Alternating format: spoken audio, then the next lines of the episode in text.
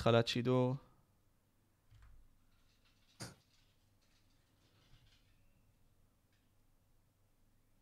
ארלס, מה הפודקאסטים הכי הרבה צפיות שלך? כאילו, אה, מה הפודקאסט עם הכי הרבה צפיות שלי? זה עם אה, קידר, אחי. בואנה, השורטים שלך הולכים ממש טוב. כן, אחי, אני צריך להמשיך. הפסקתי לעשות אותם משום מה. Uh, מה זאת אומרת משום מה? פשוט אני רוצה למקסם את הפודקאסטים שלי, עם היוצרי תוכן להגיע כזה לפיניקל שלי, שזה עוד שבוע, וזהו. אחי. טוב, חבר'ה, אז צ'אט. אנחנו באוויר? סוף סוף, אחי, סגרנו את זה. אחי, אתה יודע, uh, אני אספר את הסיפור המקדים שהגיע לזה.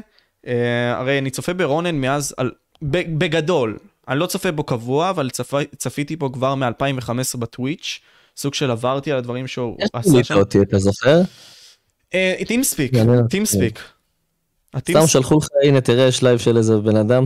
אני חושב שגללתי באותו זמן בטוויץ', אחי, ועם הזמן פשוט, איכשהו נחשפתי אליך, אני באמת לא יודע. וראיתי אותך, נראה לי באיזשהו שרת אולי, שגם הפנה אותי, אני באמת לא זוכר. אבל מה שכן, אני זוכר את הימים האלה שפשוט, זה היה gaming נטו, לא היה controversies, no nothing, ופשוט התחלת להעלות את התכנים שלך. ועם הזמן פשוט ראיתי את ה progression שלך בתור בן אדם, בתור יוצר תוכן, בתור המשמעות של הדברים שעשית. אה, ווואו, אחי, אתה כאילו, עשית הכל תכלס, אמרתי לך את זה לפני השיחה, עשית הכל. ואתה יודע, אם בזמן האחרון, גם רציתי איכשהו להתחבר אליך ולהגיע אליך. אם אתה זוכר, הגעתי גם לאירוע שלך, שהיית שם, איפה זה היה? זה היה בראשון? בראשון, כן. כן, עם החליפה, אחי, ובסופו של דבר רציתי להגיע אליך בשביל לדבר איתך, כי מבחינתי גם עשיתי מין סוג של checklist שלי, אחי, של טיפים שאתה נתת לאורך הזמן, פודקאסטים שעשית והכל, מה שעברתי על זה small details. תספר לי, אחי, איך זה הכל התחיל מבחינת ה gaming, אחי, איך, איך בעצם נכנסת לזה כבר מאז שאתה קטן, אחי? אתה יודע מה, רגע, שנייה לפני שאנחנו מתחילים, זה מצחיק אותי, אני רואה בדיוק אה, את הלייב. את הפודקאסט זה נראה כאילו שהאיכות ירדה פי ארבע מהאיכות של ה- של הצילום כאילו עצמו שאני רואה, למה זה ככה? לא יודע, אחי. זה באמת זה נראה קטע- רע? לא, אני כאילו, אתה בטח רואה איך אני נראה כאילו מולך עכשיו, ותסתכל איך אני נראה בלייב שלך, זה כאילו בכלל רמות שונות לגמרי, שתבין. אבל בסדר, זה לא משנה האיכות של ה- של הצילום. אז אה, שאלת איך התחלתי, מה הייתה השאלה? מבחינת ה gaming, אחי, איך זה נכנס בך? כלומר, לעשות את זה, מה עניין אותך? מה סקרן אותך בהתחלה? לפני אפילו הערוצים והכל. כאילו גיימינג תמיד הרגיש לי דבר מאוד בסיסי מגיל קטן, אה, כאילו להעביר את הזמן, אם זה לשחק משחקים בחוץ של תופסת ו... וכדורגל, אז פתאום גם יש לך את, את, ה... את ה-next level, שזה לשחק באיזה דברים אה, כאילו וירטואליים, היה לי מחשב פעם ראשונה בשנת 99, ואימא שלי קנתה לנו מחשב כזה לבית, אז פשוט שיחקתי GTA 2, ג'אז, אה, ג'אז הארנב. כל מיני משחקים כאלה של מלומדים שאתה מקבל בדיסק ושואלים אותך כמה זה חמש ועוד שלוש, כל מיני שטויות כאלה. אה, וזהו, וזה השתדרג עם השנים ל-GTA Vice City, GTA 3, כל מיני אה, משחקים, באמת שיחקתי, אני חושב, את כל הז'אנרות, כאילו, ממשחקי אסטרטגיה ל-MMORPG, לכל שיט שיש באינטרנט, עד שפשוט הפכתי את זה לעבודה באיזשהו שלב. אבל היה הרבה מאוד דברים לפני העבודה הזאת, היה את התוחלת חיים שלך בסטרימינג. מתי באמת התחלת לעשות את הסטרימינג? אז זהו, אז הסטרימינג, זה התחיל בשנת 2015, וזה התחיל, כאילו, תכלס, אה, הראשון שאני זוכר שעשה את זה בארץ היה מישהו בשם טולי, לא יודע אם אתה מכיר לא אותו. לפי פיפה HD, ברור, אחי. כן, אז טולי הייתי באותה כיתה, מה אתה אומר, אה, באמת? כן, מהחטיבה עד, ה... עד אה, כאילו י"ב, היינו באותה כיתה ביחד, אני אעיף את הוואטסאפ שלו, ישמעו. אה, אז היינו ביחד באותה כיתה, והוא פתח אז את הערוץ פיפא שלו. כשהוא פתח את הערוץ פיפא שלו, אנשים, אה, זה אנחנו בבית ספר חשבנו שהוא השתגע, כאילו. זה היה כזה, מה קורה חברים, כאילו כאן טולי פיפא HD, ו... לא יודע, חשבתי כאילו מה, כאילו מה, מי עושה גיימינג באינטרנט, בסרטונים, וכאילו וכל זה, ואז הגיע שלב הצבא, ובין לבין הוא נגדה עושה לייבים, פתאום היה באמת את- כל הקטע הזה של לעשות לייבים, זה היה נראה לי בשנת 2014 הוא התחיל את זה, תחילת 2014, והייתי מופיע אצלו בלייבים, ואתה יודע, בשיא התמימות לא רציתי גם להיות streamer, כאילו סתם זה פשוט עניין אותי, זה היה לי כיף, אה, שהיה לו אז באותה תקופה מאות של צופים, וזה היה פשוט מהנה כזה, ואז בזמן שאנחנו משדרים הוא גם הוא משדר ב Hitbox TV, אני לא יודע אם אתה מכיר את כן, הפלטפורמה הזאת. זה כש Justin TV בעצם קרה לה משהו אם אני לא טועה, ואז עברו לעשות Hitbox, כאילו בשרת לא, סטרימינג אחר. Justin TV זה התפתח לטוויץ' את האמת, זה לא אה, כאילו ל Hitbox, Hitbox היו התחרות של טוויץ', כדי להשיג פרטנר בטוויץ' היה הרבה יותר קשה פעם. אז אה, הוא הכיר לי את Summit1g, שזה ה streamer שבגללו תכלס התחלתי לשדר, הייתי צופה שלו. שהוא בין גיליתי- בטוויץ'. מה זה? הוא בין ה OGs כאילו מבחינת הסטרימרים הוא בטוויץ'. בין הראשונים, הוא לו ג'רד לזר השם שלו. והוא תכלס הסטרימר שהכי אהבתי לצפות בו, הייתי כל הזמן צופה בו ולוקח ממנו השראה.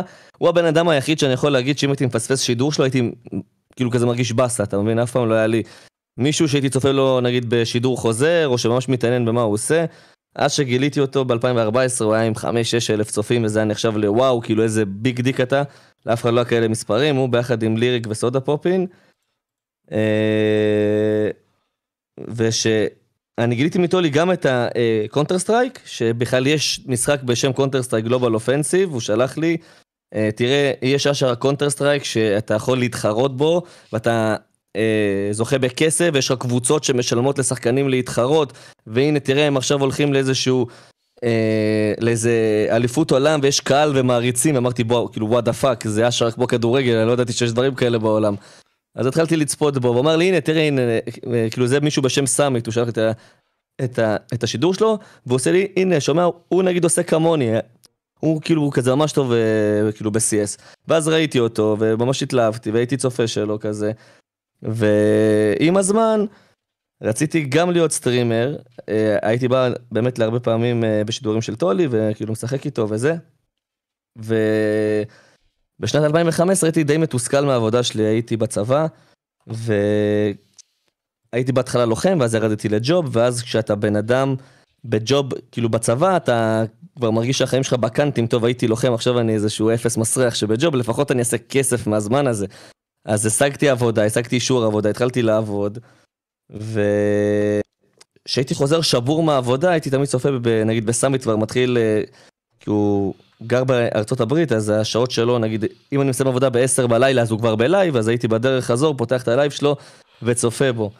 אז אה, אמרתי לעצמי, וואלה, אני רוצה להיות בדיוק ככה, כאילו, אני מרגיש שהבן אדם לא עובד, הוא פשוט משחק משחקי מחשב, הוא טוב בהם, יש לו קהל שאוהב אותו, ואז בשיא התמימות אמרתי, וואלה, אני רוצה להיות כזה, אני רוצה להתחיל Counter Strike, כאילו, אז הרגיש לי ש Counter Strike זה המשחק הכי מטורף שיש בעולם, זה משחק שהולך להחזיק שנים, וכמה טעיתי, אחי, כי זה משחק על הפנים היום, וזה לא מה שהיה פעם, ותליתי את כל התקוות שלי בזה, אמרתי, אני רוצה להיות שחקן מטורף ב Counter Strike, ולהיות סטרימר של Counter Strike, כאילו, ככה הכל התחיל.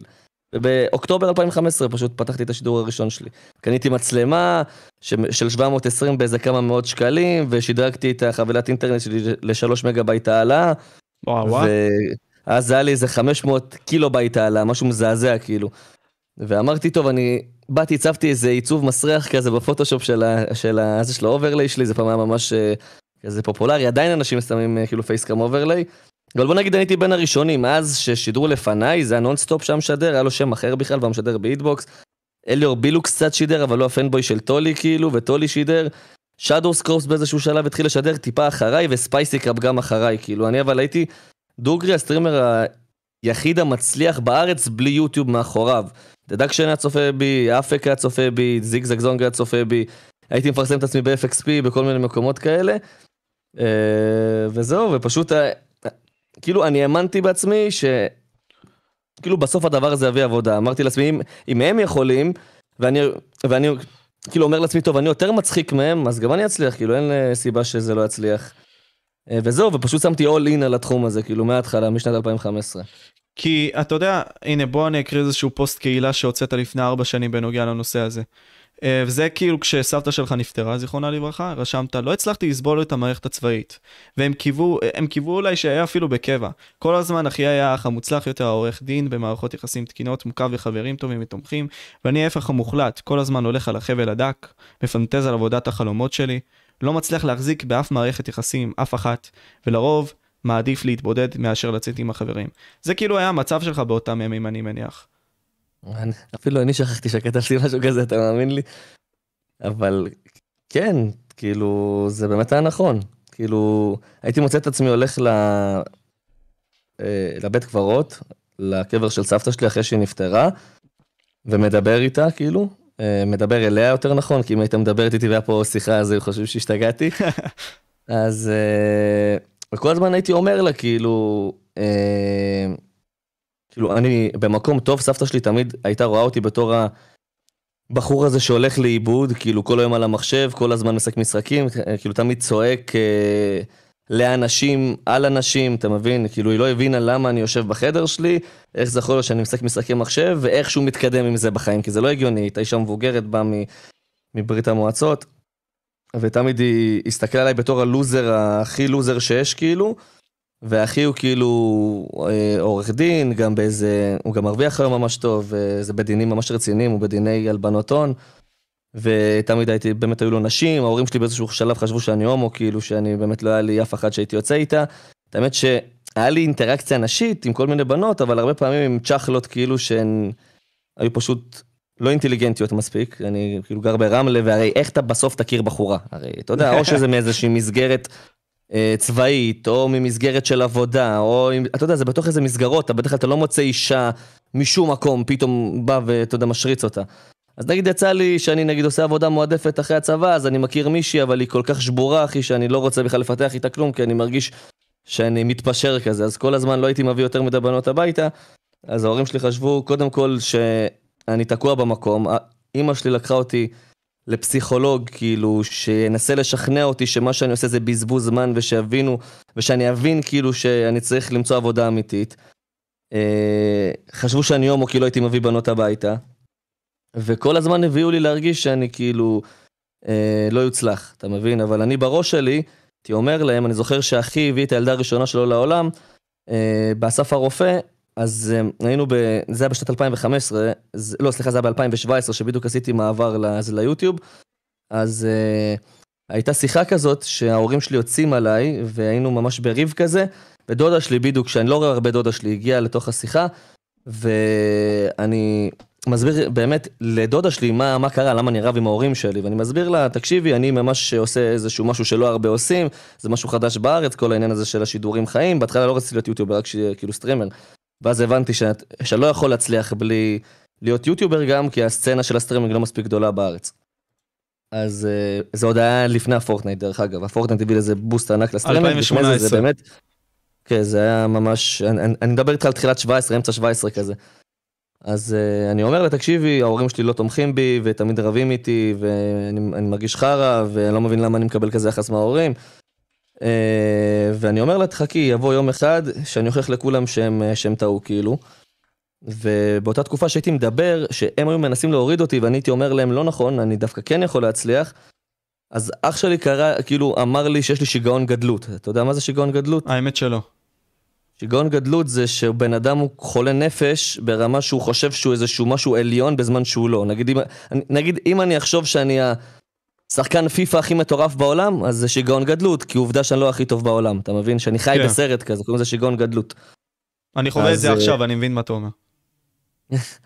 אז uh, בגדול, אתה יודע, אני הרגשתי ממש... Uh, כאילו ממש נעלב על המשפחה שלי שבאים דופקים לי פסיכולוגים, אחי אומר לי שאני מטורף, שאני בכלל חושב שאני אצליח, כי למה שאתה תצליח שיש עוד הרבה? ואני בראש שלי אומר להם, כאילו מה זה בראש? אני אומר להם, אני מצחיק, אני חכם, אין סיבה שלא, שלא יצפו בי, כאילו, אתה יודע, אני מנסה לבוא ולהרים לעצמי כל הזמן, כי לאורך השנתיים האלה, זה השנתיים ששידרתי ולא כזה פרצתי, הייתי ב Twitch, ה Twitch היה מת, כאילו היה לי 100, 200, 300 צופים בלחץ, כאילו, 300 אני מדבר איתך, שיש איזה שהם לאנים של Counter Strike שאני משדר, שהייתי משדר את זה כדי לקבל חשיפה. אז, אה, אז כל הזמן כאילו הרגשתי שאני לוזר, הייתי מוצא את עצמי שוכב אה, על המיטה כאילו באמת בדיכאון רק שמישהו יוציא אותי משם, לא רוצה בכלל להתעורר, אז הייתי מספר לעצמי כאילו שאני, שאני אצליח, שאתה מצחיק, אין סיבה שלא תצליח, כאילו הרבה מאוד שכנועים עצמיים, אה, באמת שאני אצא מזה. אז כאילו ככה זה היה תכלס ההתחלה שלי פשוט, אה, עם הרבה מאוד באסה, הרבה מאוד אה, חוסר אמונה. גם כשחתמתי בפיינסט, אמא שלי דרבנה אותי למצוא עוד עבודה, ואני גם כן כמובן רבתי איתה, אמרתי לה, טיפשה, כאילו, למה שאני אמצא עוד עבודה? אני פשוט לא יכול, כאילו, אני מאמין שאם אני אתביית על כמה תחומים, הרי אם, אם אני עכשיו מוצא עבודה, נגיד אפילו חמש שעות עבודה, זה חמש שעות שאני לא יכול להשקיע עליהן ביוטיוב, ואני יודע שאני חייב להשקיע את זה ביוטיוב, כי יוטיוב, אני יודע, פוטנציאלית יכול להיות בזה הרבה יותר כסף, כאילו. אז למה לי לבוא ולשרוף את הזמן שלי עם אנשים, אתה יודע שאני עבדתי אז בעבודה מועדפת, הייתי עובד בתחנת דלק, וב-Yellow. באיזה הייתי... שנה עוד פעם תזכיר את זה? זה היה בשנת 2016. אני סיימתי את הצבא בפברואר 2016 ומצאתי עבודה מועדפת. כאילו בהתחלה אה, הלכתי להיבחן להיות דייל קרקע. ואני... מה זה דייל קרקע?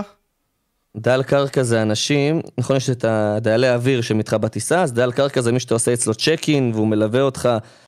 כשאתה מגיע לטיסה אתה לא ישר עולה למטוס, אתה בא, כאילו, אתה מקבל, אה, קוראים לזה boarding pass, אתה מקבל אה, אה, כאילו כרטיס עלייה למטוס, איזה מושב אתה, איזה זה, אם יש לך בעיות, אז אני אושיב אותך ליד אה, מקום יותר מרווח, לזה אייל, כאילו אה, כניסה, כאילו, אתה יודע, יותר רחבה. הייתי התלמיד הכי מצטיין, הייתי... אה, זה היה חברה בשם לאופר שרציתי לעשות, אה, שרציתי להתקבל אליה. השכר היה נחמד, משהו כמו 6-7 בחודש. אה, לאותה תקופה זה היה סבבה. צ'טנו בלייק. עשיתי memorize ממש לכל החברות תעופה, לכל הדברים. הייתי מעביר check in, נגיד, לאנשים בסימולציות, תוך חצי שעה שאנשים היה לוקח להם שעה וחצי, הייתי מקליט כמו זומבי, כאילו. ובסוף לא קיבלו אותי, כי אמרו שאני לא שירותי, שאני לא מספיק שירותי, שאני בן אדם עצבני מדי. אז ובאמת היית עצבני מדי? לשם. כן, אה, כאילו, קח דוגמה, עשו לנו מבחנים באנגלית, והאנגלית שלי מאוד טובה, כי כל החיים הייתי גיימר, הייתי משחק משחקים וזה. גם אה, חמש יחידות אנגלית, קיבלתי ציון ממש גבוה, לא זוכר 90 פלוס. אז uh, המורה כותבת במבחן עם שגיאות כתיב, ואני משפיל אותה באמצע המבחן, אומר לה, מה, את מסתלבטת, ואת כותבת ככה, מה זה פה, מה זה פה? אז היא אמרה שאני מטומטם, כאילו, שאיך אני לא מתבייש לבוא ולהשפיל את המורה לאנגלית באנגלית, כאילו, אז היא פשוט שמה לי רגליים ולא רצה שאני אתקבל. אני מת. אז אה, מפה לשם עבדתי בעבודה מועדפת, זה היה כאילו האופציה ב', לעבוד אה, ליד הבית שלי בתחנת דלק, כי אז גם הייתי בקבוצת Counter Strike, וזה היה לי טוב כאילו שאני מסיים את העבודה שם, ואז מגיע הביתה. אה, זה היה ממש שלוש דקות הליכה כאילו מהבית, אז אה, זו, כאילו זאת הסיבה ש... שהלכתי לשם, וגם היה לי מין קטע כזה שהיה לי חשוב גם לסיים, זה 160 משמרות שאתה צריך לעשות בתור אה, עובד בדלק, ואז אתה מקבל עשרת אלפים שקל. אז הרגש לי, אז הרגיש לי שאני תמיד פורש מכל מיני דברים, אם זה הלימודים שלי שלא סיימתי בצורה טובה, אם זה אה, כאילו לוחמה, אז רציתי לסיים את הגיהנום הזה של ה-160 משמרות שם. ואני אומר גיהנום כי באמת, זה עבודה מסריחה, תחנה מפוצצת באנשים, שדדו אותי שם באיזשהו שלב, ווייבים של ערסים שחושבים שהם איזה משהו. היה לי שם סיפורים, רק על זה אני יכול להביא לך כאילו באמת פודקאסט שלם על סיפורים מאנשים מטומטמים מהתחנת דלק. אה, וזהו, כאילו, מפה לשם. אני חושב שאם היו מקבלים אותי אולי ללאופר, אז לא הייתי בחיים נהיה סטרימר, כאילו, כי זה היה עבודה הרבה יותר קשוחה מעבודה בתחנת דלק, כי זה ש... ממש משמרות ארוכות, וזה גם רחוק מהבית, זה היה הרי אה, בשדה תעופה בבן גוריון, וזה לא חמש דקות מהבית כמו שהיה, זה היה על רגל אחת, כן. אז אתה אומר לי בסופו של יום, אתה יודע, השאיפה בהתחלה כזה, אתה רואה את כל הסודה פופים למיניהם, אתה רואה את כל הסטרימים הגדולים האלה בחו"ל, ואתה אומר, אוקיי, וואו, אני רוצה להיות משהו כמוהם, מעניין אותי, זה מגרה אותי, זה מעניין אותי. אני בא, ניסיתי עכשיו לעשות סטרימים, בטוויץ' הגעתי ללחץ של 300 צופים, אולי ב-CSGO כשהייתי פותח לאן, וואו, לא הצלחתי, אין מה לעשות, זה לא הרבה. אה, ומפה לשם ניסית בסופו של דבר לחיות, כי מה לעשות בתור בני אדם אנחנו צריכים לשרוד, אז תסביר לי את ה vision הזה של, אוקיי, אני רונן ג'י ג'י 2015, מתחיל את 2016, אה, לאן אני נכנס במחשבה? מה, מה אני מנסה לעשות מפה? היית אבוד לדעתך עדיין? בראש שלך? כאילו ראיתי את מה שעושים בחו"ל ושהיה לזה הרבה מאוד קהל. כאילו הרבה מאוד אנשים צפו בכל הסצנה של הלייבים, ואמרתי, טוב, זה חייב להצליח מתישהו בארץ. כאילו, בתכלס, בדי תמימות, לא חשבתי שזה לא יצליח, אמרתי, אם זה מצליח פה שם, זה יצליח פה באיזשהו שלב. והיה לי את המאה ומשהו צופים, ולא הייתי מתפרנס בכלל ברמה גבוהה, כאילו, זה היה ממש כאילו על רגל אחת, אולי... אם אתה סוגר לייב עם 100 שקל, אתה אומר בואנה איזה גבר אני, אם אני אעשה עוד 30 ימים כאלה באותו חודש, אז, אז יהיה לי שלוש, שלוש אלף, אבל אמרתי לעצמי שהמספרים לא כאלה גדולים, כי אני, א' כל, אין לי את הקהל של היוטיוב, כאילו, זה היה ממש בהתחלה, כל ה streamers הגדולים אז, אם זה ה Shadow Scope שהיה לו איזה 300-400, טולי שהיה לו איזה בין 300 ל-600, ספייסי קראפ, אלו אנשים שבאו מהיוטיוב והיו מרוויחים יותר ממני. כאילו, Shadow Scope וספייסי פחות היו dedicated streamers, טולי היה יותר dedicated מהם, אני ממש כאילו הייתי, בהתחלה שלי ה mindset היה כל יום לייב, אם אני מפספס לייב אני מרגיש רגשות אשם מטורפות כאילו, אני חייב לשדר, אין דבר כזה שלא משדר, אמרתי יהיה לי dedication, יהיה לי vibe עם הצופים, ואני אגדל פשוט מפה לאוזן, כאילו, הי, כאילו, אה, שמע, לא הבנתי בשיווק, לא הבנתי באיך ליצור הייפ, לא הבנתי בכלום. אמרתי, אני מצחיק, אני חכם, זה יצליח, כאילו, אתה מבין? פשוט ככה בתמימות. ועבר שנה, עבר שנתיים, ואני אומר לעצמי, טוב, אני אני גדול לעומת כל ה streamers שאין להם אף איזה fan base, אין להם יוטיוב, אין להם איזה אינסטגרם חזק, אני, אין פייסבוק חזק. אני התחלתי בתור streamer ואני חזק בשביל אנשים באותה תקופה, נגיד פוטי היה משדר, אני, אני חושב שראיתי אותו בצ'אט שלך, פוטי טיפי היה משדר איתי באותה תקופה בטוויץ', איקסמי היה משדר באותה תקופה בטוויץ', היה לי יותר צופים מהם. אה, ונגיד גם זיגי ניסה לשדר נראה לי באותה תקופה ועוד אנשים ולא הלך להם כמו שהלך לי, לא הלך לי טוב כמו כאילו כזה ברמה שאני יכול להגיד לעצמי טוב אני מתפרנס טוב אבל הלך לי יותר טוב מאחרים. אז האמנתי שאני עדיין מספיק טוב לעשות מזה משהו ושהיוטיוב נפתח שם האופציה של הלייבים אז אמרתי טוב אני חייב לעבור לשם כי אז גם את האמת ראיתי את המספרים של אה, אליאסו. אליאסו היה משדר שם לפניי מן הסתם והיה לו מאות של צופים אמרתי טוב כנראה שם הקהל אז אני, אז אני רוצה לעבור לשם אתה מבין? אז סוג של יצא לך להכיר גם את אליאסו תוך כדי הדרך הזאת וזה משהו שגם נתן לך איזושהי גושפנקה לעבור כזה ליוטיוב. אה, מה ה vision הראשון שלך מיוטיוב כלומר אוקיי פלטפורמה ל streamים סוג של שכאילו היא פלטפורמה ליצירת תוכן שקיבלה את האפשרות לסטרימינג מה מפה כלומר חשבת בכלל להעלות סרטונים?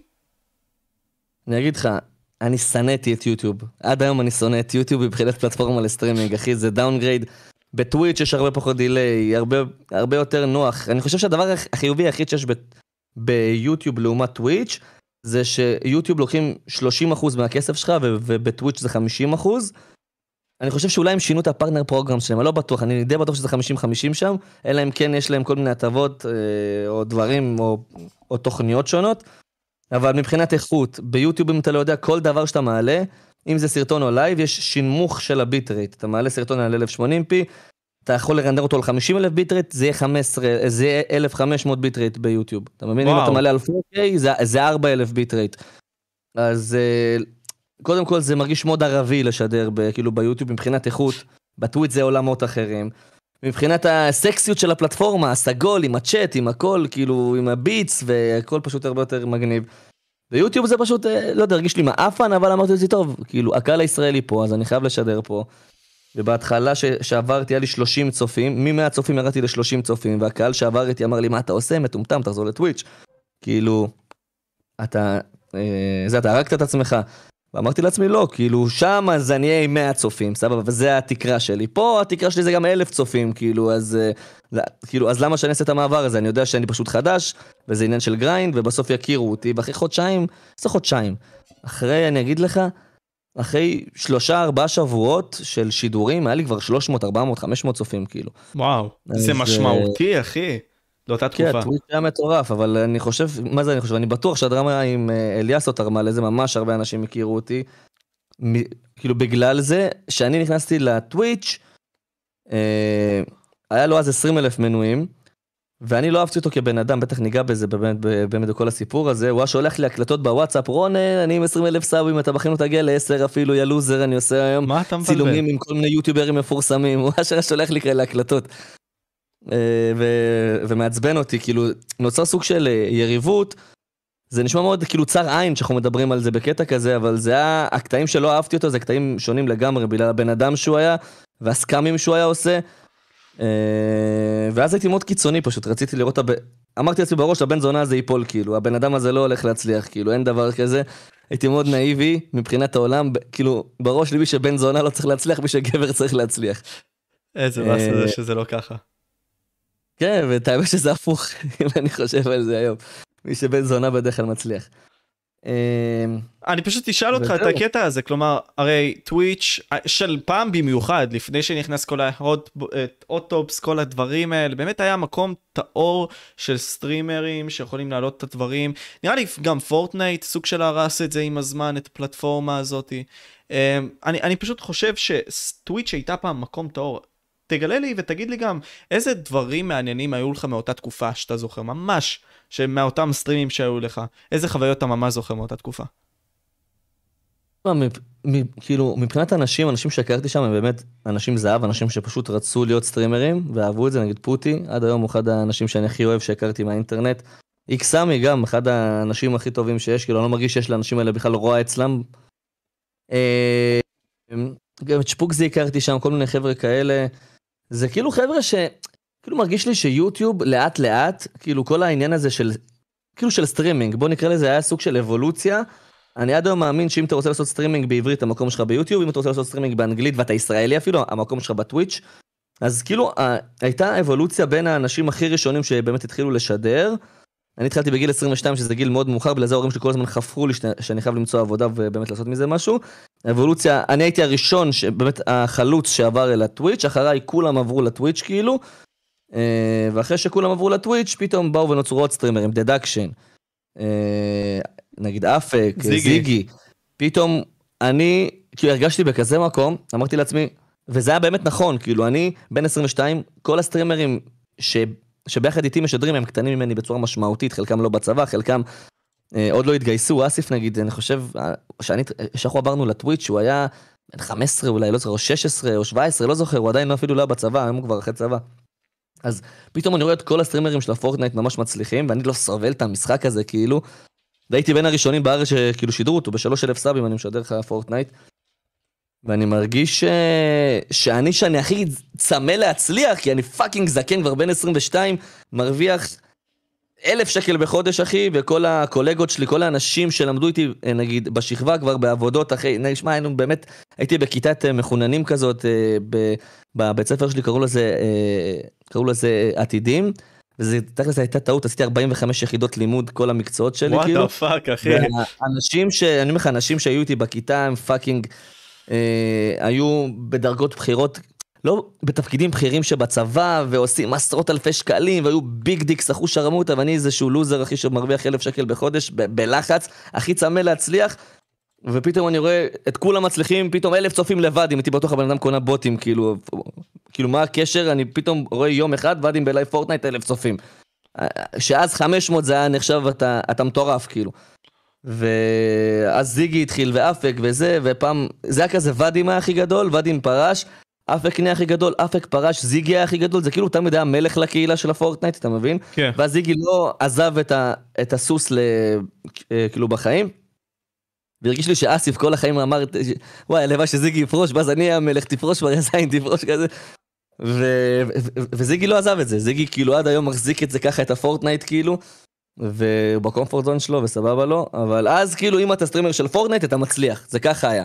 שידרתי מ-20 אלף עד 30 אלף סאבים פורטנייט, אמרתי טוב, אני לא אוהב את המשחק הזה, אני אצליח בדרך שלי, כאילו, אני הולך, אה, הייתי משדר כל שיט שיש, כאילו, אני זה שתכלס הטמיע את המושג live אה, סיורים, כאילו אין דבר כזה live סיורים, אתה מבין? כאילו זה היה just chatting בחו"ל, זה היה talk uh, show באיזשהו שלב הכי ראשון, קוראים לזה talk show, אז כתבתי live סיורים, למה? כי אנחנו מסיירים באינטרנט. וסתם צופה בסרטונים, צופה בדברים, צוחק עם הצופים שלי, כי פשוט לא היה מה לעשות, והייתי תקוע 40 אלף סאבים, 30 אלף שנה כאילו. Uh, וזהו, כאילו כולם היו בפורטנייט. היה כאילו את כל הסטרימרים הגדולים של הפורטנייט בארץ ורונן, אתה מבין?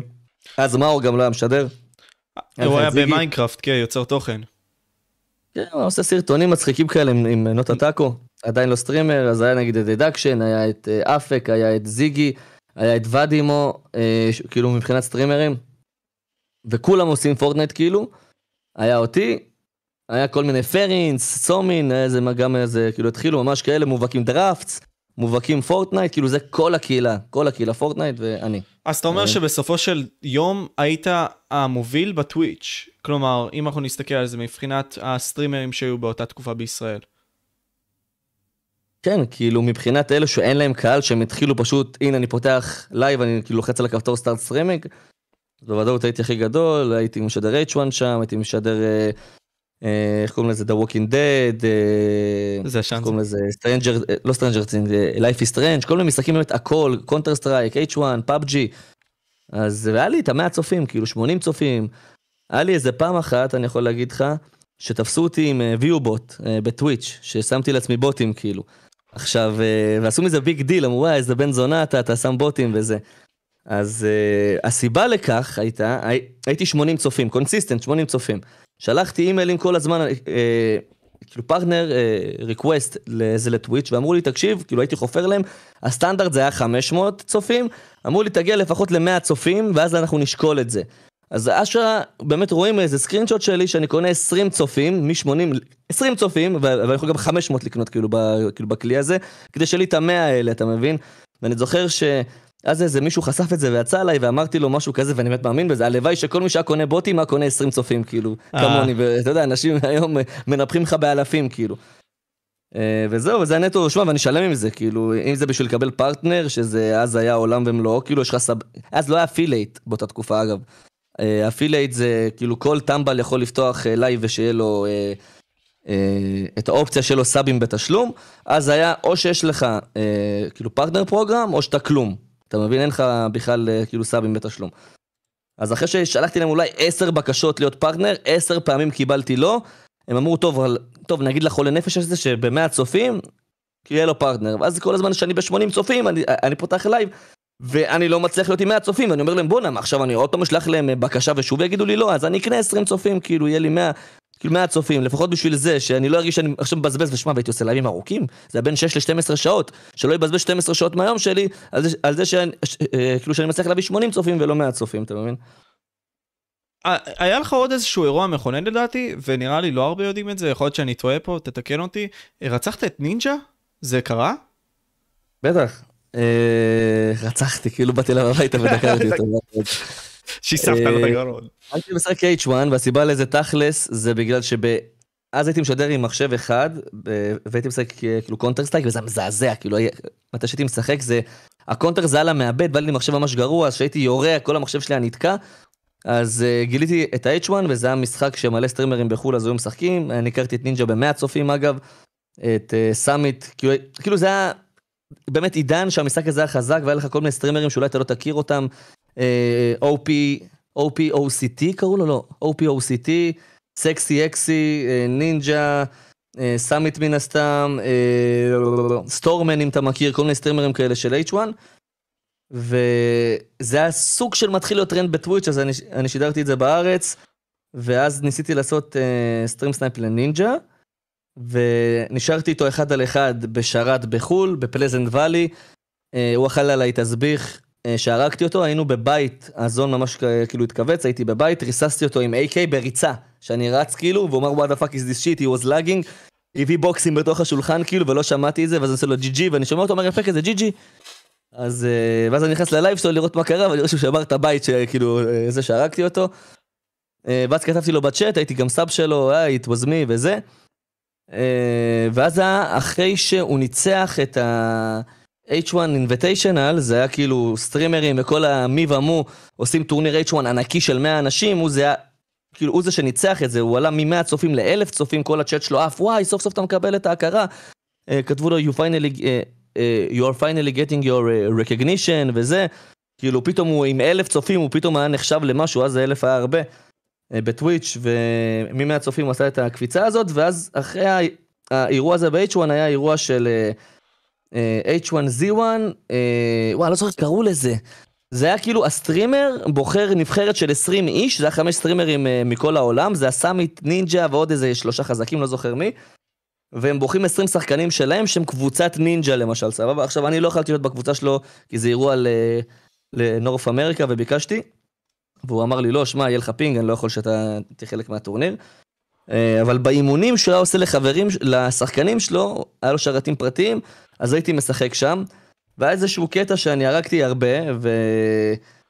אה, והוא שידר אותי איזה חצי שעה, ממש רק אותי, ועושה לי אה, כאילו cast עליי, והוא קורא לי אה, כאילו רוננג, לא כאילו רונן ג'י ג'י, אלא הוא עושה את זה רוננג, כאילו מחובר. והיה איזה קטע שהרגתי איזה כמה, ואז אה, הייתי באחד על אחד נגד ה leader של הקבוצה שלו, ולי היה, אה, אה, זה היה AR-15 באותה תקופה, לא M4, והוא הרג אותי עם AK, ואז הוא התבאס, וואי איזה באסה, הוא כמעט הרג אותו, וכאילו הוא כזה עושה בלייב שלו, אם היה לו AK אז הוא היה הורג, כאילו הייתי שורד. אה, וזהו, כאילו, תכלס, אני לא ידעתי שהוא הולך להיות הסטרימר, כאילו, אז הכי גדול בעולם, ושהוא יצליח ככה, אהבתי אותו ואת סאמיט באותה תקופה, והוא פשוט היה, מה זה נינג'ה אחר, אחי? זה לא נינג'ה שאתם מכירים היום, זה נינג'ה חולה נפש, כאילו, זה לא נינג'ה נינג'ה. מטריל, וזה דופק, אה, כאילו, כל מיני אה, כאלה פרצופים ומבטים, אתה מבין? הוא היה מטורף, הוא היה מטורף באותם ימים לפני שהוא הפך להיות פורטנייט נינג'ה עם השיער הכחול. בשביל לתת להדליק מזגן, אני מזיע פה את החיים שלי. זה סבבה אחי, תהיה בצ'יל, הכל טוב. רוצה לא, שתרגיש בנוח. לא, זה- זה כי אני חייב מזגן, אחי, יש לי חדר סגור, אני מת. וואי, אז תשמע, קודם כל התקופה הזאת הייתה ממש מגניבה לדעתי, גם תמימה כזאת, כי בסופו של יום, אתה יודע, היה מין סוג של כסף שנכנס ל play, מן הסתם בטוויץ', לאנשים בחו"ל. אצל, אצלכם זה היה כאילו, אנחנו מרימים פה משהו שלא קיים בסצנה של הגיימינג. מה זה סצנה של גיימינג, כאילו ביוטיוב? כלום. מיינקראפט בכללי, או סטרימינג, בגדול mm-hmm. כלום. ופתאום אתה אומר לי, אוקיי, עשיתי Life is Strange, עשיתי The Walking Dead, שיחקתי אפילו, כאילו, שיחקתי הרבה מאוד משחקים, הייתי וראיתי סטרימר. לא פורטנייט סטרימר, וזה משהו שהיום חסר. Uh, בכל מקרה, אתה אומר לי, אוקיי, נכנסתי ליוטיוב, הרבה, כאילו, חלק מהדברים בזכות אליאסו, אוקיי, מה משם? כלומר, מה בעצם היה בתהליך הזה?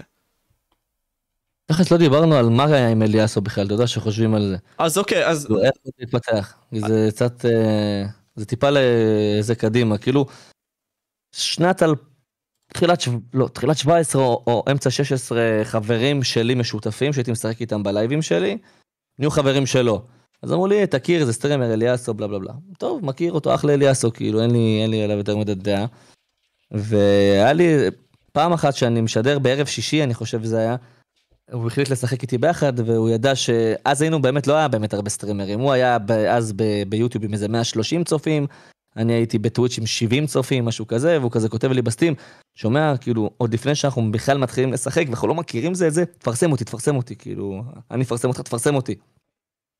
ולי זה נראה מאוד תמוה, כאילו, אני אז, מה זה נאיבי, כאילו, אומר, בואנה, כאילו, הדבר הראשון שהבן אדם חושב עליו, שהוא רק מכיר אותי, זה שאני אפרסם אותו.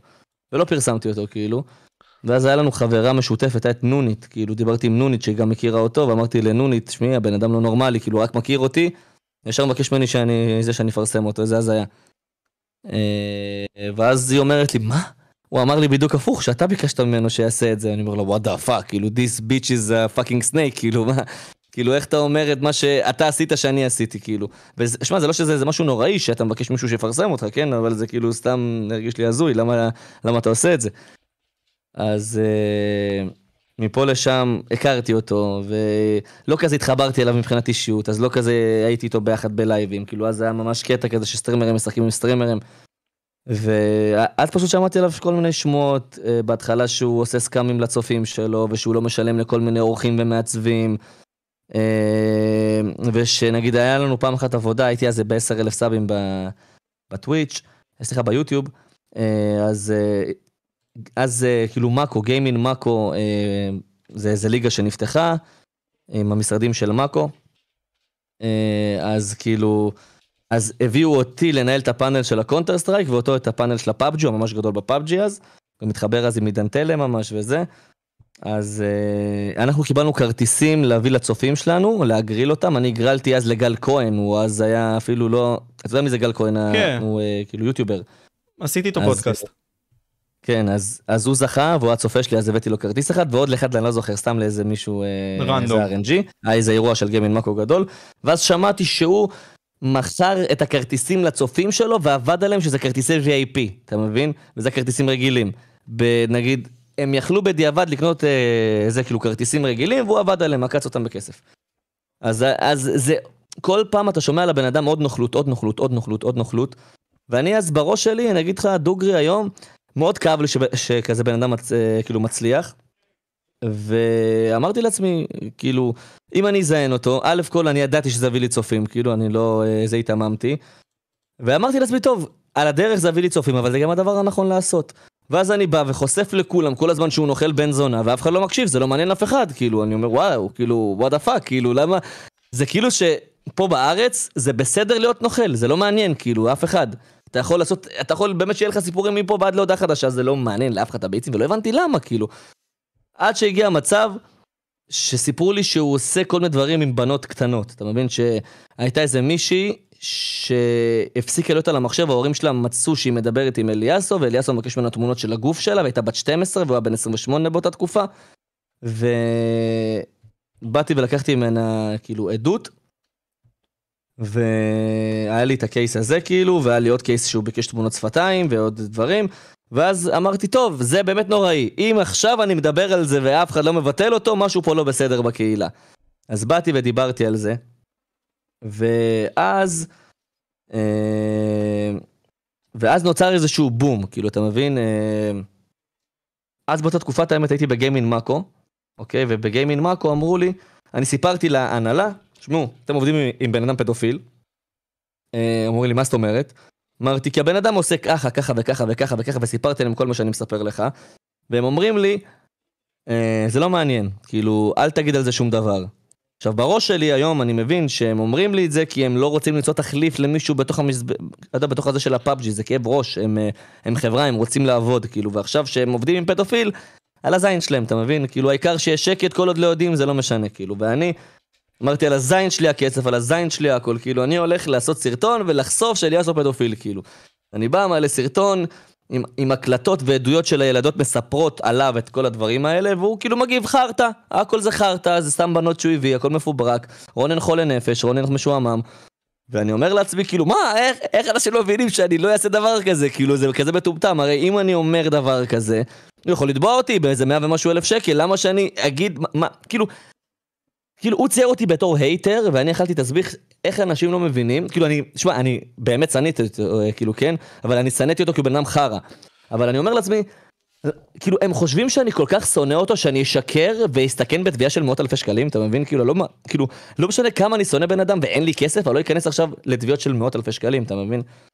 אז אה, אחרי שזה עלה, הוא הכחיש הכל, ועדיין, כאילו, כל הסובבים שלו ירדו עליי ולעגו לי שאני איזה משועמם. שכאילו הוא חושב שהוא פדופיל וסתם מנסה להוריד לו וזה. עד שאיזשהו צופה שלו, את האמת שהוא שחקן ארפי היום קבוע בשרת של פרטיזן, שכחתי מהשם שלו, קוראים לו אסיל חלבי, כן, הוא, הוא הקליט את אליאסו אה, בסתר שהוא מודה על כל מה שהוא עשה ושהוא מדבר עם אחותו, ובפני אחותו הוא מודה שהוא באמת עשה את כל הדברים הפדופילים האלה כלפי בנות, ואותו מוד שהיה לו באותה תקופה אה, בגד בו, נקרא לזה לא באמת בגידה כי זה המעשה הנכון לעשות, והתעמת עם אליאסו והקליט את זה ואמר אני יודע הכל, הכל מוקלט אצלי. והוא התחיל לבכות והוא התחיל להגיד אני הולך אה, בבקשה תגידו לרונן זה יהיה הסוף של הקריירה שלי. הוא היה צריך להסביר את זה לצוות שלו אם אני לא טועה משהו בסגנון הזה את כל הדברים האלה גם בדיס אם אני לא טועה. הוא כל הזמן ניסה לשקר להם הם גם הקליטו אותו בסתר הם אמרו לו חלאס לשקר כאילו אתה עשית את זה. אה, כאילו באמת יש הקלטות שלך מודה מה אנחנו מה אתה עושה אותנו מטומטמים. הוא צילם תמונה שיש לו בכף יד מלא כדורים שהוא הולך לבלוע ולמות כאילו אם הם יספרו אם הם יעשו עם זה משהו. וזה מן הסתם הייתה מניפולציה. אה, ובסוף כאילו שלחו לי את ההקלטות שהוא מודה בהכל, ואז כאילו חשפתי לכל הקהילה, עשיתי להם ככה, יא בני שרמוטות, אני צדקתי ואתם אנשים חרא, כאילו שלא אכפת לכם שיש פדופילים בקהילה. ואני יכול להגיד לך שעבדתי אז באותה תקופה עם uh, מיכאל ספיר. מיכאל ספיר היה עושה איתי שיחות בגיימין מאקו, רונן תפסיק לקנא, כאילו אתה בן אדם משועמם, דברים, כאילו שיחות כאלה, למה אתה עושה את זה? היה מנסה לחנך אותי ואני אומר לו, תקשיב, אתה צודק במידה ואני משקר על כל מה שאני אומר, אם זה נכון, אז אתה בן אדם חרא, והוא בן אדם חרא, וכל מי שמדבר עליי בן אדם חרא. זה או שאני צודק, וכולכם טועים, או שאני מטומטם ואני טועה, ואתם צודקים כאילו, ובסוף הוכחתי לכולם, עשיתי לכולם ככה, אני צדקתי, והנה זה בן אדם פדופיל, בן אדם פדופיל שהצליח ביוטיוב, עבד עם מלא חסויות, ואתם הערצתם אותו והוא פשוט בן אדם חרא. אתה מבין? ו... וככה תכל'ס זה כאילו התחיל, אז כאילו בא ונוצר לי השם הזה של הבן אדם שחשף את אליאסו, וקיבלתי הרבה מאוד אה, אה, צופים חדשים מזה, זה היה כאילו אז דרמה ממ... באמת ממש מדוברת בקהילה, נראה לי זה עדיין טופ דרמות בקהילה כאילו. original, כן. אה, הסיפור עם אליאסו. וזהו, כאילו, זה הסאגה שלו, ככה זה כאילו נגמר. לקח זמן, כאילו, לקח איזה... הוא היה ביוטיוב איזה שנה, אני חושב, כאילו. אבל אני אומר לך, דוגרי, אני חושב שאם אליאסו עד היום היה ביוטיוב, הוא היה מאוד גדול, אחי. הוא היה מה זה חכם עסקית, אחי. הוא היה מצליח להביא צפיות, לא יודע, אהבו אותו ממש, היה לו מין קטע כזה שאנשים היו זומבים אליו, אתה יודע, אני לא ראיתי הרבה מאוד אנשים ככה. אני באמת לא יודע אם הייתי יותר גדול. שמע, אני לא יודע איך, אנשים פשוט אהבו אותו, אולי יש פה גם צופים אצלך בלייב שאהבו את אליאסו, אבל היה לו צבא, אחי, אני לא יודע איך, כאילו, אבל אהבו אותו. והוא היה, שמע, הוא באמת היה איש עסקים מטורף, כאילו, עבד עם סנייזר, עבד עם לנובו, עבד עם זה, וכולה 20 אלף sub, עובד עם כל העולם ואשתו, כאילו, אני היום לא עובד ככה, כאילו, שתבין. אה, איזה תרומת טרול התרשמו לי. מי יותר פדופיל, אסבר או אליאסו? נו, מה זה השטויות האלה, חבר'ה?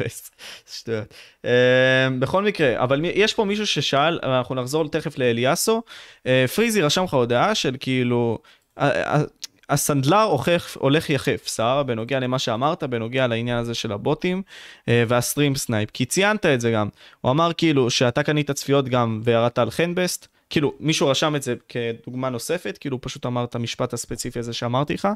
אה, מישהו רשם מהצ'אט גם בנוסף, רונן קנה צפיות ואחרי זה ירד על חנבסט. רונן עשה stream snipe ואחרי זה ירד על פריזי. זה לא אני הגיוני. אגיד לך משהו, שנייה, שנייה, אני אגיד לך על זה משהו. קודם כל, כשעשיתי stream snipe לנינג'ה, הייתי איתו באותו משחק, לא הסתכלתי מה הוא עושה. כאילו, לא הלכתי וניצלתי את ה stream snipe כדי לנצח אותו, כאילו, אתה מבין? לא היה לי שום יתרון. הרי בסוף ה zone נקטע, נקטע, נקטן, הוא ידע שאני בנגוד, אה, באיזה מקום X, אני במקום Y, אתה מבין? כאילו, אנחנו יודעים אה, איפה כל אחד, ויש קרב פשוט, אתה מבין? זה לא ש... ראיתי על המסך שלו שהוא אימפוסטר, ואז באתי ואמרתי, חבר'ה, הוא האימפוסטר, למה? כי אני גאון, כאילו, והרסתי לו איזשהו משהו. כאילו, פשוט באתי ו... ו... היה לי אז גם מסך אחד, לא יכלתי גם באמת לעשות לו סטרים, זה היה לי טלפון הכי, מעפן שיש בעולם, כאילו. להיכנס לאינטרנט לא יכלתי מהטלפון הזה, כאילו, אני מדבר איתך ברמה כזאת, הייתי מאוד עני.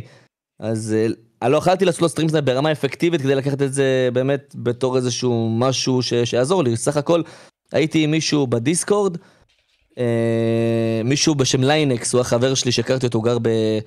בבריטניה, והוא צפה בלייב שלו ואמר לי, כן, כן, אתם באותו משחק, כמה לייב, כמה זה, וזהו. ואז כאילו שיחקתי את המשחק ופשוט נשארתי איתו אחד על אחד. עובדה שנשארנו בסוף אחד על אחד, הרי stream sniper ים, בוא, stream sniper ים שרוצים לבוא ולהרוג את הסטרימר, פשוט הולכים דוך לבן אדם, כמו שעושים בפורטנייט או בכל המשחקים. עובדה שאם הייתי רוצה לבוא ולהרוג אותו, או, או, או, או, או לבוא ולעשות לו stream snipe מגעיל, אז הייתי פשוט אה, כאילו עט אליו, אתה מבין? בנוגע לקניית אה, צפיות, כאילו, כן, אני חושב שאני וואלה, אני אחד הגברים הכי שאני קודם כל אומר את זה, כי יש אנשים שיקחו את זה עד הקבר. היום אני לא עושה את זה, אני מן הסתם גם מראה את הצפיות שלי ואת הדמוגרפיה, את, אה, את, את הפילוח צפיות שלי לכל הקהל ב live stream, אחי, שאני יכול להגיד שהרבה מאוד יוצרים לא יעשו את זה, ואני יודע גם על הרבה מאוד יוצרים שקונים צפיות וקונים sub ים וקונים הכל, אחי. והם הכי גדולים, הם בין הכי גדולים בקהילה. ואמרתי, אני קניתי 20 צופים, היה לי אה, אתר באינטרנט, שיכלתי עד 500 צופים לקנות, וקניתי 20 צופים כדי לקבל פרטנר, ואני מה זה, שלם מזה עם 100% ומי ששופט אותי על זה, שם עליכם זין על המצח, אתם זונות שלי, כאילו, באמת, שם עליכם אלף זין, עליכם ועל הדעה שלכם, כאילו, לקנות 20 צופים כדי לקבל פרטנר, אחרי שאתה 11, אחרי שאתה 10 פעם בא ומגיש בקשה ואתה מקבל את הלא, שאתה מרוויח 500 שקל בחודש בלחץ, אתה רוצה להתפרנס כדי שיהיה לך את האופציה שהצופים שלך יעשו לך sub בחמש דולר, שם עליכם זין ועל זה שאתם מבקרים אותי, כאילו. אז אה, זה האמת, כאילו. כי מבחינתך באותם רגעים, לפחות אה, בנוגע לצפיות, היית צריך לשרוד, ולא היה לך מקור אחר, כאילו זה ה vision שלך, המטרה שלך, והיית עושה הכל בשביל להשיג אותה, כמעט הכל.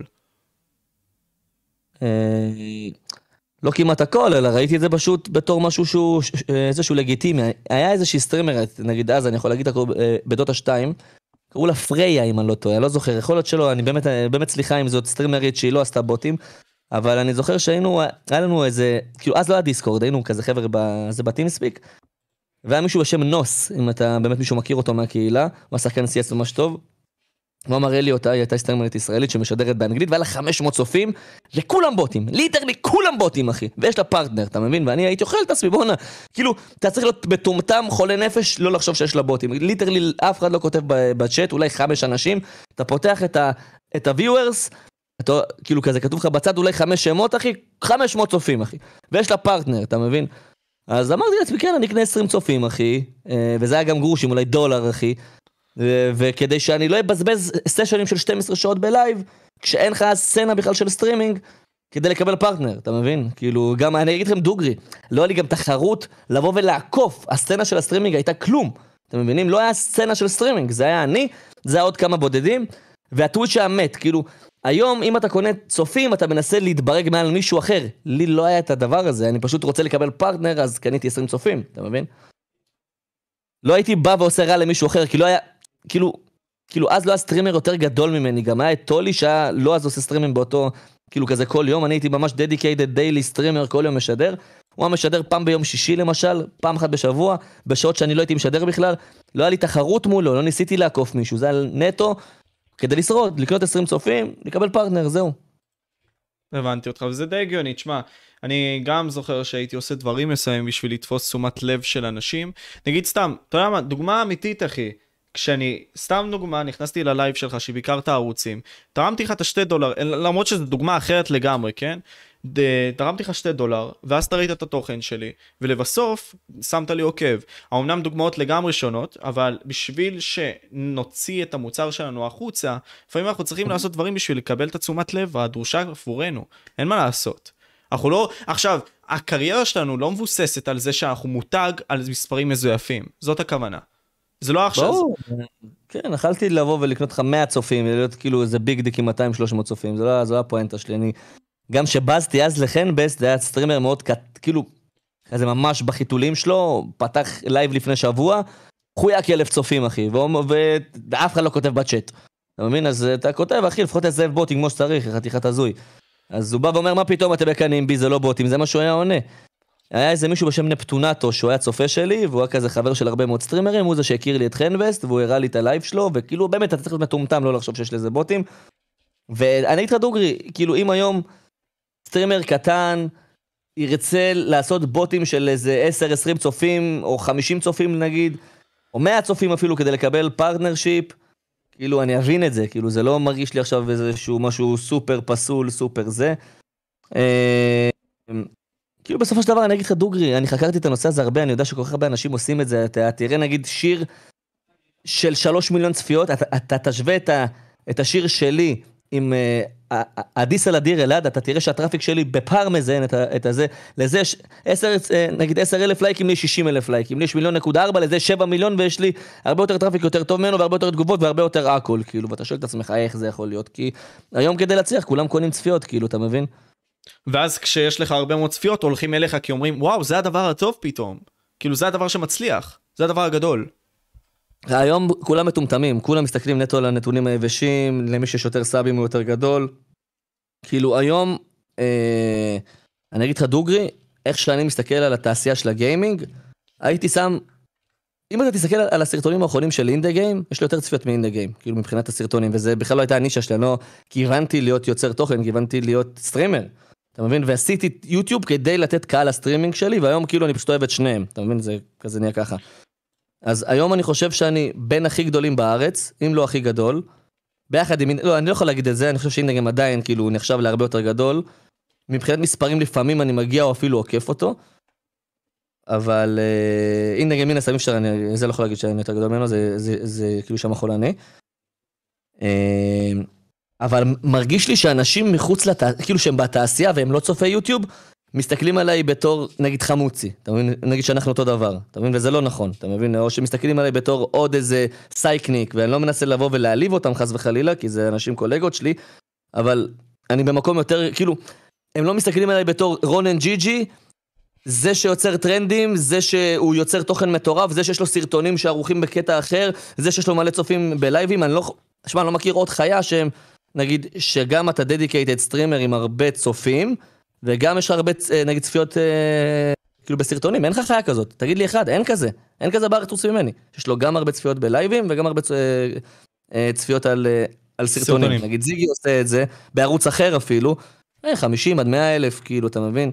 לא יודע אם הוא היה עושה את זה באותו ערוץ, אם זה היה, אני פשוט מצאתי שיטה להעלות גם סרטונים וגם לייבים לאותו ערוץ ולתת באמת אה, להכל traffic. אבל היום מרגיש לי, כאילו כמו שאמרתי לך, שמסתכלים עליי בתור עוד אחד, וזה לפעמים מעצבן אותי כאילו. אני, אני זוכר, אמרת את זה באחד הלייבים האחרונים שלך, למה בסופו של יום, אני, שאני מחשיב את עצמי לבין האנשים הכי גדולים בתעשייה הזאת, אני לא מקבל את החשיפה שמגיעה לי. אני עברתי על הלייב הזה, זה נראה לי היה 4 בבוקר, אה, יום אחרי זה עברתי ללייב הזה, ואמרת משהו בסגנון הזה. למה אותה אישה שאנחנו, אני לא זוכר את השם שלה, אבל אתה יודע על מי אני מדבר, סטרימרית כזאת בחו"ל, שעושה נראה לי אפילו תכנים באנגלית ולא בעברית, מקבלת יותר coverage ממני, בסופו של יום, על תחום שבו אני הפאקינג גאד. בוא נגיד את זה ככה. ואין מה לעשות. אז זו הסתכלות כזאת שעדיין הגיימינג לא מקבל את הרקגנישן שלו. כלומר, אנחנו עדיין נמצאים בטוויץ' 2015 מבחינת ההסתכלות על הסטרימרים עצמם לדעתי. ועליך גם, בתור יוצרי תוכן גדולים. אני רוצה לקרוא פה תגובה, לא הבנתי מה הוא כותב, אולי אתה תבין, אבל, אבל, אבל רונן לא רוצים אותו בגלל כל מה שהוא עושה, ובגלל זה אין לו הרבה שיתופים. לא הבנ...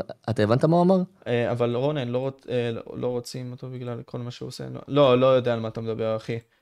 אבל, אבל מה שכן אני יכול להגיד, ש... אני לא, אתה יודע מה, אני לא רוצה להיכנס לפינה הזאת עכשיו, אבל בכל זאת, יש אנשים שיגידו, אוקיי, הערוץ של רונן בנוי מדרמות. אולי בגלל זה. אולי בסופו של יום, בגלל זה אנשים גדולים לא פונים אליו. אבל פה אני אגיד את הדבר הזאת ואני... אנשים גדולים אבל. מה זאת אומרת? אתה אומר אנשים גדולים. אמרת, בגלל זה אנשים גדולים לא פונים אליו, מה זאת אומרת? כאילו חברות גדולות. בגלל ההיסטוריה שלך. אני אגיד לך אבל, שאני אענה על זה, אני חושב שזה לא נכון, זה היה נכון. כאילו, כן, היה לי מאוד קשה להתפרנס. אה, רונן של פעם היה מאוד עצבני, מאוד דוגרי, חיה אחרת לגמרי. עברתי אבולוציה, אשכרה, בתור בן אדם, עד למה שאני היום. היום עשיתי את הקמפיינים אולי בין הכי משמעותיים שיש בישראל בגיימינג, אם זה לעשות את הקמפיין עם פנטה, שזה קמפיין ענק, סדר גודל עולמי, וזה, נק... וזה לקח מקום שני במדד הפרסומות ביוטיוב, וזה קריאיטיב שלי ושל מיטל. מטורף, אחי. זה פסיכי. אם זה לבוא ולהנחות את המשחק של Halo שיוצא ל-PC אה, של מייקרוסופט, של, של אקסבוקס, אם זה לעבוד עם לנובו, לעשות הרבה מאוד אה, דברים גדולים. אבל אני לא עושה את כל הדברים שבפוטנציאל אני יכול, כי יש פוליטיקה פשוט מאחורי זה. יש uh, סוכנויות ומשרדי פרסום, אחי, שאני לא עובד איתם, שמנסים לבוא ולהקטין אותי ולצייר את הפרצוף המכוער שלי, נוח להם שרונן ג'י זה הבן אדם הרע, כמו שהיה לפני כמה שנים, כי עדיף שיעבדו עם היוצרים שהם מעדיפים לקדם מאשר אותי. אז מה שאני עושה בפועל, זה שאני פשוט הסוכן של עצמי, אני ומיטל באים, פונים לחברות, מדברים איתם, עושים להם מצגות שלמות ומשכנעים אותם להשקיע ב gaming. והיום אני גם איש עסקים וגם, וגם יוצר תוכן וגם streamer וגם caster וגם מוזיקאי אני יכול להגיד. ככה אמור להיות אחי. מוזיקאי זה יותר תחביב אבל אני, אם אני מגדיר את עצמי, אני רונן ג'י ג'י, יוטיובר, streamer, איש עסקים, אתה מבין? למה? כי כדי להיות גדול היום ב, אה, במה שאתה עושה, אתה צריך שלמישהו יהיה אינטרס ממך, מה זאת אומרת? אסי עזר זה לא מאה אחוז של אסי עזר, זה גם חלק של קשת. אז קשת דוחפים אותו לכל חור ועשו אותו מיליונר כי הם לוקחים עליו 50 אחוז עמלה. גם סטטיק ובן אל זה היה אה, לא של סטטיק ובן אל לגמרי, הם כבר לא ביחד. אבל אף אחד לא לוקח נתח מרונן ג'י ג'י. כי רונן ג'י ג'י לא הרגיש שלאף אחד מגיע לקחת נתח כי אני לא מוכן להיות עוד חלק מסוכנות שמקדמים עוד אלף יוטיוברים וחושבים שאני איזשהו לוזר אחי ש... אני אז, אני זוכר שעליתי, קח דוגמה שעליתי ל-100 אלף subים, הייתי היחיד היחיד בשנים האחרונות שהגיע ל-100 אלף subים בלי פורטנייט.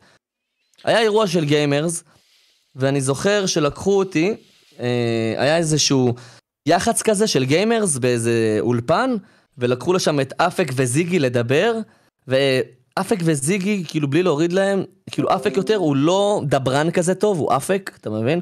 ואני הייתי אמור לעמוד מאחוריהם בתור תפאורה ולענן עם הראש כמו איזה NPC, כאילו. ואני אומר אז לסוכן מהסוכנות שהביא אותי לזה, אמרו, תגיד לי, תחוייר, כאילו, מה אתה עושה? כאילו, מה... אני נראה לך תפאורה של מישהו, כאילו?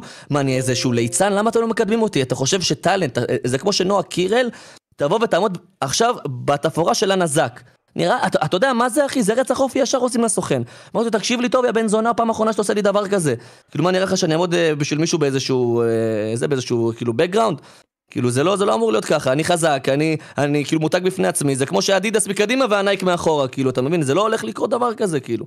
אתה מבין? אז כל הזמן הרגשתי שהסוכנויות לא מסתכלות עליי בתור רונן ג'י ג'י ולא אכפת להם איזה תוכן אני עושה ולא אכפת להם אם אני טוב, אם אני מצחיק, אם אני מוכשר, אם אני יודע, לק...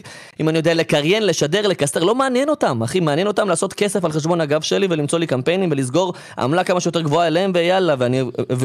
ואני כולה עוד מוצר, היה לי גם שיר כזה שאני אומר, אתה לא טרנד, אתה לא מוצר, אתה בסך הכל מוצר, אם אחת... כאילו אני אומר שכולם פה אה, בעצם ביוטיוב הם אה, fucking, אה, כאילו, אנחנו מוצרים, אנחנו לא באמת יוצרי תוכן, לא אכפת להם בכלל לכל האנשים שעובדים איתנו על מי אנחנו. עד היום זה קצת ככה, זה קצת השתנה, כן? אבל הסיבה שהיום אני אולי לא... אם היה לי את המספרים האלה בחו"ל, אני מולטי מיליונר, אתה מבין? כאילו משמעית. מוגזם, כאילו. אבל הסיבה שזה עדיין לא ככה זה א', כי הגיימינג לא מספיק גדול, עדיין. שמע, נגיד, קח דוגמה, יש לך חברות של אה, סיבים אופטיים, יש פה תחרות מטורפת, סלקום מוצאים, פרטנר מוצאים, בזק מוצאים, עדיין אין לך פה קמפיינים גדולים של סיבים אופטיים, וזה אבסורד, אחי. מי ש... גיימרים צריכים להיות הפרזנטורים של סיבים אופטיים, אחי. כל הסטרימינג, כל, ה... כל, ה... כל ה low pings, אחי. איך לא עובדים חברות אינטרנט עם גיימרים? ת... תהרוג אותי, טמטום, אתה מבין? היום לא, נגיד, קח דוגמה, אה, גלידות. אתה יודע איזה עבודה אני עושה, נגיד, שיכנסו עולם, אה, נגיד, כל העולמות של הגלידות לפרסם דרך gaming? היום אני מנסה לשנות את העולם ולפנות לחברות האלה. הם כאילו חושבים, אם אתה גיימר, אתה צריך לפרסם אוזניות או מקלדות, ואני אומר, לא, מטומטמים, אנחנו בני אדם, אנחנו אוכלים, אנחנו שותים, תפרסמו גם גלידות. הצופים שלי גם אוהבים גלידות, אתם יכולים לעבוד אה, כאילו דרכי, אתם יכולים להשיג מזה. אה, כאילו, עוד clientים, למה, כאילו, gaming בחו"ל, כולם החכימו כבר, אתה רואה את פוקימן עושה לך שיתוף פעולה עם Postmates, שזה חברת uh, משלוחים, ושולחת אוכל לצופים שלה הביתה, וזה סופר מגניב. בארץ, מי יחכים לעשות את זה? אתה מבין? אז הסיבה ששוב אני אבוא וארד לרזולוציות היותר נמוכות, זה שיש אינטרסים בתוך העולם הזה של הגיימינג, ולא רוצים תמיד שתעבוד, ורוצים לתת את זה למישהו אחר. אה, וזהו, כאילו אם אתה לא איש עסקים מאוד חריף, אתה לא תהיה גדול. אתה, אתה יכול להיות עם 500 אלף צפיות כל סרטון, ואם אתה לא איש עסקים מספיק גדול, או שאין איש עסקים מאחוריך שמספיק אכפת לו לקדם אותך, אתה לא תרוויח מזה כסף. אני, אני, אני מסתכל על זה ככה, קודם כל אתה אמרת לי על הרזולוציה הזאת של עליות משווק כזה, עליות ביזנסמן, כי בסופו של יום אם אנחנו ניקח את זה למיוזיק ביזנס, וואלה, אנחנו רואים כמה החברות תקליטים שוחטות את ה... בעצם את היוצרים שלהם. הרי טופק הוא דוגמה מצוינת לזה שהוא נשאר בלי כסף בכלל אחרי שהוא מת. הבן אדם שם מולטי מיליונר לכאורה באוויר, כן? עם כל הכספים שהוא קיבל, נשאר עם כלום. אבל פה באו אנשים כמו ניפסי אסל עם הזמן האחרון, ובכלל אנשים ששברו בעצם את הסטיגמה הזאת ואמרו, לא, אתם צריכים לבנות את עצמכם, אתם צריכים לדעת איך לשווק את עצמכם. הרי אם אתה עכשיו יוצר, רונן, סתם דוגמה, אתה חייב שאנשים יראו את היצירה שלך גם לבחוץ. אם אתה עכשיו, הבן אדם הכי חכם בעולם, ואתה לא אומר את זה לאף אחד, זה נשמר בתוכך. אז אתה צריך להיות איש fucking עסקים, businessman.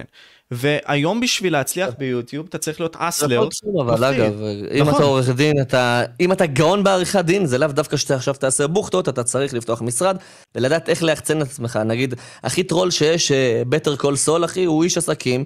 שעשה בוכטות, לא כי הוא, הוא היה טוב בעריכת דין, הוא עשה כל מיני קונצים ושטויות, אבל הוא היה יודע איך לפרסם את עצמו. הכל באמת בעולם זה פרסום. לא משנה במה תעבדו. ולמדתי את זה אחרי כמה שנים שהייתי ביוטיוב. לא משנה במה תעבדו, אתם יכולים להיות מיליונרים מהכל, אתה יכול להיות ספר מיליונר, אתה יכול להיות זמר מיליונר, אתה יכול להיות מכין ביטים מיליונר, אתה יכול להיות צייר מיליונר. הכל תלוי באיך אתה תדע אה, לשווק את עצמך ולקדם את עצמך. אתה רואה עסקים היום אה, מאוד מוצלחים מבחינת אה, קולינריה, שלא הולכים אליהם כי אין להם את הפרסום כמו שצריך, או שאנשים לא מבינים בעולם הזה של הפרסום, וגם אני לא הבנתי את זה אז, כאילו, בש... הקטע הזה שביוטיוב, כל הפלטפורמה זה מנוע פרסום אחד גדול, אז אתה לומד עם הזמן, ולי היה את הפריבילגיה ללמוד את זה, כי, כי התחום שלי עוסק בזה, אבל בסופו של דבר אתה מבין שגם בתור יוצר תוכן, ובאמת בכל עבודה שאתה אשר תחשוב עליה, אתה, צריך, אתה תרוויח כסף מפרסום, אלא אם כן, אתה עובד שכיר, אתה מבין? ואז שאתה עובד שכיר, אז הבוס שלך רואה שאתה באמת מספיק טוב, ואתה חרוץ וזה, אז הוא מקדם אותך ואתה מרוויח יותר כסף ככה. אבל אם אתה הולך לדרך של, אתה יודע, שאתה צריך למצוא פרנסה לעצמך ואתה פותח עסק אישי שלך, זה, אתה חייב לדעת איך לשווק את עצמך, אתה מבין? כן, בדוק, אחי, בדוק. אני מאוד מבין אותך, ואני פשוט חושב שהרבה מאוד מהיוצרים פה יוצרים תוכן על פרש ולא יוצרים אותו עם מטרה, וזה איזשהו קטע. אבל בוא, בוא נחזור לפני, בוא נחזור לפני, לתקופה הזאת של אליאסו וכל מיני כאלה. אמ, דיברנו על טולי בקטנה, מה... טולי היה איתך, היה איתך בבית ספר, אתם המשכתם לדבר אחרי זה בגדול עם הזמן כשהתחלת ביוטיוב, המשכת ביוטיוב וכל מיני כאלה? אה, כן, אנחנו עד היום מדברים לא כמו פעם, יצא לי לפני כמה ימים דיברתי איתו, הוא עושה כל מיני דברים בעולם ה- NFT, הוא די הפסיק לשדר, לדעתי פשוט איבד את ה passion לדבר הזה, ואת האמת שגם לי, את האמת, אני כבר, כמה אני עושה את זה, שבע שנים כבר אני עושה סטרימינג, יש ימים שאתה מאבד את ה passion, נגיד אתה חוזר על אותם דברים, אז, אז אתה מנסה לבוא ולהמציא את עצמך מחדש, אה, ולשחק משחקים שעוררו לך את ה passion הזה. אז לפעמים אתה אה, כזה נשחק, אז הוא הפסיק, אז כן יוצא לנו לדבר, לא, לא, כאילו, אני חייב לשתות. אה, כאילו לא כמו פעם, אבל אה, כן, אבל יוצא. לא, הכל טוב, לך על זה, אתה, אתה יכול לקחת הפסקת ברייק כזאת קטנה, אני מרשה לך, הכל טוב. איזה רבע שעה. לך על זה, אני מת. טוב, בינתיים אני אבדר את הצ'אט. צ'אט, מה אתם חושבים עד עכשיו? איך, איך לבינתיים? אה, תגיד לו על התקופה של אדיר אלעד והדיסים, ברור, חבר'ס, ברור.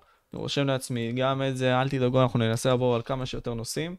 Uh, לי אישית זה מאוד מעניין וחשוב, כי בסופו של יום לרונן יש הרבה מאוד דברים שהוא חווה בעצם ביוטיוב, שהוא קיבל וכל מיני כאלה.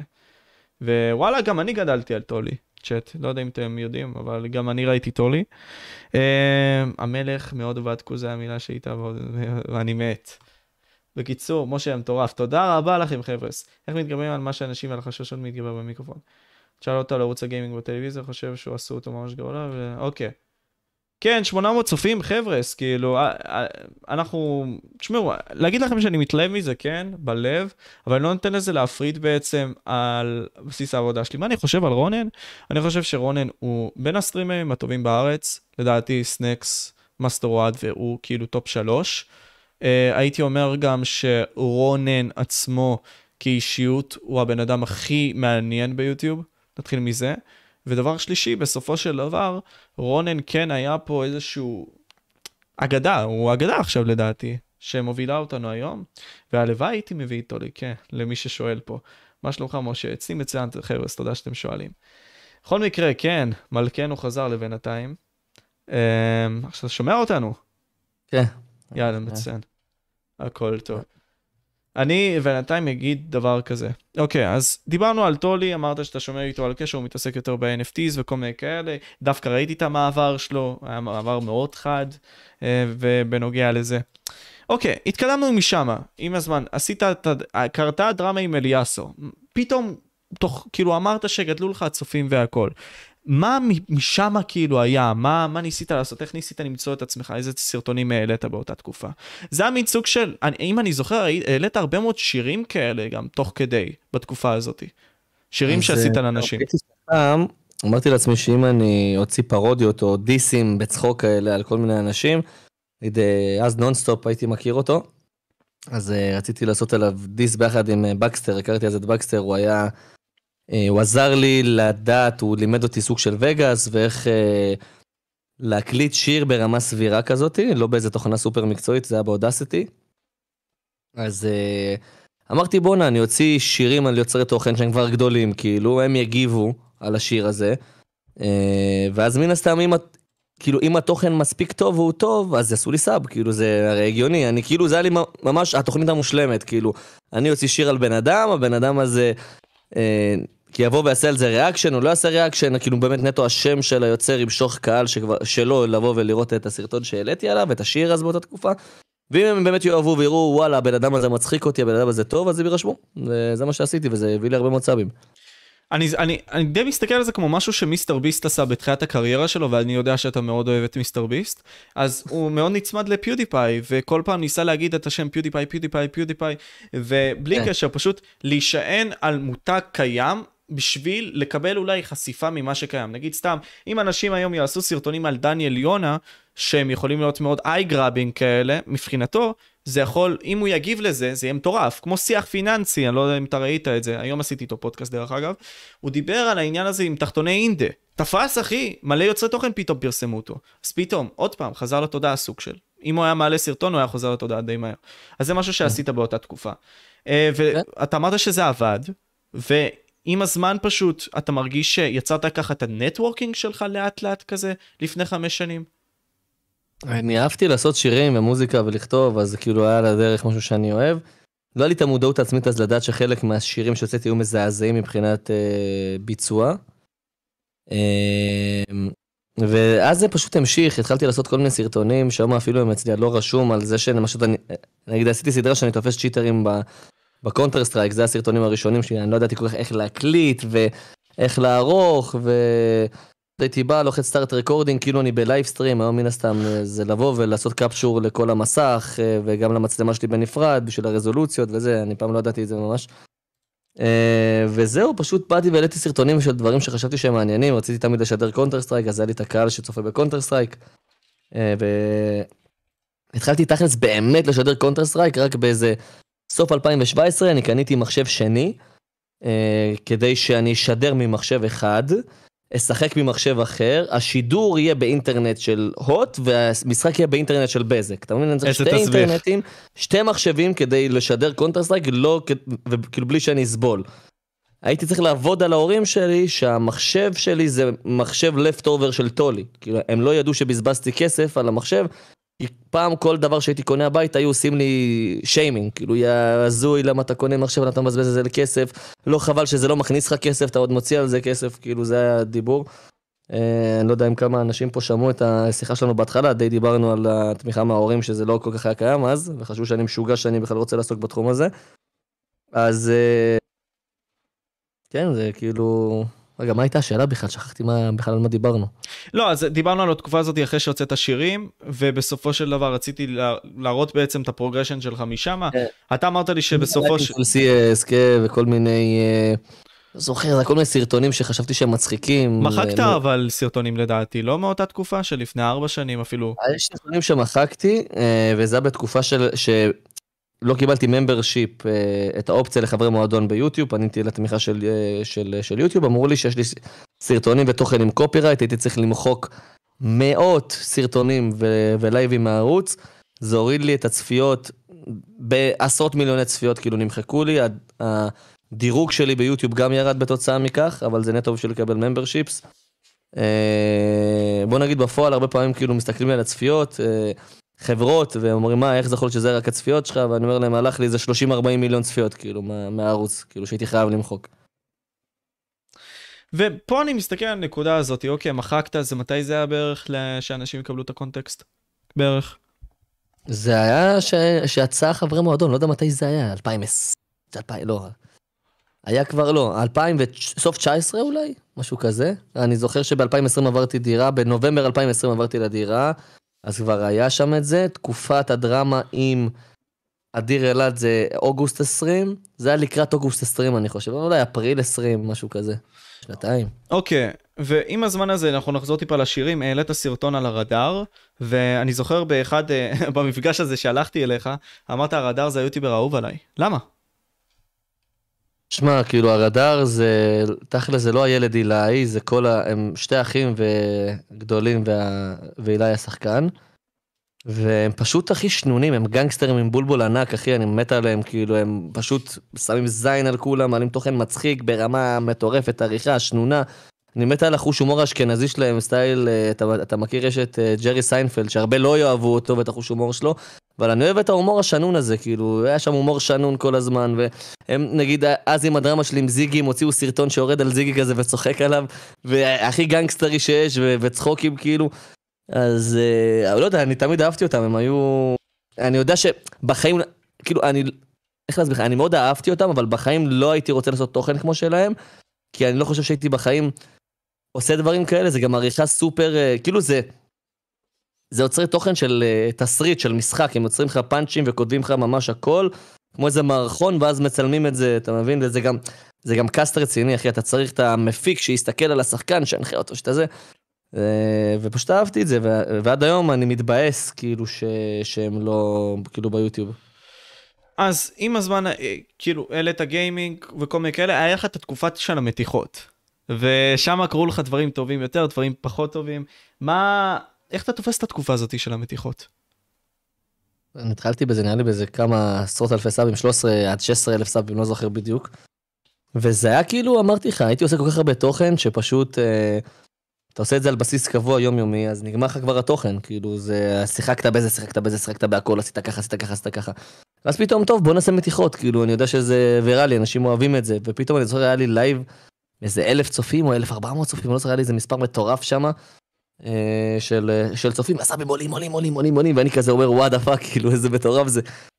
ואני מתקשר לאנשים ומותח אותם, וזה פשוט עבד, כאילו, אין לי יותר מדי מה להגיד, ופעם, כאילו פעם מתחתי איזה עבריין. כן, בעולם התחתון, אני זוכר את זה, אחי, זה המטורף. איזה מטורף אתה מבין? אני מדבר אליו, כאילו, אין לי, אני אומר לעצמי, מה הסיכוי שיבוא אליי הביתה, יאללה, כאילו. כאילו, גם הייתי כזה סטרימר קטן, אמרתי, הוא בטח אפילו לא, נו, זה לא יגיע אליו אפילו הדבר הזה. היום אני, אם אני מדבר על מישהו, בטוח מישהו מכיר אותו, אתה מבין? ישר, כאילו, אם אני אדבר עכשיו על איזשהו בן אדם, אז בסופו של דבר, מישהו מהעיר שלו, מהזה שלו, מכיר אותו, והוא יגיד לו, שומע רונן דיבר עליך. אני בטוח, כאילו, באמת כל live, אני אומר לך, מוכח, כאילו. אני לא יכול לדבר על מישהו בלי שאחרי זה זה יגיע אליו, אה, כאילו בשידור. אז אז באותה תקופה לא חשבתי שאני אדבר אליו וזה יגיע אליו. היה לי איזה פעם אחת שהוצאתי סרטון שאני נכנס לפורום ייעוץ מיני ב-FXP ויורד שם על כל מיני אנשים, עושה כאלה צחוקים. ואז היה איזשהו מישהו שהיה לו תמונה בלי חולצה כזה, עושה שרירים, ואני כזה דופק על הפרי סטייל כזה של צחוקים יורד עליו, ומסתבר שהוא חבר במשפחת פשע מאוד גדולה של ערבים ברמלה. והבן אדם רוצה לזיין אותי, כאילו פגעתי לו בכבוד, אחי, הלך עליי, כאילו. למזלי היה לי חבר אה, שהוא כאילו, שהוא גם מעורב באיזושהי משפחת פשע, הוא ילד טוב אבל, אבל יש לו הורים מאוד כאלה שהם, שהם אה, כזה מלווים בריבית. אז הם, דיר... אז הם דיברו עם אותה משפחה שהבן אדם הזה יהיה בסדר איתי, שהכל טוב, וזה היה זה, פשוט אה, תוריד את הסרטון, וככה זה נגמר כאילו. ש... ו... ותחשוב, אני עוד מרמלה, הבן אדם גר לידי והוא עבריין עוד, כאילו, אתה בכלל אומר, what the fuck, עם מה הסתבכתי? בסופו של יום, with great power comes big responsibility, וככל שאתה יותר גדל, אתה יותר מבין. כן. והגענו בסופו של יום ל... כאילו, ממש, זה היה סמוך לזה, לסרטון בריונות הזה, הגבת לרון נשר. ומשם כאילו, איך, איך בעצם כל מה שקרה עם רון נשר קרה? כי זה גם היה מין סוג של משהו שהתמשך אצלך בערוץ, אה, בין אם זה ב lives שדיברת עליו, בין אם זה בקטעים שהוא החזיר לך, הפידבקים החיצוניים, בין אם זה עכשיו שאתם כזה cool, סבבה כזה, הולכים ב live, אה, בפודקאסטים כזה, נפגשים, היי, מה קורה? אה, תספר לי איך זה הלך. כי אני זוכר שהוצאת ממש כאילו פוסט קהילה ארוך עליו, אחי, באותה תקופה. אני תאמת לא זוכר אפילו מה כתבתי עליו, אבל... כאילו, שמע, רון נשר היה אז באותה תקופה בן אדם כזה שעושה lives ופרובוקטור ופותח על סטטיק ובן אל. אני הכרתי אותו בזכות סטטיק ובן אל, לא, אני לא הכרתי את רון נשר המוזיקאי, הכרתי את רון נשר, הזה שלא אוהב את סטטיק ובן אל, ככה זה היה אצלי בראש. ואז הכרתי את בקסטר, ובקסטר רצה להיות ראפר ממש מוצלח, והוא תפס מרון נשר כאילו אל, כאילו באמת אל. אז אה, מפה לשם, בקסטר רצה להוציא שיר עם מישהו מהאנשים של רון נשר, והבן אדם שדיבר איתו זה איזשהו אמרגן כזה, זה מישהו של הלייבל של רון נשר, של Eagle Eye. והוא ניסה לנצל את בקסטר, באיזשהו, שבקסטר הוציא כסף בשביל להוציא את השיר הזה, משהו כזה. ובקסטר אכל על זה תסביך, ויצא הכי מטומטם שיש בארץ, יכול להגיד לך את זה, אז בתור חבר שלו לא, לא אמרתי את זה. והוא התחיל לדבר על רון נשר, שרון נשר אחראי על הסכם הזה, כאילו בא ואמר לו איך אתם ככה ואתה ככה ואתה רון שקר ואת הזה, ורון נשר לא יודע בכלל מי זה בקסטר, מה בקסטר רוצה ממני, ואני, וכאילו, כאילו, ואז רון נשר אומר גם לעצמו, הבן אדם, אני לא עשיתי לו כלום, מה, מה, מה הווירדו הזה רוצה ממני, כאילו. ובאותה תקופה אני יכול להגיד גם שבקסטר אמר ש... לי שהוא יודע שרון נשר לא עשה לו כלום, הוא פשוט רוצה לרכב על השם שלו, אתה מבין? הוא פשוט, אין לו בעיה, כאילו, לבוא ו... ולשרוף את רון נשר, כי הוא, כי הוא הגיע לאיזשהו שלב שהוא מאמין שרון נשר חרא בן אדם, והוא יעשה איתו דרמה מטורפת, והוא יהיה זה שיוציא דיס על רון נשר שיהיה סופר משפיל, וככה הוא חשב שהוא יקבל את ההכרה שלו, כי הוא רצה ממש להצליח בתחום הראפ, שהוא ישפיל את רון נשר בדיס, והוא יקבל uh, כאילו הערצה. ואני באותה תקופה ניסיתי לגונן על בקסטר, בקסטר סירב לעלות ל live עם רון נשר, כי רון נשר היה משפיל אותו ב live. אז אני עליתי איתו ל live, והיה לנו live סבבה, ואז יום אחרי הוא פותח live והוא יורד עליי. כאילו שאני חסר כישרון, ואני גמר מעפן, ואני זה ואני זה ואני, ואני יכול להסביר כאילו מה דיברתי איתך והכל סבבה, ואתה לא מכיר אותי בכלל, למה אתה אומר שאני איזשהו לוזר חסר כישרון, אתה מבין? אה, והוא אמר כאילו על כל הגיימרים שהם אה, יושבים בבית, והם לא הולכים למצוא עבודה, והם ככה וזה וזה. אני אצטט עוד דבר שהוא רשם, רונן ג'יג'י סתם אחד בלי עתיד, שלפני שנה עבד בתחנת דלק ועכשיו הוא משדר כל יום. כן, זה ממש הציטוט שהוא כתב, איפה אתה יודע? כן, אני עושה עבודת מחקר, אחי, אני בא מתכונן, מה, אני לא אתכונן, טוב. אז אני עושה כזה, שמע, אתה גם עשית עבודה מועדפת, עניתי לו, ואתה היית הומלס לפני כמה זמן, אז למה אתה שופט אותי על זה שעשיתי עבודה מועדפת בתחנת דלק, כאילו, what the fuck. ו... וזהו, וכאילו אמרתי לו, שמע, יש גיימרים שמרוויחים יותר ממך מה שאתה... כאילו מה שנינג'ה עושה בשנה, בן אדם אולי ירוויח כל החיים, אתה מבין? אז זו הדעה שלי, כאילו, אמרתי לו, מה, מה אתה שופט אותי על זה שאני גיימר? אתה לא ראית בכלל סרטון שלי כדי לדעת. אמת, אחי, ובסופו של דבר, כאילו...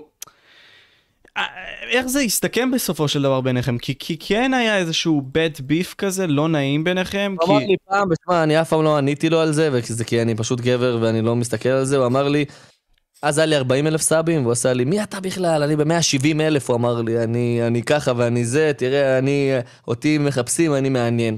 עקפתי אותו בסאבים, אחי, אפילו לא אמרתי לו על זה מילה, אני פעם ראשונה בכלל אומר את זה, שאני כאילו בראש שלי יודע, וואלה, עקפתי אותו, אבל אני לא אדחוף לו את זה מול הפרצוף, או יעשה פלקס, הנה עקפתי אותך בסאבים, כי אני לא עושה תוכן כדי שיהיה לי הרבה סאבים. אני כאילו פעם הייתי מאוד חרד למספרים, למספר צופים, לכמות מנויים. Uh, היום כאילו, וזה תכלס אחרי פודקאסטים שראיתי של מיסטר ביס, שהוא, ה, uh, שהוא ה role model שלי, ה mindset שלו זה אני אעשה את הסרטון הכי טוב, ועם הסרטון הכי טוב, עם השיווק הכי טוב, הצפיות וההצלחה תגיע. כאילו, המטרה זה לעשות את הסרטון הכי טוב. לא לרדוף ולחשוב, זה גם יוצר הרבה מאוד אה, מטרד נפשי כזה, וחרדות נפשיות, שאתה רואה צפיות, צפיות, צפיות, צפיות, זה כאילו מרדף אחרי, ה, אחרי איזה נקודת האור שאין לה סוף, כי תמיד יש לך... אין ספור צפיות, יש לך אין ספור subs. ואתה תמיד רץ לנקודה הזאת של האור, ואתה אף פעם לא מגיע לס... אתה, לקצה של האור של. אתה מבין? אתה רק הולך אחרי זה ו- ואין סוף לזה, זה כאילו תהום בלי, בלי תחתית הצפיות. היה לי תקופה, נגיד, שפתאום היה לי ממש ירידה, ב, נגיד, בכמות צופים, הייתי מתבאס. אני זוכר שתרמתי לסאמיט וואנג'י, שאלתי אותו מה, מה לעשות אם אין לך הרבה צופים, כי הייתי עולה ל live, לא היה לי הרבה צופים, ואז הייתי מתבאס מהכמות צופים שלי, ואז כי אני ב vibes מבאסים, אז גם הצופים הולכים, כי לא כיף לצפות במישהו בלי, בלי vibes, אז הייתי פשוט סוגר את הכמות צופים, משדר בלי לראות כמה צופים יש לי. זה עזר כאילו, ואז יצאתי מהנפילה הזאת, והיה לי הרבה מאוד ירידות, נפילות, כאילו הרבה צופים, קצת צופים. הרבה פעמים פשוט אמרתי לעצמי, כאילו, כוס אימא של הצופים, כאילו, בראש שלי, על הזין שלי, שהם, אה, שמי, נגיד, נגיד, אני רציתי, כאילו, אז לשדר ולורנט, זה רצח לי את הערוץ. הייתי משלושת אלפים צופים, ירדתי לשמונה מאות צופים, כאילו, ואני בראש שלי, זה הקהל מטומטם, כאילו, זה, זה לא אני, אני, אני עושה את זה ממש טוב, ואם הם לא צופים בי, זה כי הם סתומים, כאילו, אתה מבין? ואני... דסיט. דסיט. גם דוגמה. דסיט הצליח לאותה תקופה, אבל נגיד שידרתי את זה באמת לפני כמה ימים, היה לי אולי אלפיים צופים בלחץ, כאילו, זה... אם היום אני סתם כאילו פותח live שאני מסתכל על שטויות, יהיה לי שלוש פלוס, כאילו, אתה מבין? אז uh, כאילו, מרגיש לי שהקהל פשוט, הרבה פעמים הוא קצת שכיר חרב כזה, אתה מבין? הם באים ל lives שהם אוהבים לראות משחק מסוים. יש לי הרבה מאוד צופים, אני חושב שאני וסנקס, אנחנו חזקים בקטע הזה שיש לנו הרבה צופים שצופים בנו לא משנה מה. אה, ויש צופים שהם mercenaries וזה בסדר כאילו שהם ילדים שבאים לראות איזה תוכן ספציפי רונן עושה Omegle אז אני בא ל Omegle רונן עושה Among Us אני בא ל Among Us אם רונן עושה קונטר אני בא לקונטר כאילו. אבל אני גם כאילו סוג של צופה כזה היום אתה מבין אני בתור בן אדם עצמי אז איך אני מבקר נגיד אני שם את וואנג'י משחק Rust על הזין שלי Rust הוא משחק CS אני אבוא לצפה ב-CS. אלא אם כאילו ממש ישעמם אותי ולא יהיה וייבים אתה מבין? אוקיי אז בוא נפרק את זה עכשיו דיברת על המיסטר ביס ועל הקונספט הזה שאתה מאוד אה, דיברת עליו גם רשמתי את זה לעצמי. ש...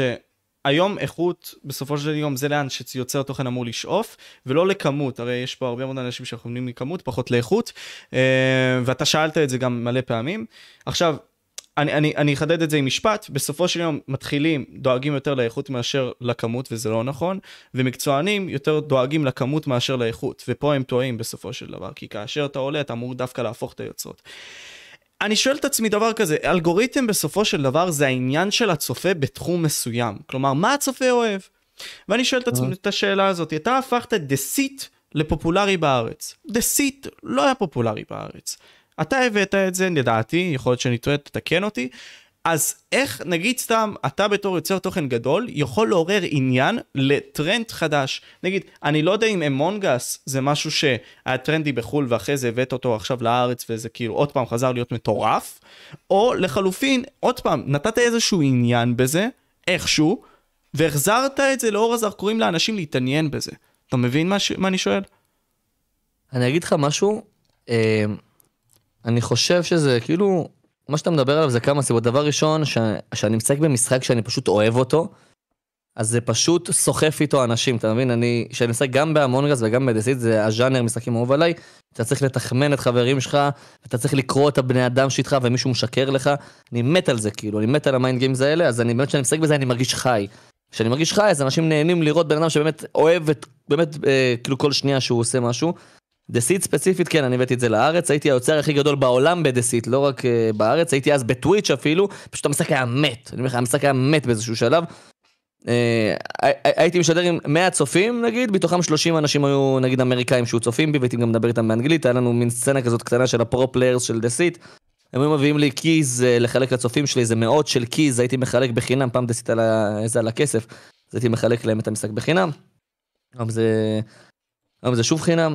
אה, מבחינת האמונגס, אני אגיד לך, כאילו, אני חושב שאתה צריך להיות, כאילו, אני, שאני צופה בבן אדם, אני מחפש בן אדם מאוד מעניין. שהוא יהיה מצחיק, שהוא יהיה שנון, שיהיה מעניין, אה, ושאני ארגיש שאני צופה באיזשהו, באיזה hot shot, אתה מבין? אני חושב ש... הרבה מאוד אנשים פוטנציאלית שיכולו להיות יוצרי תוכן נהדרים בארץ, הם לא קיימים. אני חושב ש, שלמשל שר קליזו זה בזבוז לעולם התוכן שהוא נעלם, אחי. זה באמת בן אדם שהוא כריזמט ברמות מטורפות. אבל אין לך פה באמת יותר מדי יוצרי תוכן שהם כריזמטיים והם באמת מעניינים לסחוף איתם קהל ולבנות טרנד. אני אשמע מאוד מגעיל, אבל אני... שמע, אני אתן לך דוגמה. יש לך באמת פה, באמת, אה, הרבה מאוד אה, יוצרי תוכן שלא משנה כמה הם ניסו להצליח, הם פשוט חסרי כריזמה. נגיד בורגס, אני ראיתי... איזשהו אה, כאילו פודקאסט ש, שאתה עשית איתו והוא אוכל את עצמו שארז עקף אותו ובוטיניו עקף אותו ותאמר אבל בוא נודה באמת אחי אתה בולע מילים ואתה לא כריזמטי בגלל זה הם העדיפו לצפות באנשים האלה כאילו זו האמת המרה ואני אשמע הכי בן זונה שאני אומר את זה כאילו אבל כדי להצליח אתה צריך כריזמה, אתה צריך להיות מטורף, אתה צריך להיות חד, אתה צריך לדעת מה אתה עושה, אתה צריך להיות ממש ממש חד במה שאתה עושה. אתה יודע, הנה גם בורגס פה בצ'אט, אבל כאילו, אה, אני חושב שיש הרבה מאוד יוצרי תוכן שהם פשוט אוהבים gaming, ו... אבל כשאתה מסתכל על מה הם עושים ביוטיוב, הם פשוט רוכבים על טרנדים, אתה מבין? כאילו, זה כל מה שהם עושים. קלאש רויאל היה טרנד, הם רכבו על קלאש רויאל, הם רכבו על פורטנייט, הם רכבו על ברולסטארס, הם רכבו על זה. כל מה שהם עושים הם לרכב, לרכב, לרכב, לרכב, וזאת הסיבה שאתה גם רואה שצופים בהם ילדים שהם לא מפותחים מספיק שכלית, אז הם פשוט יכולים לצפות בהכל כל עוד המשחק שהם אוהבים מוקרן על המסך, אתה מבין? וכל עוד מדברים על... בגובה העיניים שלהם, וזה כאילו בכזה וואו, איכות טובה, מטורפת כזאת, וכל מיני כאלה. אני, אני אגיד לך איפה אני תופס את זה, אני לא זוכר מי אמר לי את זה, אבל מי שאמר לי את זה גאון. אנחנו לא קהילת גיימינג, אנחנו קהילת טרנדים, אתה מסכים עם זה? שמה עוד פעם? שאנחנו מה לא? אנחנו לא קהילת גיימינג, אנחנו קהילת טרנדים. זה נכון ולא נכון. כאילו, אני חושב שאנחנו יכולים ליצור טרנדים, הבעיה שיש פה אינטרסנטים ביוטיוב שהם לא רוצים שמשחקים יהיו טרנדים. למשל, עכשיו אני עשיתי 10 אלף סאבים בארבעה שבועות בהמונגס, ואני רואה שיש אנשים שמשחקים את זה, ועדיין הם, מאוד מפחדים לעלות, אה, הרבה מאוד אה, כזה, הרבה מאוד אה, יוצרי תוכן חיכו שאני אעלה כדי שהם יעלו. וכי הם מפחדים שתישבר הבועה שלהם, שהם לא כאלה סלבריטיז כמו שהם שהם אוהבים לספר לעצמם, אתה מבין למה אני מתכוון? כאילו, זה מאוד יפגע להם באגו אם 150 אלף צפיות שלהם, הם, הם ירדו ל-20 אלף צפיות, וזה כאילו חרטא מי שמפחד אה, לקבל ברן, כאילו מי שמפחד אה, מכישלונות הוא אף פעם לא יגדל. כאילו, אתה אמור לקחת סיכונים אם אני פתאום בא ועושה איזשהו משחק חדש ויהיה לי קצת צפיות. ואני יודע שיש לזה פוטנציאל, כאילו מן הסתם אני עכשיו לא אעשה לייב של מייפל סטורי, אפילו לא לייב, סרטוני מייפל סטורי. נגיד ואני מת על זה, אני יודע שזה דום אה, כאילו to fail, אז אני לא אעשה את זה, אבל אם אני באמת מאמין בכנות ש... שאמונג אס זה עדיין משחק שלא נגמר לו הסוס, והוא מעניין, והוא טוב, והוא יוצא ריבים, באקשן, אימפוסטר, והקהל מנסה להבין, כל הקונספט של זה הוא מאוד מושך, וגם יש יוצרי תוכן שאני יודע שלא טוב להם שעכשיו המשחק הזה יהיה טרנד, כי טוב להם עם מה שהם עושים, כי אם עכשיו משהו נהיה טרנד, אז זה בא ומכיל הרבה מאוד פיות של יוטיוברים. אני אעלה מזה סאבים, ופתאום חמוץ יעלה מזה סאבים, ואם אה, פריזי עושה סרטונים, אז פריזי יעלה מזה סאבים. אז ש... אני אז עליתי סאבים מאמונג אס בצורה פנומנלית, כי אני עשיתי אה, אמונג אס ויוצרי תוכן יותר גדולים ממני גם עשו אמונג אס, אם זה קיסר, נונסטופ, נונסטופ, עשה סרטון עם מיליון צפיות, אז המשחק, אה, אז הם הביאו לי סאבים, אני הבאתי להם סאבים, היה פה באמת סיטואציה של יד, של, של יד רוחצת יד. אחרי זה הטרנד הזה הוחלף במיני טרנד של ראסט, היה לי 5,000 צופים בראסט, אבל אף אחד גדול לא שידר את זה, אף אחד, לא עשה, אף אחד גדול לא עשה לזה סרטונים, וראיתי שאני מאכיל הרבה מאוד פיות של, אה, של יוצרי תוכן קטנים. פתאום פרטיזן עלה בסאבים, אה, פתאום אה, כל מיני סומין, ו, ו, ועוד קטנים ועוד קטנים ועוד קטנים, אני לא אציין עכשיו פה הרבה מאוד שמות, אבל אני הייתי תקוע בסאבים, ואני הכי גדול בזה, כאילו, אתה מבין?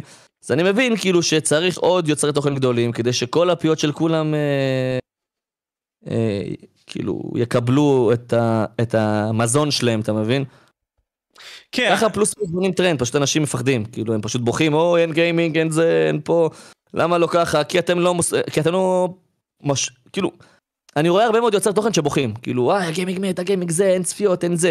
זה נכון ולא נכון, כאילו, ה gaming כתעשייה העולמית קצת בירידה. מה זאת אומרת? 2012 יוצא לך קונטר סטרייק, Go, 2013 יוצא לך GTA 5, 2014 יוצא לך נגיד H1, 2015 יוצא לך PUBG, 2016-2017 יוצא לך פורטנייט, אוברוואץ' בתהליך הזה יוצא Valorant, כל שנה יוצא לך משחק בלוקבאסטר, כאילו משחק מטורף שמניע את ה gaming. עכשיו שנים, אחי, שום דבר לא יוצא, כאילו, אתה מבין? ואין לך הייפ חדש בעולם ה gaming, לא יודע למה זה, יכול להיות, זה הקורונה, כאילו, אחראית על זה איכשהו, אין לי מושג. אבל עדיין יש צופים, עדיין אתה תראה את סיידמן מביאים צפיות, ואתה תראה את, את, את, את אופליין TV מביאים צפיות, ועוד אנשים עושים צפיות. פשוט צריך לבוא ולעשות ולהיות טובים במה שאתם עושים, כאילו זה הכל. אם אתה יוצר תוכן של טרנדים, אל תיוצר תוכן לדעתי, כאילו אם אתה, כאילו זה טוב לעשות טרנדים, שתבין, זה טוב נגיד לעשות מיינקראפט אה, ולעשות, אה, אה, אה, כאילו אם אני אדרג באמת את הטרנדים הכי גדולים שהיו אי פעם ביוטיוב, זה פורטנייט, זה מיינקראפט, זה אמונג אס, זה ברולסטארס, זה קלאש רויאל.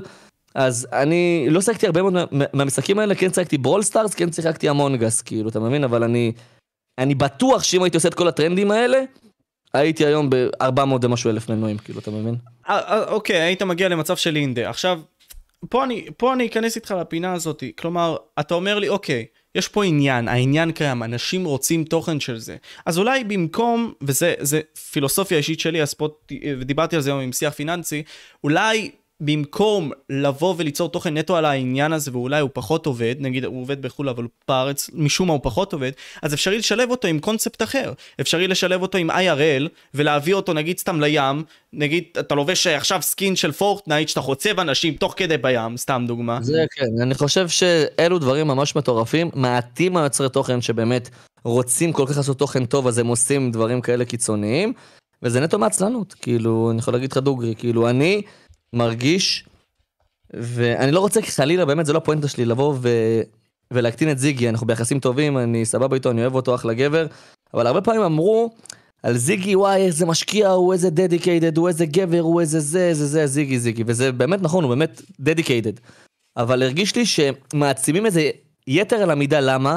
כי הרגיש לי שהוא ב comfort zone שלו, הוא בא, פותח live, משדר Fortnite, כי זה משהו שהוא מכיר ועושה שנים, מוציא סרטון, חותך נגיד עכשיו קטעים מה live, עושה עריכה דלה בפתיח, זורק את הסרטון נגיד לאינטרנט. אני הייתי צריך כל פעם להמציא את עצמי מחדש. הייתי צריך להפוך ל...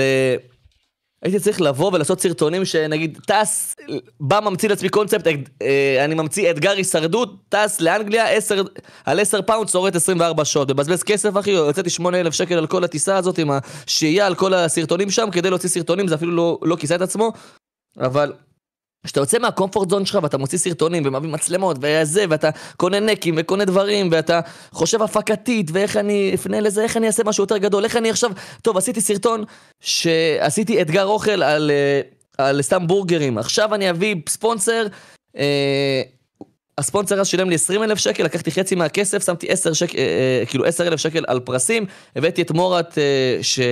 שיבוא ויצלם לי את כל הדבר הזה, אז פעם ראשונה הבאתי הפקת צילום, שזה כמה מצלמות ותאורות, והכנתי איזה 170, אני ומיטל יותר נכון, הכנו איזה 100 ומשהו פנקייקים לאתגר אוכל של פנקייקים, וקניות, ולהביא את האנשים, ואתה ממש יוצא מהקופסה להצליח, אתה מבין? אתה באמת עושה סרטונים שהם לא הקומפורט זון שלך, אז מרגיש לי שביוטיוב יש הרבה מאוד אנשים שהם בקומפורט זון שלהם, פשוט יושבים, מצלמים סרטון, הנה תראו איך אני...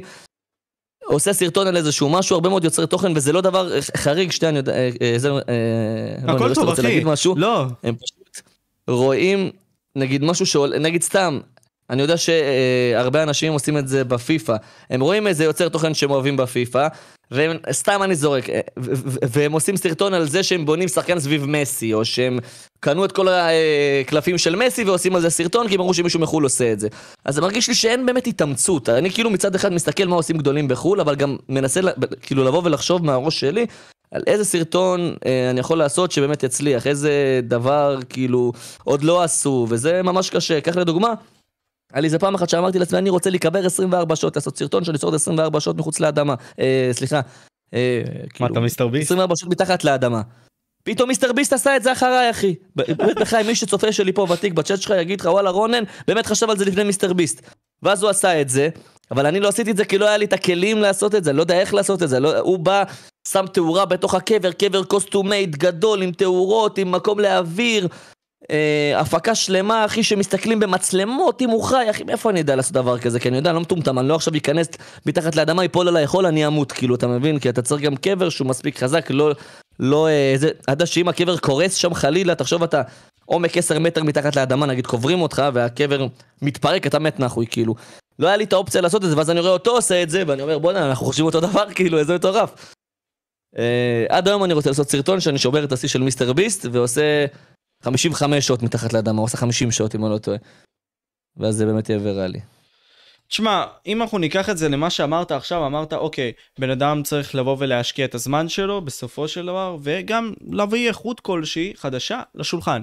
כלומר, אנשים לא מבינים למה מיסטר ביסט מצליח, כלומר למה הוא עושה נגיד סתם הבעות פנים והכל, הוא לא יבוא ויקרא מחקר שמוכיח למה בעצם סרטון הוא ויראלי. הם יבואו ויעתיקו ממנו את הקונספט, כי ככה זה עובד. ראיתי פודקאסט של קיסר שהוא אמר, אתה יודע, יש לך תבניות של הצלחה היום. פשוט תעתיק וזהו אחי, כאילו, ואז אתה מצליח. וזה עובדה, עבד לקיסר אחי, אין ספק. ופה אני שואל את השאלה הזאת, אוקיי. עכשיו יהיו פה ערוצים שיגיעו ל-150 אלף. הם יכולים מחר ללכת להוואי אחי, לא לעלות שנתיים, שנה, והם יכולים להרוויח בוכטות כסף. גיא טבעי דוגמה, אחי, פדיקסול דוגמה שהוא לא מעלה כבר מלא זמן בערוץ שלו של פדיקסול. הם יכולים עכשיו לצאת לחופשה, אחי, ליהנות וזהו. כאילו, תכלס, כשאתה חושב על זה, והם מקבל הרבה מאוד צפיות. וזה הבעיה, אחי, שבסופו של דבר, לדעתי זה מגיע לעניין של אליטות, של יוצרי תוכן שמגיעים למעלה, או לחלופין קהל שהוא מאוד מצומצם, שניצלו פשוט אנשים את המומנטום של הפורטנייט, של הרבה מאוד מהמשחקים הגדולים האלה, שנתנו חשיפה, ולבסוף, יוצר תוכן חדש עכשיו, שמנסה להיכנס לספירה הזאת, לא יכול להגיע לדבר הזה, שהוא באמת יכול מחר לעזוב וזהו, בקונפרנס זון שלו. הוא צריך לעבוד אחוז שרמוטה קשה, אחוז שרמוטה קשה. זה נכון, וזה פשוט מרגיש לי שזה יוצר תוכן שהם פשוט... אה, הם אף פעם לא מספיק טובים, לדעתי. אם אתה נשכח אחרי פרק זמן שאתה נעלם, אה, שמע, זה מכמה סיבות. דבר ראשון, אני חושב שזה מוכח על ידי יוטיוב, שככל שיש לך יותר צפיות חודשיות, לדעתי האישית, כן, זה לא מוכח בשום מקום, אבל יש מין אלגוריתם סודי ליוטיוב. מה זאת אומרת? שזה מדרג אותך בפלטפורמה בצורה סודית כמה אתה חזק, ואם אתה כבר חזק, יהיה לך יותר קל לקבל יותר צפיות. אתה מבין מה אני מתכוון? וכאילו, אה, כשאתה מפסיק לעלות, אז, אז לדעתי הדירוג הסודי הזה מוריד אותך, ומעלה מישהו על פניך, ואתה יורד עוד ועוד ועוד מקומות, אז אתה תראה שתקבל פחות חשיפה. קח לדוגמה נונסטופ, היה אגדה, סבבה? הוא לא עושה את אותה כמות צפיות שהוא היה עושה פעם. ואני חושב שא' כל זה מכמה סיבות, בהתחלה הוא כן עשה שהוא רק חזר, התגעגעו עליו, היום הוא פשוט אה, עדיין עושה את המאה אלף צפיות, הוא עדיין NonStop Gaming, כן? אבל הוא לא חזק כמו פעם, וזה לדעתי גם בגלל שהקהל שלו התבגר, ואולי חלקם גם בצבא, ופשוט פחות צופים בו. אבל אני חושב ששוב, אם אתה מספיק מעניין וחזק, אני חושב שאם אני מדרג מה אמור להיות ביוצר תוכן, זה כריזמה, זה אותנטיות, אתה מבין? וזה באמת משהו חסר, אני רואה הרבה מאוד אנשים, ואני פשוט כזה הרבה זמן בתחום, אני מרגיש שאנשים שמנסים לזייף אותנטיות, אתה מבין? אה, יש איזשהו יוצר תוכן, שהוא תמיד מעלה סטורים, אז אני קולט אותו תמיד צוחק צחוק מזויף בהתחלה, כזה ככה, אז כאילו, אז אה, כאילו, אני באמת קולט אנשים מזויפים בכזאת קלות, אז אני חושב שחסר אותנטיות להרבה מאוד אנשים, וזה גורם הצלחה, וקהל גם בא ומבין את זה שזה אותנטי ושזה נראה כזה, כזה נינוח. יש נגיד איזה ערוץ שאני צופה בו עכשיו, קוראים לו Beta Squad, אני לא יודע אם אתה מכיר אותם. זה שחומי עור כאלה מאנגליה, הם כמו Sidemen, אבל הם כאלה, עושים כל מיני סרטונים מגניבים כאלה, ואני רואה את החוש הומור שם שהוא טרולי והם אותנטיים והם זה, ואני בטוח שכל אחד מהם, אם הם ייעלמו בסוף, אה, מתי שהם יחזרו, כן יצפו בהם. אה, פנבוי של ניקו מילאנו. אני מת על ניקו מילאנה, אה, אבל כאילו שוב, אם אתה פשוט לא מספיק טוב, אף פעם לא היית מספיק טוב, ופשוט צפו בך בגלל שהיית דופק קליק ביתים מטורפים וטאמנלים סופר מושכים, והשתמשת בכל השיטות, הרי בסופו של דבר, אתה, אני בתור יוצר תוכן ועוד אנשים יודעים איך ליצור את הסרטון הכי מושך ואיך לעשות צפיות. זה לשמור זמן צפייה ולעשות אה, כותרת טובה וטאמנל טוב. אה, ול, ו, ושיהיה תכלס תכלס תכלס בסרטון, ויש לך את כל האלגוריתם ואת כל הזה, ושיהיה לך CTR גבוה, ואתה יודע, כל השיטות האלה שאתה לומד איך לעשות צפיות, אבל בסופו של דבר, אם אתה לא כריזמטי, מצחיק, אותנטי, אז אם אתה נעלם, ואז אתה חוזר, אז אתה פתאום קולט שכל הקהל שלך הלך. כאילו, זה, זה מה שקורה להם בסוף. אבל אוקיי, TGI, סתם דוגמה, עוד פעם, פיתח לעצמו רשת מטורפת של דיסקורד מטורף, אחי, שגרם לו לחזור. בסופו של דבר, אם יוצר תוכן מנצל את רשת הצופים שלו, ב... לא יודע, בדיסקורד אפילו, באינסטגרם וכל מיני כאלו, הוא יכול מחר לחזור ולקבל מלא צפיות. ולא יודע, פשוט מרגיש לי ש... קרה פה איזה משהו שמונע מהרבה מאוד יוצרי תוכן חדשים פשוט להתקבל לגנג הזה החדש, שאתה מצליח בו, אה, וזה פשוט כאילו, הדרך היחידה לדעתי, זה או להיות הפאקינג הכי טוב בתחום שלך, או להיות uh-huh. מישהו שהולך על העניין ואיכשהו משתחל כזה בין יוצרי התוכן. כאילו, נגיד סתם איכשהו משיג את המספר של אחד מהם וכזה נכנס איכשהו בטעות כזה, ופתאום וואו אחי מתפוצץ. אבל גם אז הוא לא התפוצץ. אז כאילו הקריטיסיזם היחידי שלי לבינתיים זה ההרגשה הזאת שהיום בתור יוצר תוכן בגלל חוסר תחרות, לא יהיה, אין פה תחרות, חוסר תחרות, אנשים מחר יכולים לצאת כביכול לחצי שנה, יוצרי תוכן גדולים, לחזור והכל בפנן וטוב. כי בכל זאת יחזרו למה שהם יודעים, אחי. אתה יודע, נתתי, נתתי דוגמה כזאת, אתה יודע, יש אישה שסתם דוגמה, הגבר שלה בגד בה וכל מיני כאלה, אבל היא בכל זאת תשכב איתו למרות שהוא בגד בה. למה? כי זה מה שנוח לה, וזו דוגמה שאני מכיר אישית. אתה מבין מה אני אומר? בגלל חוסר תרבות. מעצב לטמנה למחר. יא גבר, אני מת עליך. הפנים של פלדמן נראים אה, כאלה מרוחים, לא, זה לא הצבעים, זה הפנים. משה דן. אז uh, אני אגיד לך משהו בכלל על, זה, על הקהילה, כאילו מרגיש לי שחסרים פה תחומים. מה זאת אומרת? יש הרבה תחרות בגיימינג יחסית, יש לך, אני אגיד לך, אני, אה, אה, ארז גבאי, נונסטופ, אינדה, זיגי, בוטיניו, תמיר לוי, רנבו קווין, חמוד ספריזי, אני לא יודע אם אמרתי כבר, יש לך את הגיימרים, כאילו יש לך הרבה מאוד אנשים, וכאילו שיוצא טרנדים, אז, אז הם בדרך כלל באים ועושים אותם, כאילו, אתה מבין? אקספינר, ואתה יודע, יש הרבה, אבל אם אתה פתאום הולך על תחום הקולינריה, סבבה? כמה אנשים עושים סרטונים על קולינריה, זה היה כאילו, אני עשיתי את זה, כאילו, ניב גלבוע מן הסתם הוא הגוט, הוא זה שבכלל עבד בזה, היה עושה את זה בערוץ, אה, אה, זה בערוץ 10, הוא כאילו עושה נטו תוכן של זה, אבל אין לך יותר מדי, יש לך את ביג דן אולי, שזה יותר תוכנית בישול, אבל יש לך כאילו בן אדם אחד שעושה תוכנית בישול, בן אדם אחד שעושה ביקורות אה, אוכל, אני שאני פשוט עושה את זה כי אני אוהב את זה ואני די מבין באוכל. ויש פתאום הרבה מאוד יוטיוברים שרוכבים על התחום הזה כי ראו שלי יש כנראה הרבה צפיות והם פתאום גם עושים את זה ואין לי על זה כאילו ביקורת אני פשוט חושב שזה פתטי. למה זה פתטי? כי אני עשיתי את זה מאהבה, אני באמת אוהב אוכל, הייתי כל הזמן צופה עם הצופים שלי בדברים של אוכל וחטיפים ושיט והיינו מדברים על זה בלייבים ואז אני אומר בואנה הצופים שלי מתים על זה שאני מדבר על זה אז בוא אני אנסה לעשות סרטונים על זה וזה פשוט אהבה שלי אישית, אז מה אתם מעתיקים את האהבה האישית שלי? כאילו, לכו תמצאו את התחביבים, את האהבה שלכם, אתה מבין? אה, אם אני אוהב מוזיקה, אז אני באמת יצא שיוצאתי פרודיות ודיסים למשל, אז זה מה ש... נגיד אני אוהב כדורגל, אז כל שנה אני עושה פיפא. השנה אני אנסה אפילו עוד יותר. לא לפרוש, אני פשוט בן אדם מאוד תחרותי, שאני גרוע במשהו, ואני מודה, אני גרוע בפיפא, אז אני נשרט, אז אני לא יכול פשוט להמשיך לשחק. אני זוכר. אני נגיד אוהב כדורגל, אז אני עושה פיפא, ואני עושה ולוגים שיוצא לי, נגיד שאני נוסע למשחקים וזה, אני באמת עושה, כאילו, ה main theme של הערוץ זה רונן והדברים שרונן אוהב. אז מרגיש לי שחסר פה דברים, קח דוגמה, כולם פה בוכים על זה ש League of Legends לא טרנד בארץ, ופתאום כולם מתים על זה, כולם מלא גיימרים יוצאים מאחוריהם League, League, League, League, League. אבל כולם losers שאף אחד באמת, שהוא באמת אוהב League, לא עושה תוכן של זה, ו League יש לזה הרבה מאוד גיימרים בארץ. הקטע זה שאנשים לא מבינים מה צריך לעשות כדי שהמשחק הזה יצליח. כולם רגילים, כולם כבר חיים בפוזה שלהם שהם סלבס ויש להם מלא, והם שם מה בעולם הגיימינג, ואז הם עושים לייבים של League. אני פעם ראיתי את, עידן אינדה, עם 80 צופים ב League of Legends, בחיי האלוהים אחי. 80 צופים שהוא שחק ליג אוף לג'אנס. זה כי הקהל שלו פשוט לא מתעניין במשחק. ו... אני פשוט יודע שאם הם יעשו ליג, ויתמידו בליג, ויעשו סרטונים על ליג, ויעשו את זה טוב את הסרטונים על ליג, ועם עריכה טובה, וכריזמה, ו... ועם המתכון הנכון של הסרטון, של... ש...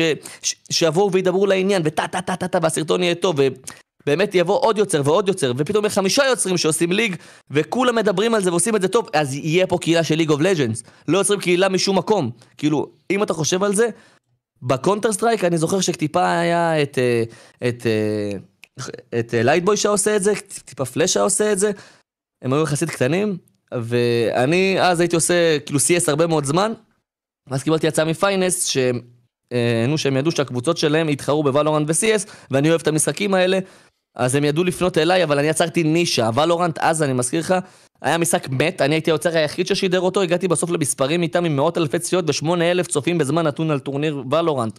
ולמה? כי אני, כי אני אוהב את זה ואני יודע שזה מעניין, אז אני עושה תוכן של זה. אנשים פה חושבים, הנה, נגיד פעם דה כהן אמר, אני אוהב מאוד אה, כאילו כדורסל, אז בגלל זה אני עכשיו קולע לסל ועושה כאילו טיק טוקים של סל, והוא אומר, ניסיתי לשדר NBA 2K, לא הלך לי. בטח, חתיכת מטומטם, שידרת פעם אחת NBA 2K, מניח כל העולם עכשיו יודע שאתה עושה NBA 2K וכל הקהל הפוטנציאלי של NBA 2K שאוהבים כדורסל ו-NBA יבואו וידעו שאתה עושה live על NBA, לא, תעשה עכשיו חודש NBA 2K, ואנשים ידברו, באמת, מפה לאוזן, דבר על זה בסרטונים, דבר על זה, זה, ואנשים ידעו שאתה עושה את זה, ואתה תמשוך מזה קהל, תדע איך לשווק את עצמך.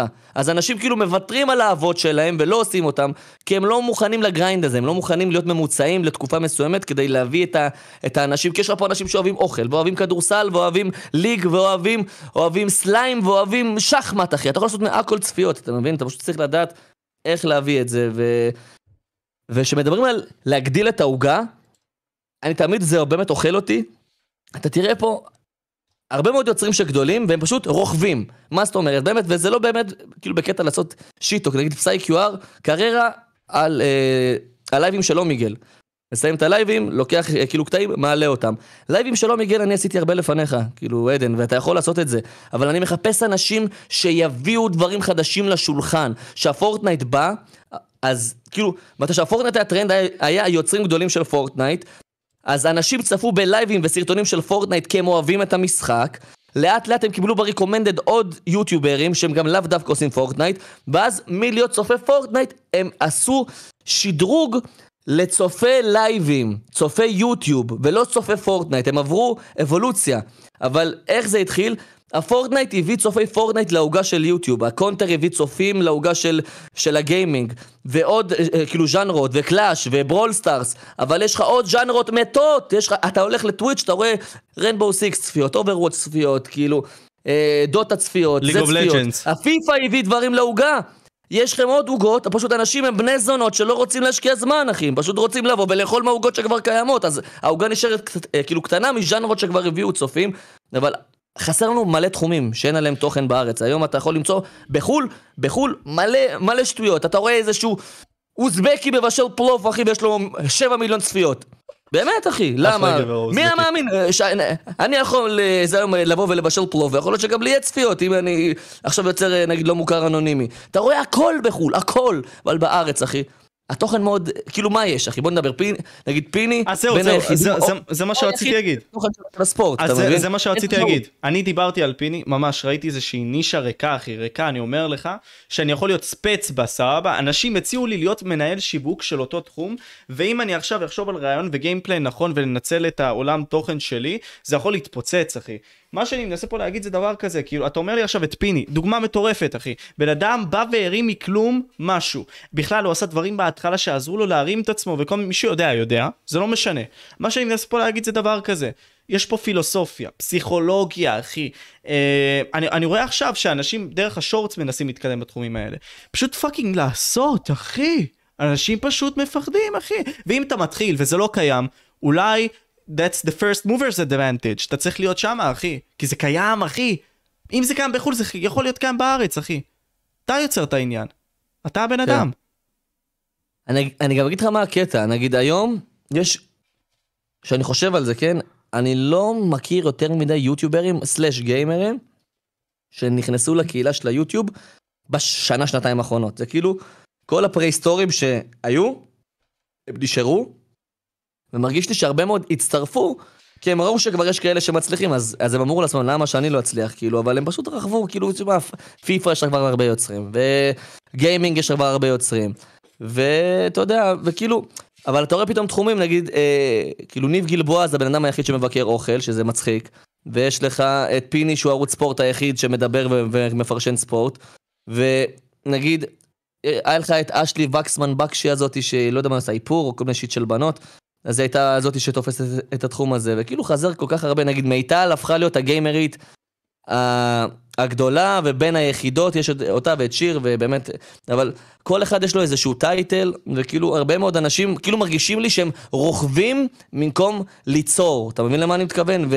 והם בחיים לא, באמת, לא משנה, יהיה להם 200 אלף סאבים אחי, הם לא יקבלו את הכבוד שלי ואת ההכרת כאילו כבוד שלי שאני מכיר בהם כמשהו, כי לא משנה לי, כאילו, יש לנו באמת בארץ יוצרי תוכן גדולים, שאני יכול להגיד לך שהסיבה שהם גדולים, זה לא כי הם טובים, זה כי יש מספיק מטומטמים שיצרכו את התוכן שלהם, כאילו באמת, זו ליטרלי התגית אה, שהייתי שם עליהם. כי אתה רואה שהקהל שלהם, ברגע שהוא נהיה בן 14, הוא כבר אה, עוזב אותם, כאילו, אתה מבין? אתה פשוט יש להם צופים זומבים. אה, וזה משהו שמבאס בקהילה, כאילו, שבסופו של דבר, אם אתה לא מספיק טוב, אל, כאילו, אל תבזבזו את הזמן שלכם ביוטיוב. אין פה יותר מדי מיליונרים, אין פה יותר מדי אנשים שמצליחים בגדול. כאילו, לכו fucking, אה, כאילו, לא יודע, תעשו תואר, תלמדו. אלא אם כן אתם באמת מאמינים בעצמכם, באמת רוצים לעשות משהו שישאיר חותם, ואתם באמת טובים, כאילו, אתה מבין למה אני מתכוון?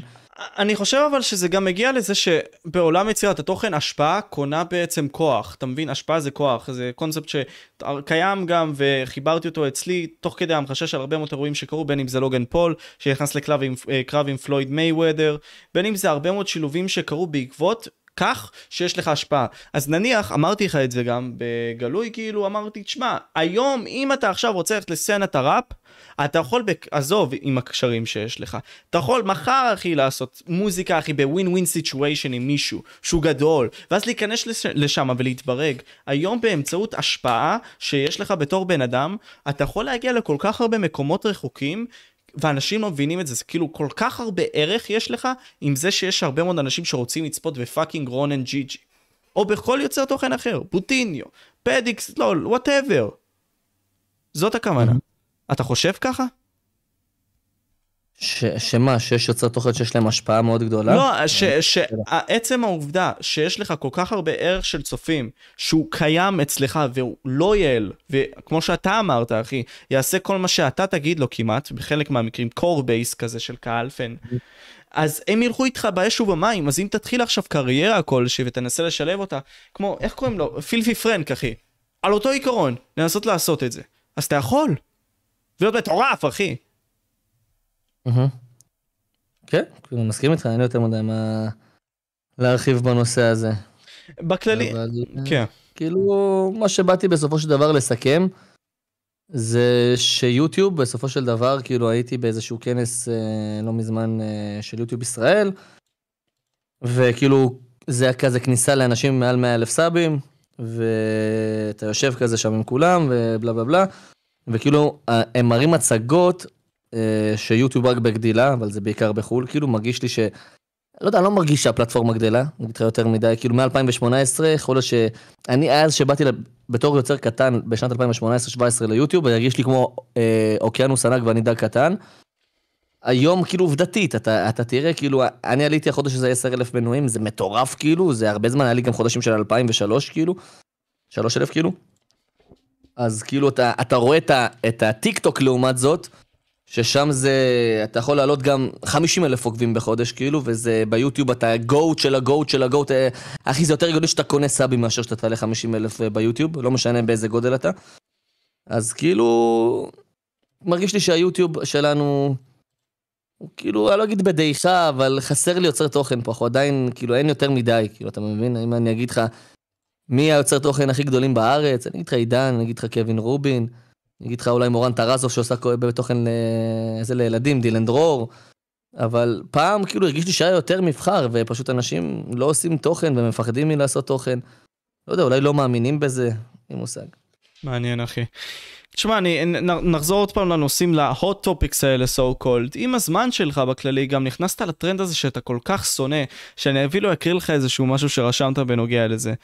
אמ, כאילו, דיברת על הפורטנייט, ואמרת, אשכרה יש מישהו בקהילה שמשדר משהו אחר חוץ מפורטנייט ויש לו צופים, זה אפשרי, יש בן אדם שלא ימכור את אימא ואבא שלו כדי להיות כוכב רשת.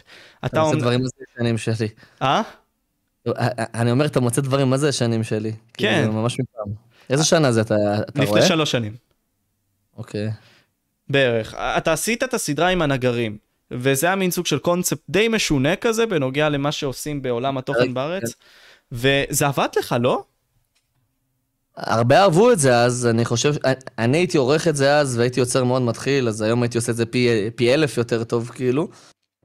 אמ, אבל כן, זה הביא לי הרבה קהל, פורטנייט כאילו באמת, אתה יכול להיות NPC ויצפו בך, כאילו, אתה יכול להיות fucking degenerate, חסר כישרון, אתה יכול לבלוע כל מילה שנייה שאתה אומר, כל עוד אתה, כאילו, קח דוגמא את האפק, כאילו האפק הוא לא degenerate חס וחלילה, אבל הוא לא אישיות סוחפת, כן, הוא די מופנם.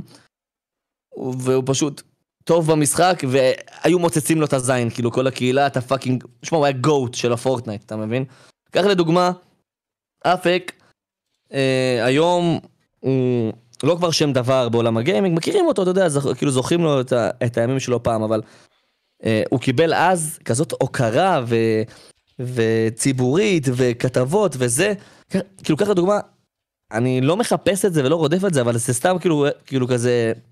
זה באיזשהו מקום כזה בראש שלי, אני נגיד בין הכי הארדקור אוג'יז ביוטיוב, מעולם לא עשו לי כתבה כזאת, אתה מבין? כאילו, אני רואה את עצמי, כאילו, ואני מנסה להיות עם כמה שיותר, אה, כמה שיותר חזק עם הרגליים על הקרקע, אני רואה את עצמי, אה, נגיד, אבן יסוד בגיימינג, בארץ, אבל אתה רואה שעושים לך כתבות על, על, אה, ואני באמת, כאילו, אני מה זה לא רוצה לצאת קנאי וצר עין, אבל אתה פתאום רואה שעל קווין ניקי דופקים לך כתבות בכאן 11, בכותרת, בכתבה, משחקים אותה. אתה מבין? כאילו, המובילים של תעשיית הגיימינג. אתה אומר לעצמך, בואנה, זה לא שהיא לא מובילה, היא לא קשורה בכלל, כאילו, אתה מבין? בלי לעשות דיסרספקט, חס וחלילה, אבל זה מרגיש לי כמו יריקה על כל התחום, פשוט יורקים על התחום של הגיימינג. אבל זה עובדתית נכון. ולא משחקים אותו, כאילו, אתה מבין? זה עובדתית נכון. אעשה, זה כמו שאני אעשה כתבה, סבבה? סתם קטע, כן? על הכתבה על המוזיקאים הכי גדולים ברוסיה, סתם, נגיד בארץ פה, ומוזיקה ברוסיה זה תחום ענק, ואני אביא לך לשער יחי שאף אחד לא מכיר, סבבה, אני אביא לך מישהו עם, עם 500 uh, אה, צפיות לשיר, ואת כל המיליונים שיש להם, נגיד מורגנשטרן וכל הסוסים האלה, איך קוראים לו, קלאבה פוקה, לא זוכר, כל הסוסות האלה, כל המטורפים ברוסיה, אני לא אביא אותם לכתבה שלי ואציג איזה שהם אנשים לא מוכרים. זה דיסרספקט לכל התעשייה, כאילו, מה יגידו אנשים שיורקים דם ומזים, שמע, אני עכשיו איתך בשיחה, אני, אני, אני מדבר, כאילו... אני מדבר עם המעצב ועם העורך שלי בו זמנית, כאילו, אתה מבין? זה, ובשבת אני עדיין עובד ובשישי, ואנשים שקוראים את התחת, אבל בסוף עושים לך אה, את כל ההייפ ואת כל היח"צ על אנשים שלא קשורים בכלל לסצנה, אתה מבין? והם לא שמות גדולים במיוחד, ואין מה לעשות. אה, תשמע, בסופו של יום, אני רוצה להאמין ש... אם אנשים יבואו ויקחו פשוט יותר קיצוני את הדברים האלה וינסו לקחת סיכונים, הם יבואו ויצליחו, אבל כל עוד אנשים לא ינסו את זה, ואין מה לעשות, בגלל שזה עדיין פרוץ, בגלל שאין כל כך הרבה פה כסף, אין מה לעשות, אתה צריך לעבוד אקסטרה קשה, אתה צריך לא ללכת לישון. אתה יודע, היה לי לילות, אחי, ואני אומר לך את זה בזמן הזה שעשיתי 40 פודקאסטים, שפשוט לא ישנתי, אחי. אני חייב לבוא ולהגיד משהו למורת.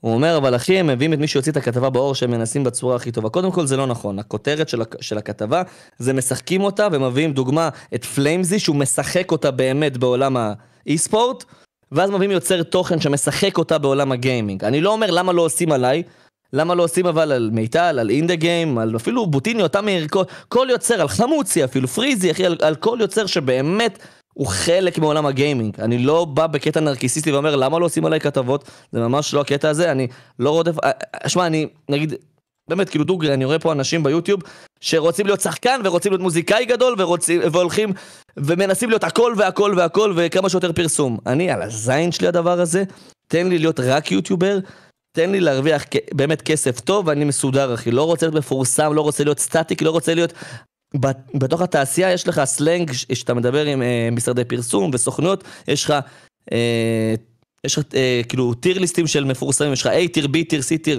A tier זה סטטיק, אה, כל הסוסים האלה, לא מעניין אותי להגיע ל-A tier על הזין שלי, כאילו באמת, אני לא מחפש את זה, תן לי לעשות את מה שאני עושה ושיכירו בזה פשוט ואני רוצה להיות טוב בזה. אבל כשמדברים כבר על התעשייה שלך, על המקום שאתה חי ממנו, שזה הגיימינג, ואז מקדמים שם מישהו שהוא לא קשור לזה, מן הסתם זה יצרוב לי, כאילו זה כמו שאתה תביא איזשהו מנהל חנות סושי סופר מוצלחת, שהוא שף מטורף שמכין סושי מטורף, ואז אתה תביא איזה מישהו מ fucking אה, צ'וקה אחי, ואתה תגיד שזה הסושי הכי מטורף. וואלה, זה מעצבן אחי. אני מבין מה אתה אומר, אחי. בסופו של יום, you need to get the respect you deserve על העבודה שאתה עושה, וזה דבר שהוא, אתה יודע, לא הרבה לבקש עבורו. נחזור בכללי לסרטונים שלך, אחי. הייתה תקופה של הפורטנייט ששנאת, ואני רוצה כאילו לשאול, מה, מה אתה אומר על התקופה הזאת? תקופה שלדעתי שינתה את פני... התקופה של הפורטנייט בכללי, אני לא מדבר ספציפית בערוץ שלך, האמנם היא כן נתנה לך איזושהי חשיפה, אני לא, לא זוכר כמה, אבל היא כן השפיעה על הערוץ שלך, לא? אז רגע, אני אגע רק בדבר אחד, ואז אני אענה, אה, כאילו כותבים שרונן שונא רוכבי טרנדים, זה לא נכון. אני אומר שאני לא מעריך כל כך רוכבי טרנדים כיוצרי תוכן, אין לי בעיה שאנשים ירחבו על טרנדים, ואני מתכנן גם בעתיד, לא יודע אם לרכב על טרנדים, כי תמיד שיוצא משחק אני בין הראשונים שמשחק אותו. אה, נגיד, הנה, סתם דוגמא, Fall Guys, יצא בחינם, היה טרנד, לא נגעתי בו פעם אחת, כי לא אוהב את המשחק. אה, אז כאילו, באמת, שכל אחד יעשה מה שהוא רוצה, אני פשוט לא מכבד את האנשים האלה, ובנוגע ל Fortnite זה היה אבן דרך בסצנה של הסטרימינג בעיקר, ובגיימינג, והיה boost מטורף גם לגיימינג, גם לסטרימינג, יצר יוצרי תוכן שלדעתי חלקם לא משנה מה הם היו מנסים, הם אף פעם לא היו מצליחים ומתפרסמים בעקבות לזה, וגם נעלמו מאוד מהר מתי שהטרנד ירד. אמ, וההשפעה של זה עליי, אני שידרתי פעם ראשונה ב... אני חושב ב, בין אלף לשלוש אלף סאבים שידרתי Fortnite פעם ראשונה. קיללו אותי בצ'אט שאני אני, שאני לא משחק PUBG, כי PUBG עלה כסף ו Fortnite זה בחינם. שיחקתי, ניצחתי ממש בקלות, אז הייתי משחק בזה בתקופה שלא היה סקינים ל Fortnite. כאילו, אם היית עושה נוק למישהו וחבר שלך היה מסיים, אז זה שהיה מסיים את הבן אדם היה מקבל את ה kill, זו התקופה... מה זה, ב, כאילו, התחלה של Fortnite, ממש, זה רק יצא כמה ימים אחרי שזה יצא, שיחקתי. אה, ואז עשיתי את הסדרה של היצאת הנגר, עליתי בין 20 ל-30 אלף סאבים ל Fortnite, כאילו, ב Fortnite, ואז כאילו כבר לא נגעתי, פשוט לא אהבתי, כאילו, את המשחק, ולא הייתי גם טוב בו, כאילו, כל כך, אז זה גם, כאילו, הוריד לי. דיברנו על גיימינג, ומישהו פה שאל שאלה טובה, שבכללי גם אני רציתי לשאול, מה אתה חושב על ערוץ הגיימינג בכללי? אה, ניסיון ללכת בכיוון הנכון, אתה חושב, או שהביצוע לא משהו בפועל? שמע, אם אני אגיד לך מה אני באמת חושב על הערוץ, אז אני אהיה מבוטל, אני אגיד את האמת. אני אגיד לך על רגל אחת, כי, בסופ... כי בסופו של דבר אני רוצה לחיות בתעשייה של הגיימינג אחרי הפודקאסט הזה. אז תשתדל כזה. הערוץ הזה מורכב מחברים של שלומי מהמרתף. אה, אני לא אוהב את מה שהם עושים. אה, נגיד לך דוגרי, יש שם את, נגיד, אה, אני יודע שרון נשר חבר של שלומי, זה אותי הצחיק אז שלקחו את רון נשר, כאילו, שיש שם מנחה כי הוא ירד על גיימינג. ועל זה שגיימרים הם uh, כאילו בטלנים, למרות שזה כן נכון בנוגע לכמה, כאילו לאיזשהו אחוז מהגיימרים, אבל כאילו הרגיש לי שזה ליהוק מוזר. Uh, האנשים שם, כאילו, לא יודע, לא הולך להם, כאילו, אני אגיד לך דוגרי, אני יודע שמבחינת הערוץ, uh, זה לא ערוץ משגשג. כי, תסתכל על זה ככה, הרי כל בן אדם רוצה לרזומה שלו, שלו כתוב שהוא הנחה בטלוויזיה, או שעשה דברים בטלוויזיה, זה טוב לרזומה. ועושים את זה בגיימינג, שזה fucking big thing, כן? אבל מביאים אנשים לשם, נגיד יש לך את שיבולת שהוא, כאילו שהוא יוצר מכובד בעולם הגיימינג, סבבה? אבל האנשים שבאמת, הם אלה שעיצבו את ה... עולם של הגיימינג הם לא שם, אתה מבין? כן, שיבולת הוא יותר ביזנסמן, סתם דוגמה בתור גיימינג. נגיד, אה, נגיד עידן אינדה גיים, ולי יש מקום לזה, ולסנקס יש מקום לזה, ואנשים שהם באמת, נגיד, או, או שאני אקח אנשים מאוד חזקים מהפיפא, כי יש לך כמה דברים, אם אני חושב, מי עשה את הפיפא למשהו היום, אה, טולי כבר לא רלוונטי, אז אולי אליאור בילוקס, אולי, אה, אולי כל מיני ארז, תמיר, בוטי, כל מיני אנשים כאלה, היה נחמד לראות נגיד שילוב שלהם. אתה רוצה באמת להביא אנשים שהם חזקים בתחום הזה. קח לדוגמה, היה כל מיני דברים בעולם ה Counter Strike. בחיים הם לא קראו לי אפילו לבוא לשם. כאילו, אתה מבין? אני אוכל על זה תסביך, כאילו, אני זה Counter Strike, כאילו, אני זה ש fucking שם את זה על השולחן פה בתעשייה. אני אחת הסיבות שיש לזה סצנה. למה אתם לא קוראים לי? כאילו, הם מוזרים. אז כאילו, לא יודע, היה שם כל מיני פוליטיקות, כאילו, מן הסתם. אה, אנשים שלא, שלא רצו שחלק מהאנשים אחרים יהיו שם, לדעתי גם אנשים שפחדו שיגנבו להם את אור הזרקורים. והערוץ הזה הוא לא הכי מצליח שיש, כאילו, אבל, אה, וזהו, שפשוט יאכלו את, את הדייסה שהם בישלו. אני חושב שזה פשוט, כמו שניסית להגיד, זה פשוט מביא לא את הפיונירס, אלא מביא נגיד סתם. פיני אמנם דוגמה טובה לבן אדם שכן קשור לתחום גיימינג so called, אבל זה לא הנישה המרכזית שלו. שיבולת הוא יותר כזה גיימר, businessman כזה, שלא מה, כאילו הוא משחק MU וכל מיני כאלה בשעות הפנאי שלו, והוא באמת גיימר, אבל הוא עושה את זה מטעם business כזה, וזה נחמד והכל, אבל זה לא... בוא נדבר על זה דוגרי, סבבה? יש לך את אה, מי שבאמת, כאילו הרגיש לי החוד, מי שעיצב את כל זה סביבו, זה השלומי מהמרתף. הוא לא יוצר גיימינג הכי גדול בארץ, הוא לא עכשיו איזה, אתה יודע, הוא לא איזה, איזה big shot. ויש את, את uh, בן קיסר, שאני לא מכנה אותו גיימר, שהוא כאילו פתח ערוץ גיימינג ורכב על Among Us שזה הטרנד, אז יש את זה, uh, וש Among Us מת, אז פתאום הערוץ גיימינג שלו מת. מר שיבולת, כאילו, הוא די כאילו, uh, כזה well deserved. אותי אישית, אני חושב שהוא כזה טיפה מופנם, אתה מבין? הוא יותר כזה בן אדם שמביא עובדות מעניינות ועושה כל מיני סרטונים uh, כאלה. אנליטיקות uh, וכאלה. כן, כל מיני דברים מעניינים כאלה, אז אותי לפחות, אני לא חושב שהוא... הוא הכריזמטי המטורף שצריך שיהיה בטלוויזיה. נונסטופ הוא מעניין רק כשהוא בתוך הדמות של נונסטופ גיימינג ולא בתור ליאור בוכנר. וקווין ניקי הייתה שם, שכמו שאמרתי לך, היא לא רלוונטית בכלל, ואז היא עברה להיות uh, בזה, בזה שלה מאחורה. רון נשר בכלל לא גיימר. כאילו, עד שנהיה משהו שהוא באמת דבר ענק לגיימינג, לקחו את האנשים שהם, שהם פחות אה, כאילו, כזה מתאימים, אתה מבין למה אני מתכוון? כאילו, לקחו באמת, כאילו, סבבה, אה, בן קיסר מדבר טוב, ופיני מדבר טוב, ו... ורון נשר מדבר טוב. אבל כאילו, הם לא באמת, זה לא מרגיש לי well deserved, שכל מי ששם זה לא well deserved, אתה מבין? כי יש אנשים שעיצבו את הגיימינג, ופשוט הם אה, פסחו על זה, אתה מבין? והלכו על אנשים שפחות עיצבו את הגיימינג. נגיד, יש את, אה, את נונסטופ גיימינג, שהוא באמת... עיצב את הגיימינג והוא היה יוצר ענק אחי, והוא היה באמת כולם היו שואפים להיות כמוהו והוא עשה דברים מטורפים בגיימינג. זה באמת נכון, אבל נונסטופ גיימינג, אה, קודם כל הוא בתקופה שהוא, לא יודע, עבר קצת כזה, כזה משברים עם עצמו. ויש את נונסטופ ויש את ליאור בוכנר, ולדעתי נונסטופ גיימינג אה, יותר מעניין מליאור בוכנר, אתה מבין? כי ליאור הוא, יותר מופנם. כן, זה פשוט דמות שהוא שם אותה על המסך, ואם אנחנו מדברים על דמויות בכללי, אמ, אתה יודע, בסופו של יום אנחנו רואים מין סוג של גרסה הוליוודית שמגיעה בעצם להרבה מאוד אנשים פה בעולם יצירת התוכן, כאילו להיות מישהו שאתה לא בשביל לקבל את היחס שלא מגיע לך בסופו של דבר, אבל על הדמות הזאת היא כן מגיעה לך, כלומר הספידים למיניהם, הדניאל יונה בארץ למיניהם, הדקוקים למיניהם, אמ, אתה מבין, מין סוג של הדמויות האלה שהם לא באמת הם, הם פשוט משהו אחר בשביל להשיג את הקליקים, להשיג את הדברים האלה. מה אתה חושב בנוגע לדבר הזה? Um, האם אתה חושב שזה פסול או לא? תשמע, אני אגיד לך משהו, בנוגע לספיד, זה באמת דמות ש- שקורעת אותי, כאילו, הוא מרגיש לי שהוא גם די אינטליגנט שהוא עושה את זה. אני כאילו, מצד אחד זה סבבה להיות דמות, יש אנשים כמו דודו פרוק ושפיטה וכל מיני כאלה שהם דמויות. אני חושב שזה פתטי שאתה מתפרסם לא כדמות והופך לדמות, כמו דה כהן, אחי, אתה fucking אוסף סקאמרים ב Fortnite, מכירים אותה כדה כהן, אתה נהיה דמות פתאום. וזה גם בטיימינג שהערוץ שלך די מת, כאילו, אתה מבין? אה, אז אתה באת, לא היה לך הרבה צפיות, ואז פתאום נהיית דמות. אז כאילו, grow up כאילו, אתה, הוא כאילו הרגיש, לי מרגיש מהצד שהוא, שהוא פשוט ניסה לעשות הכל כדי להציל לעצמו את הקריירה. חן בסט היה כושל ביוטיוב, נהיה דמות, אחי, אתה מבין? אה, אני חושב שחיים נחמן ביאליק אמר צר עולמם כעולם נמלה. ואני חושב שזה משפט שמתאים להרבה מאוד אנשים, שזה, שוב, שוב זה תלוי, שדודו פרוק ושפיטה ואקספיד עשו את זה, זה הרגיש לי בסדר, אבל נגיד שאני רואה את אה, דניאל יונה מהצד, אחי, ואני רואה כמה הוא מנסה תמיד להראות שהוא בן אדם טוב, אחי.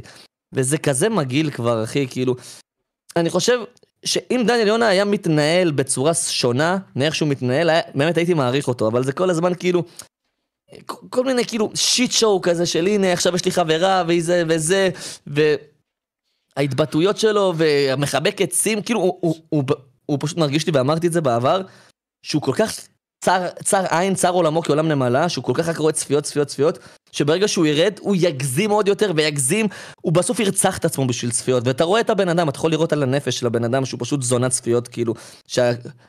שזה קודם צפיות ואז תוכן, וגם כל הזמן להראות, תראו איזה טוב אני, תראו איזה בן אדם טוב אני. יא בן זונה, מי שטוב אחי, פשוט עושה, עושה מעשים טובים בלי להראות אותם כל הזמן. ואני למשל עושה מעשים טובים ואני גם לא מדבר עליהם, כאילו. והרבה מאוד אנשים, נגיד מיטל מכירה את זה כי בת זוג שלי ואקספינר נגיד מכיר את זה, אבל כשאתה רואה בן אדם מתאמץ יותר מדי להראות את המעשים הטובים, סימן שיותר חשוב לו שיראו שהוא עושה מעשים טובים כדי לשפר לעצמו את התדמית שהוא בן אדם טוב. ופה אתה לא בן אדם טוב, אתה שחקן. אם, נגיד, אני זוכר פעם אחת אמרו על איזשהו יוצר תוכן, אני חושב שזה היה דניס צ'רקוב, אמרו לו, שומע, יש איזשהו כלב, מתעללים בו ככה וככה, זה הכתובת, ואז הוא אמר לה, את העלית פוסט על זה בפייסבוק? אז אומרת, לא. אז, אז הוא אומר לה, אז אני לא עוזר, כאילו, קודם כל מעלים פוסט, כאילו, קודם כל שיראו. וזה אנשים פתטיים פשוט, אין לי מה להגיד, כאילו, זה פשוט פתטיות, ויש הרבה מאוד דמויות, אחי, בארץ. לא הרבה מאוד, אין כזה הרבה, אבל יש דמויות בארץ, שלדעתי הם פתטיים פשוט, זה הכל. הבנתי אותך. Um, היה גם, אתה יודע, אם, אם במעבר חד, כן? אם המשך הדרך שלך, אתה יודע, איכשהו פשוט צמחת. מה לדעתך כאילו גרם לאנשים באותה תקופה של 2018-2019 כזה, אה, תחילת אפילו 20 כזה, לאהוב את רונן ג'י ג'י? למה אנשים אהבו אותך?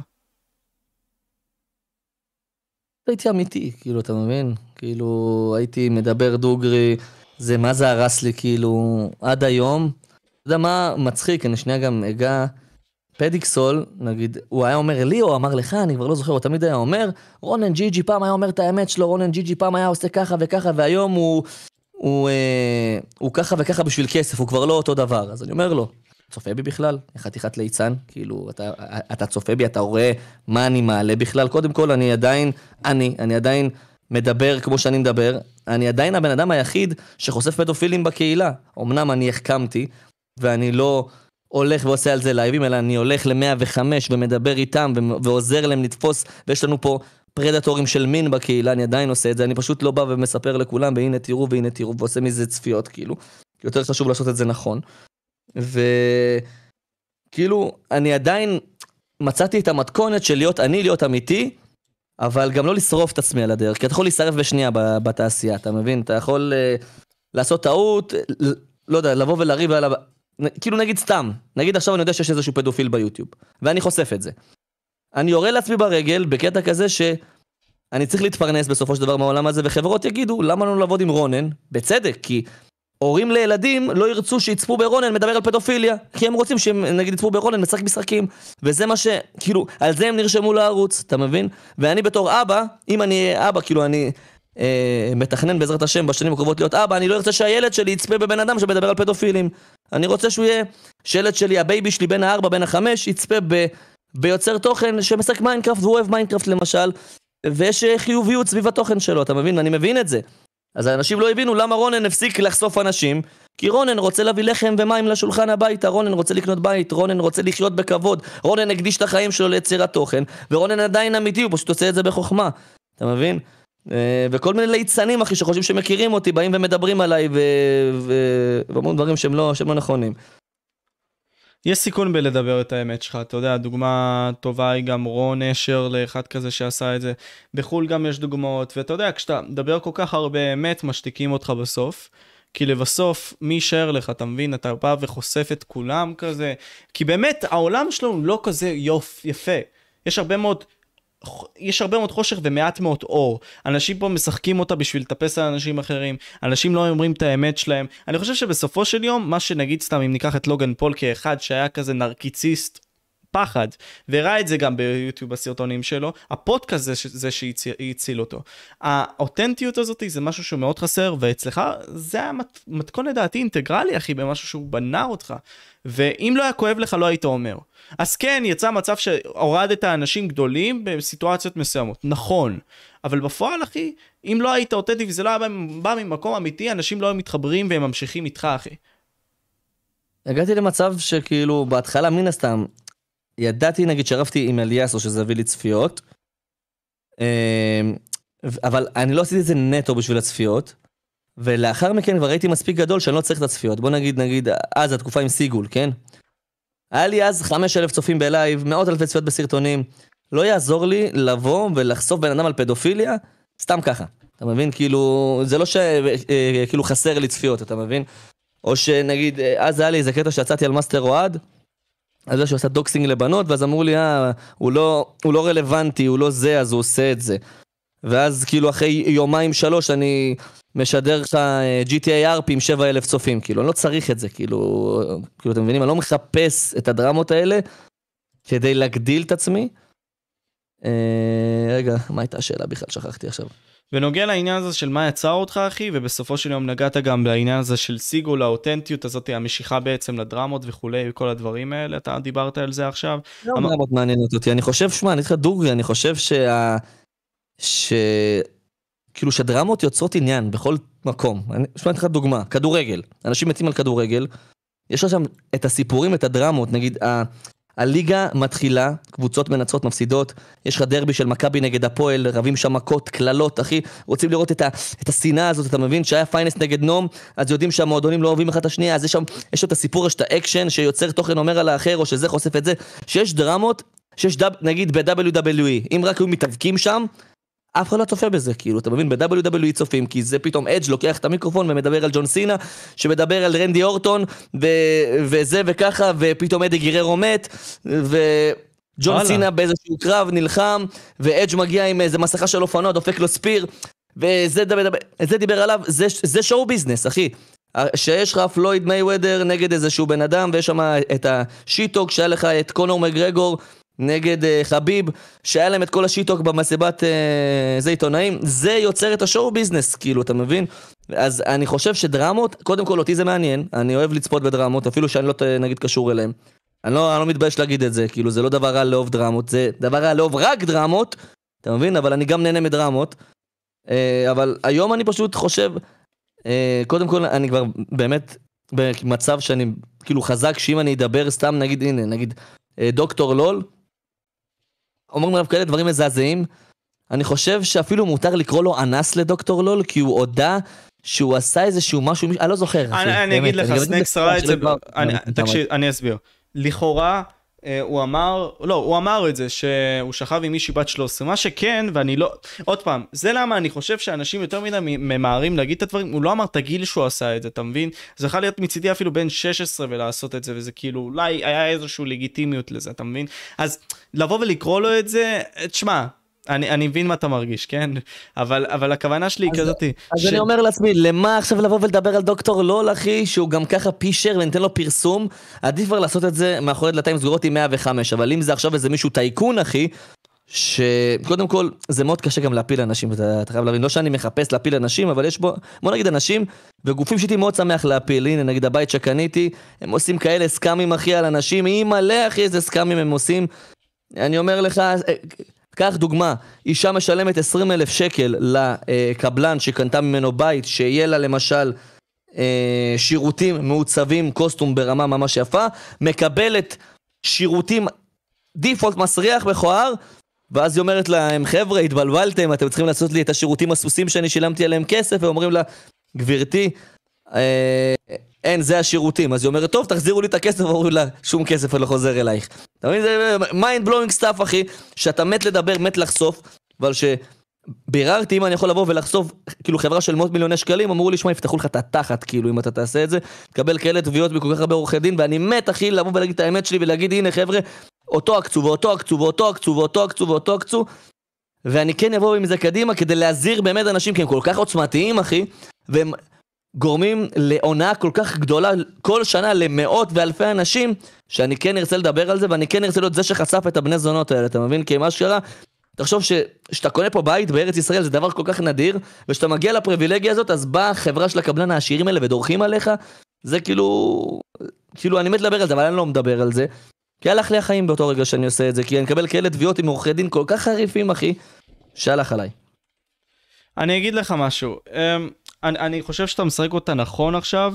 Uh, האמנם אנחנו לא צריכים להיות כמו שחקנים בהוליווד שאפילו שהם קומיקאים יבואו ויגידו לך לא אני לא אבוא ואדבר את האמת אני אבוא וירקח את הקומדיה שלי כי ככה אני רוצה כי בסופו של יום יבואו ויקטלו לי את הפאקינג תחת אחי אתה מנסה לחיות בצורה שהיא נורמלית עכשיו לקחת את הסיכונים שלך עשית הרבה מאוד ריזיקות לדרך שלך אחי דוגמה אחת אחי שהיא לא הייתה ריזיקה אבל היא הייתה קיימת זאת דוגמה של סיגול ציינת אותה אחי מה, מה נגיד סתם כאילו התברר לך באותו זמן, ומה אתה חושב על זה בהסתכלות לאחור? כאילו, אתה חושב שהציעו לי הרבה מאוד פעמים לעשות איתו פודקאסט, והייתה לי האפשרות. מה אתה חושב בנוגע לשתי הדברים האלה? אני אגיד לך, הקהל שלנו מטומטם, ישראלים, זה, אני, אני בטוח שאם הוא היה חוזר היו סולחים לו. אתה מבין? כי אחי, אתה יכול להיות הזוי בארץ, אחי. אה, אתה תגיד סליחה ויסלחו לך, אתה מבין? יש כל כך הרבה שיט כאילו שכאילו, שנאמר ונעשה, ש... שפשוט סולחים, והוא ספציפית, אה, דיבר שיחות זימה עם ילדות בנות 14, עם ילדה בת 14 יותר נכון, ושמעתי עוד כל מיני דברים שאני לא רוצה להגיד כאילו סתם, גם ניסה לתבוע אותי באיזשהו שלב. אה, אם היית, כאילו, אם היית עושה איתו פודקאסט, אז כאילו, מה היית מצפה לשמוע? הוא הרי לא יבוא ויגיד, כן, אחי, הייתי מחורמן מילדה בת 14, הוא ינסה לייפות את זה, to, to sugar coat it, כאילו, ו... אתה, כאילו, אז למה, אני שואל אותך, כאילו, למה תעשה את זה? אתה, כאילו, לא יגיד, וואלה, כן, עמד לי אחוז שרמוטה מילדה בת 14, רציתי לזיין אותה אחוז שרמוטה. אולי, אה, כאילו, אתה יודע, אתה לא תשמע ממנו את האמת בחיים. אתה מבין? הוא יעדיף לברוח ולא לחזור. בסופו של דבר. כן, אבל נגיד והיית עושה איתו פודקאסט, מה היית שואל אותו כבר, אתה מבין? זה מה שאני שואל אותך. לא, אז זהו, הרבה מאוד אנשים בצ'אט, לא יודע, מוזרים, אחי, רשמו לי, תעשה פודקאסט עם מסבר. כזה, 30 איש, אחי, בממתינים שלי עם מאור, אני לא יודע, יכול להיות שזה בגלל הטרולים, אחי. רושמים לי, אה, תעשה פודקאסט עם אה, סבר וכל מיני כאלה. אני, אני באמת אמרתי, אוקיי, בהתחלה כזה כן שלחתי לו הודעה, אני מודה, אבל זה מתוך הסכנות שלי בתור בן אדם, אמרתי כאילו, למה שבן אדם יעשה דבר כזה? כלומר, אה, לכאורה יש 300 אלף כאלה שהם פדופילים, כן, ככה יצא, יכול להיות שהמספר פה מוגזם, בארץ אנחנו מדברים. אני שואל את עצמי, אוקיי, מה אני אשאל אותו, למה עשית את זה? כאילו, מה הוא יענה לי? אה, עשיתי את זה כי... נמשך לילדים, זה, זה הכל, כאילו, זה... זה קטע כזה, יש פדופילים שנמשכים ל, לילדים קטנים ולמבוגרים ובני גילם, ויש פדופילים שנמשכים רק לילדים, שאותם יותר קשה לרפא. אסבר, כאילו, אשמה, כאילו, זה, כאילו זה קטע, הוא, אני לא יודע אם אפשר, כאילו, השיגו לו את הקטע הזה עם הילדה בת 14. אין לי, כאילו, זה היה סוג של פלירטוט, הוא שלח לה תמונות עם הבוקסים, אני אומר לכאורה, כי אני לא רוצה לשבת אותו ולהיכנס לכל זה. לכאורה שלח לה תמונות שלו, שלו עם הבוקסר וכל מיני דברים הזויים שם, אין לי מושג אחי מאיפה זה נבע, אולי מין, אולי מנואשות, אני יודע שגיימרים הם פשוט נואשים הרבה פעמים, כי זה כן להם מין, אין לי מושג באמת. מה, מה, מה, 28 כאילו אחוז מגברים היום הם אה, לא קיימו סקס, כאילו, מגיל 18 עד גיל 30, כאילו, זה הנתון בערך. במדינות המערב. 28 אחוז מהגברים הם בתולים, כאילו, לא, לא עשו סקס. ואצל נשים זה 17 אחוז. אז אנחנו... לא, יותר נשים עושות סקס, ולמרות שבביולוגיה זה כביכול הפוך. גבר אמור לעשות יותר מאשר אישה, אבל אישה בגלל הרבה מאוד סיבות שאני לא אכנס אליהן, זה מין סוג של זיוני שכל ודברים שאני חקרתי אותם. זה ככה, כן, אחי, זה נתון הזוי, אבל זה אמיתי. אז כן, תמשיך, מה אתה אמרת? שבסופו של יום, כאילו, על העניין הזה של סיגול, על העניין הזה שגיימרים אולי לא עושים סקס, כל מיני כאלה, לכאורה. אין לי מושג, אחי, כאילו, מה... אני אגיד לך בצורה כללית, את הסיפור איתו והרגשה אישית שלי, אני הגעתי למצב, איזשהו שלב ביוטיוב שלי, שהרגשתי שמנצלים אותי הרבה פעמים. מתחברים אליי uh, כדי uh, להיות חברים שלי, כי חושבים שזו הדרך להצליח ביוטיוב. הגיוני. Uh, וזה לא סוד, כאילו הרבה, הרבה אמרו לי את זה, ואני מרגיש גם שיש הרבה מאוד אנשים, לא אנשים אלא יוצרי תוכן שלא אוהבים אותי. כאילו, חלקם מסיבה באמת שאמרתי עליהם איזה משהו שהעליב אותם, ובאמת חלקם פשוט הייטרים טבעיים שלא עשיתי להם שום דבר והם פשוט שונאים אותי, לא חסר כאלה גם. אז uh, סיגול ספציפית, אני יכול להגיד לך, עזרתי להרבה מאוד אנשים להתקדם ביוטיוב, פשוט מאהבה, פשוט מתמימות, שאני לא מסתכל על זה כעסק, אלא כעוד בן אדם שמשחק איתי והוא מקבל מזה חשיפה. יכול להגיד לך הרבה מאוד אנשים שקידמתי, המון. עד שאני זוכר איזשהו צופה אמר לי, רונן, למה אתה עושה את זה? כאילו, מה אתה טמבל, אחי? זה העסק שלך, אתה, אתה לא קיבלת את זה מאף אחד. אה, אז אל תפרסם אף אחד, בגלל זה היום אני כמעט ולא פולש לאף אחד, אה, נגיד לערוץ אחרי לייב, כי אומרים, תפלוש, תפלוש, תפלוש, שלא. הגעתי למסקנה, אחי, ש... שבן אדם שהוא סוגר את השווארמה שלו, הוא לא שולח את כל הלקוחות לשווארמיה אחרת, אתה מבין? כאילו, זה, זה סתם מפגר, וזה לדעתי מניסיון לצאת יפי נפש בעיני הקהל, כאילו, שאתה רוצה לפלוש לאנשים ולהראות, תראו איזה גבר אני. אז כאילו, מצד אחד, אה, אמרתי לעצמי ש... אני צריך לדאוג רק לאנשים שקרובים אליי, כי נכוויתי מלא פעמים, אחי, מלא פעמים, הרבה מאוד אנשים, אין ספור פעמים. ואיך זה, איך זה השפיע עליך, אחי? כי אני יכול לתאר לעצמי, אתה יודע, אתה בן אדם אולי בין הגדולים בתחום הזה, ואני די בטוח שהרבה מאוד אנשים מוצצים לך על סדר יומיומי, וזה הגיוני, כי אתה בן אדם גדול, אתה משפיע. עובדה, אני יושב בדיסקורד עם אנשים ואני רואה כמה אנשים עונים לך פתאום בוואטסאפ. בן אדם קטן, אחי, ישלח הודעה בוואטסאפ, באותה קבוצת יוטיוברים, לא יענו לו ככה, כי בסופו של יום, עזוב, חברים והכל, כן? אנשים רוצים לעשות רושם טוב עליך, זה הגיוני. אבל כמה, כמה, איך זה השפיע עליך וההסתכלות שלך גם על אנשים, כשהם באמת מוצצים לך ועושים את הדברים האלה, איך זה, מעניין אותי פשוט. לא, מצד אחד אתה כזה, תמיד מנסה להיות אה, כזה down to earth, אתה לא רוצה ללכת בפוזה, כאילו אני, אני מסתכל על עצמי לא בפוזה, כאילו אתה מבין, אני מרגיש שאני ילד כאפות, כאילו מה, אני כולה עושה תוכן ברשת ואני טוב בזה, כאילו אתה מבין? אני לא ביבי נתניהו, אני לא אה, אלי, אה, אני לא זהבי, כאילו אתה מבין, אני, לא, אני כולה יוצר תוכן כאילו. אני תמיד מנסה לשמור על ה mindset הזה.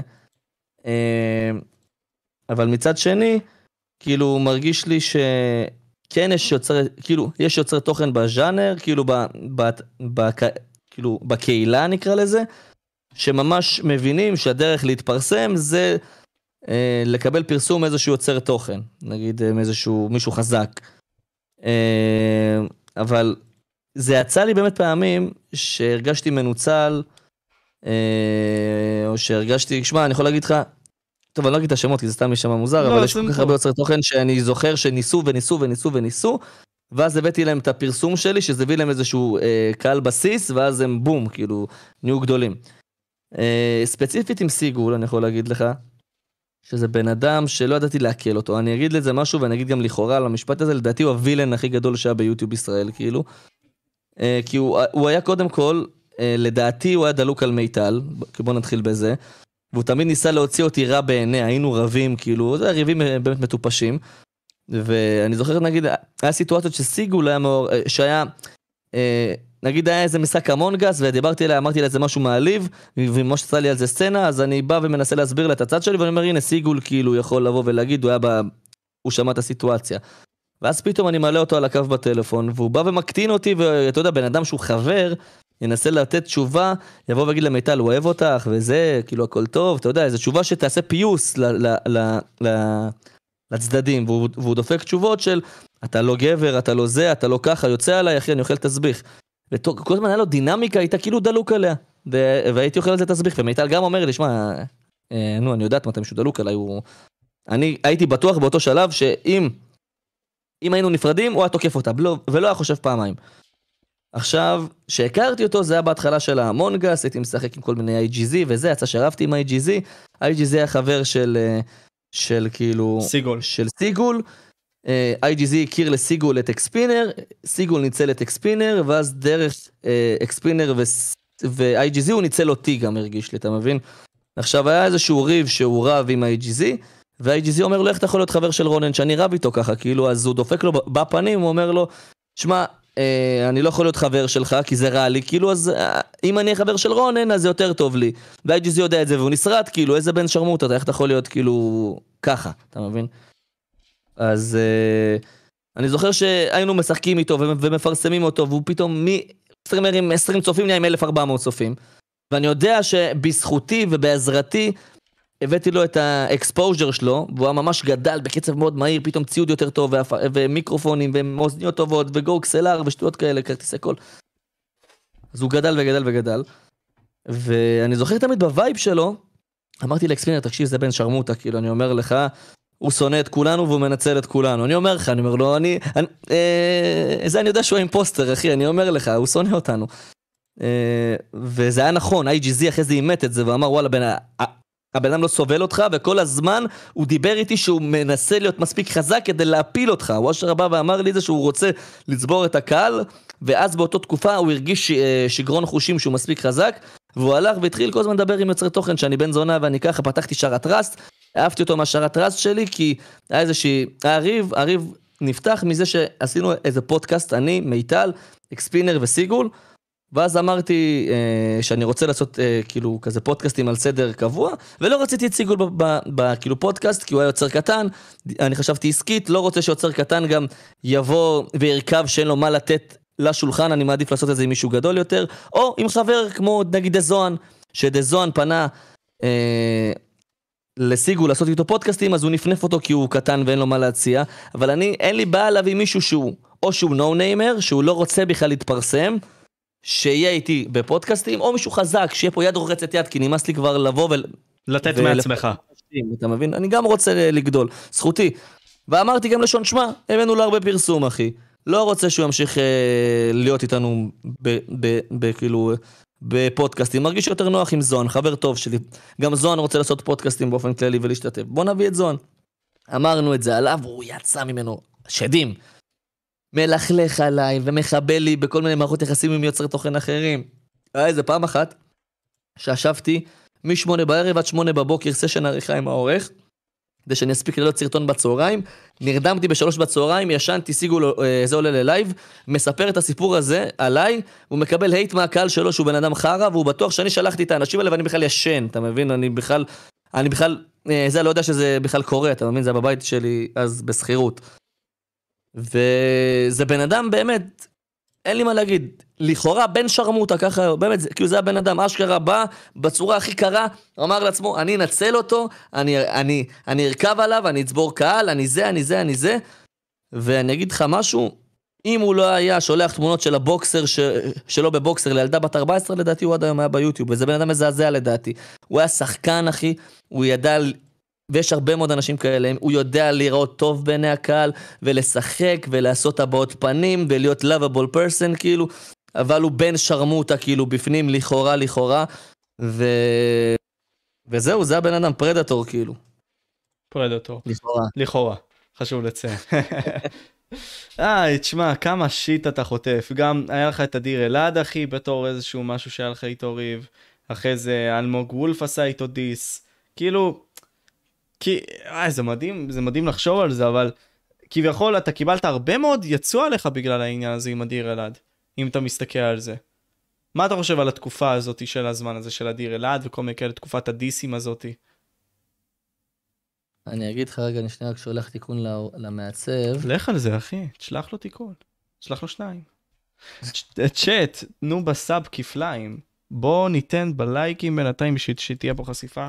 קודם כל, באמת תודה רבה עד, עד כה לרונן, באמת אנחנו עושים פה פודקאסט טוב בלי קשר. Uh, מעריך פה אתכם צ'אט על הזמן שלכם, זה לא ברור מאליו. Uh, ונקבל לתת בראש, נמשיך לתת בראש. ו... אם צריך לא ללכת לישון ומחר uh, לאחר אפילו טיפה לאוטובוס לצה"ל, לכאורה לכאורה, אז uh, זה מה שנעשה. Uh, בקיצור, אז כן, מה אתה חושב על התקופה עם אדיר אלעד? אה, אתה, אתה פנוי? חי? תתקן את המשפט. היה מצחיק בתקופה עם אדיר. נשבע אוהב אותך. תודה רבה לכם צ'אט, פודקאסט חזק. איפה סנקס? סנקס! אה, נעשה איתו בעוד איזה חצי שעה בערך. בערך. יאללה שימו לג, אני אוהב את הפודקאסט. אז רגע, אז דיברנו על מה עכשיו? אדיר אלעד. אדיר אלעד. שמע, זה באמת סיפור הזיה, ואני אגיד את הבאסה, הרבה אנשים לא יודעים את הפרטים של הסיפור הזה, הם עשו לי תדמית של בולי. האמת היא שאדיר אלעד היה צופה שלי, הוא היה מעריץ אותי, היה צופה לי בלייבים והכל. והוא היה פשוט בן אדם חסר מודעות עצמית, שהוא פתח את הטיקטוק שלו, הוא ניסה תמיד להתחבר, כאילו להיות יוטיובר בעצמו, והוא עשה את זה בקטע מאוד גרוע. ואז שהוא פתח את הטיקטוק שלו, הוא היה רוקד, והוא לא היה רוקד בצורה מרשימה בלשון המעטה. והוא היה כזה סוג של, הוא לא היה מטופח כל כך, הוא לא היה נראה טוב כל כך, הוא כאילו באמת היה נראה כמו איזה טרול. ואנשים ממש צחקו עליו, באמת בקטע מוגזם, ממש כאילו השפילו אותו והוציאו עליו משחק קראו למשחק הבריחה מחציליה, ששם כאילו אשר יצרו עליו משחק כאילו מוזר כזה, והיו מוצאים עליו שירים ופתחו עליו אתר, וצחקו עליו וצחקו וצחקו וצחקו וצחקו, כל הזמן המים הכי מטורף שהייתה באותה תקופה. ואני שנחשפתי לזה, תרמו לי בלייב סיורים לבדוק אה, את הטיקטוק שלו ולהביע עליו דעה. אמרתי דבר כזה, אמרתי חבר'ה, וואלה, באמת, אה, תתביישו באמת לכם שאתם צוחקים עליו, זה ממש לא יפה, תפסיקו לצעוק עליו, בן אדם מסכן, כאילו, למה אתם עושים דברים כאלה, בלה בלה בלה, בא ומגן עליו שזה לא יפה. שאנשים עושים מזה צחוק, סבבה? הוא שומע שאני מדבר עליו בלייב, כי הוא הצופה שלי, וזה המיוחד בשבילו שרונן מדבר עליו בלייב, והוא מגיע לדיסקורד, ומתחיל לדבר איתי, וואי, תראה רונן, אני מפורסם, אני מצ... זה הולך לי בטיקטוק וזה. ואני אומר לו, שמע, כאילו, באמת כל הכבוד לך, אבל אם לומר את האמת, אתה... אני, אני בשבילך הייתי יוצא מהאינטרנט. ואז הוא אומר לי, מה הכוונה? אני אומר לו, שמע, אתה רוצה לשמוע את האמת? אומר לי, כן, כאילו, תן לי את האמת, כאילו, מה, מה אתה חושב על כל מה שאני עושה? אמרתי לו, תקשיב, אתה עושה תוכן של ריקודים בטיקטוק, נכון? נכון. אתה עושה את זה ממש גרוע, אני אומר לו. צופים בך כי אתה, כי אתה רוקד ממש בצורה מפדחת. עובדה שבגלל זה פותחים עליך אתרים, ו, ו, ומוצאים עליך שירים, ו, ו, והוציאו עליך משחק, אחי, צוחקים עליך ממש. אני אומר לך באמת, בתור בן אדם שהוא ניטרלי, שהרגע אמר לצופים שלו שלא ירדו עליך, שזה לא מרשים, והצופים שלך צופים בך כי אתה בדיחה. והוא לקח את זה מאוד קשה, הוא אכל עליי תסביך, איך יכול להיות שרונן אומר לי דבר כזה, צופים בי, כי אני, כי אני סוס, כאילו זה הראש שלו. הוא בא והעלה עליי סטורי שעושה עליי שיימינג, ש... ואז היה לו עוד קהל, כאילו די גדול, שאני איזה בן זונה אחי שמשפיל אותו בלייב שלו. וזה היה הפוך, אני ניסיתי להגן עליו, כאילו אני מו... אני אומר לקהל שלי שלא יצחק עליו, אני בא ופותח לו את העיניים, ואומר, אני פוקח לו את העיניים, אומר לו, שמע, צוחקים עליך, אחי, בשבילך, אתה, אתה, אתה, אתה יום אחד, אה, כאילו, אתה תחכים יום אחד, יהיה לך ילדים יום אחד, יהיה לך חברה רצינית יום אחד. אתה תראה מה שעשית באינטרנט ואתה תאכל את עצמך שהיית כזה בדיחה כאילו. לא הקשיב, עשה עליי סטורי, ממש כאילו קטל אותי.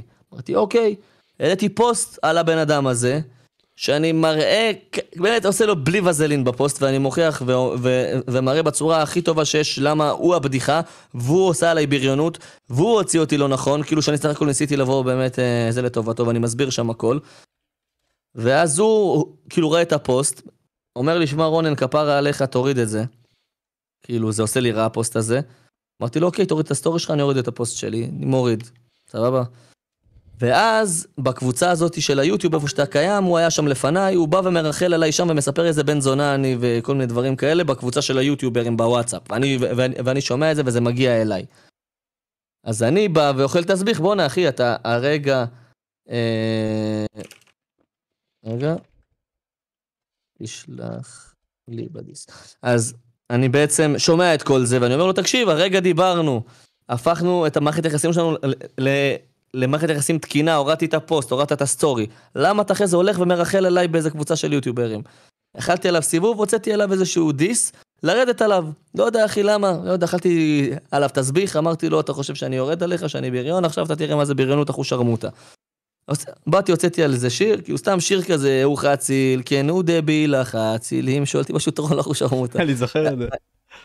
אז אה, הוא הלך לאלמוג וולף, או שאלמוג וולף פנה אליו, ואתה יודע, ישר הפכו אותי לבריון, ושאני הלא בסדר. כן, אני זוכר, עשיתי פודקאסט עם אלמוג וולף, והוא אמר משהו בסגנון הזה של, רונן, כשאתה רואה בעצם בריון באיזשהו, בכיתה כלשהי, אתה לא רוצה שהבריון יבוא ויכה תחנון. אתה רוצה להגן על החנון בזמן שהבריון בא ו fucking מכה אותו במקום להסתכל מהצד ולהגיד או זה מעניין. זה מה שהוא ניסה לקחת את ה stance הזה באותה תקופה. כן אבל הוא בן אדם שמדבר יפה אבל בוא שיסביר למה הוא לקח את אדיר אלעד, קודם כל הוא חסר מודעות עצמית, אל תעשה שיר ראפ על מגולף כי אתה לא טוב בראפ, עובדה, אתה עשית שיר מביך. דבר שני, הוא בא וגונב לו את כל הצפיות לאדיר אלעד ומעלה את זה בערוץ שלו, על מה ולמה אחי? מה זה לא מקבל צפיות בזה של אדיר אלעד? הוא אשכרה רכב על הדרמה של אדיר אלעד לקבל צפיות, ושר את רוב הדיס של אדיר אלעד במקומו, ואשכרה העלה את זה בערוץ שלו. אחי, זה להיות בן זונה, אין מה לעשות. אולי היום הוא כבר סבבה והוא הבין שהוא יצא נצלן, אבל היום אני יכול להגיד בהסתכלות לאחורה שהוא היה נצלן.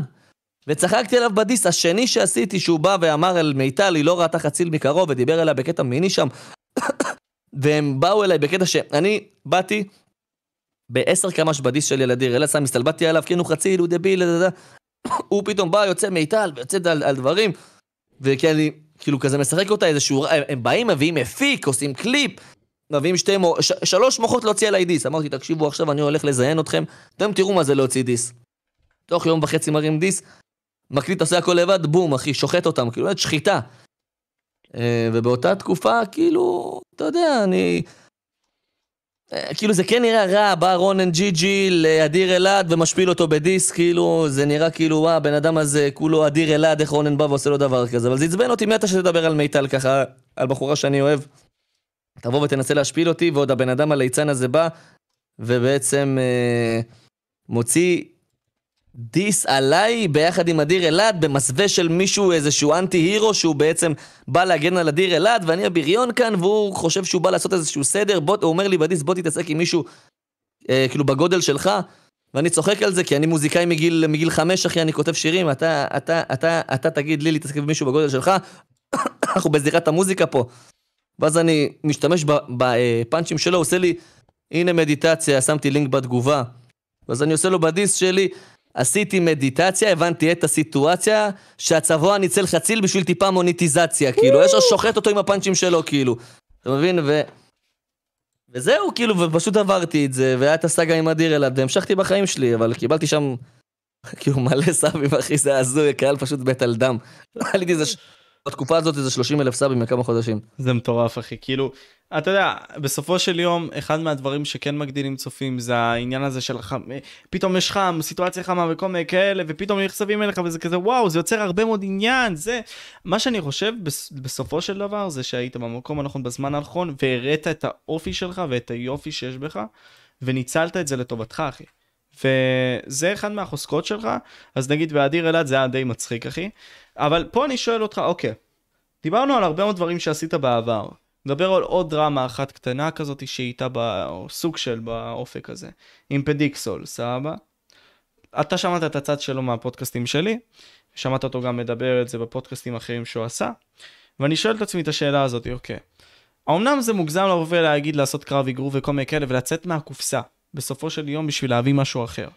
מה יש לך להגיד על זה בצורה מסודרת באמת בנוגע לסיטואציה הזאת? אני חושב שהוא נהיה דמות, הוא לא פדיקסול, הוא, הוא וואנה בי אנדרו טייט, זאת הדעה שלי עליו, אחי. כאילו, מלהיות יוצר של פורטנייט ו...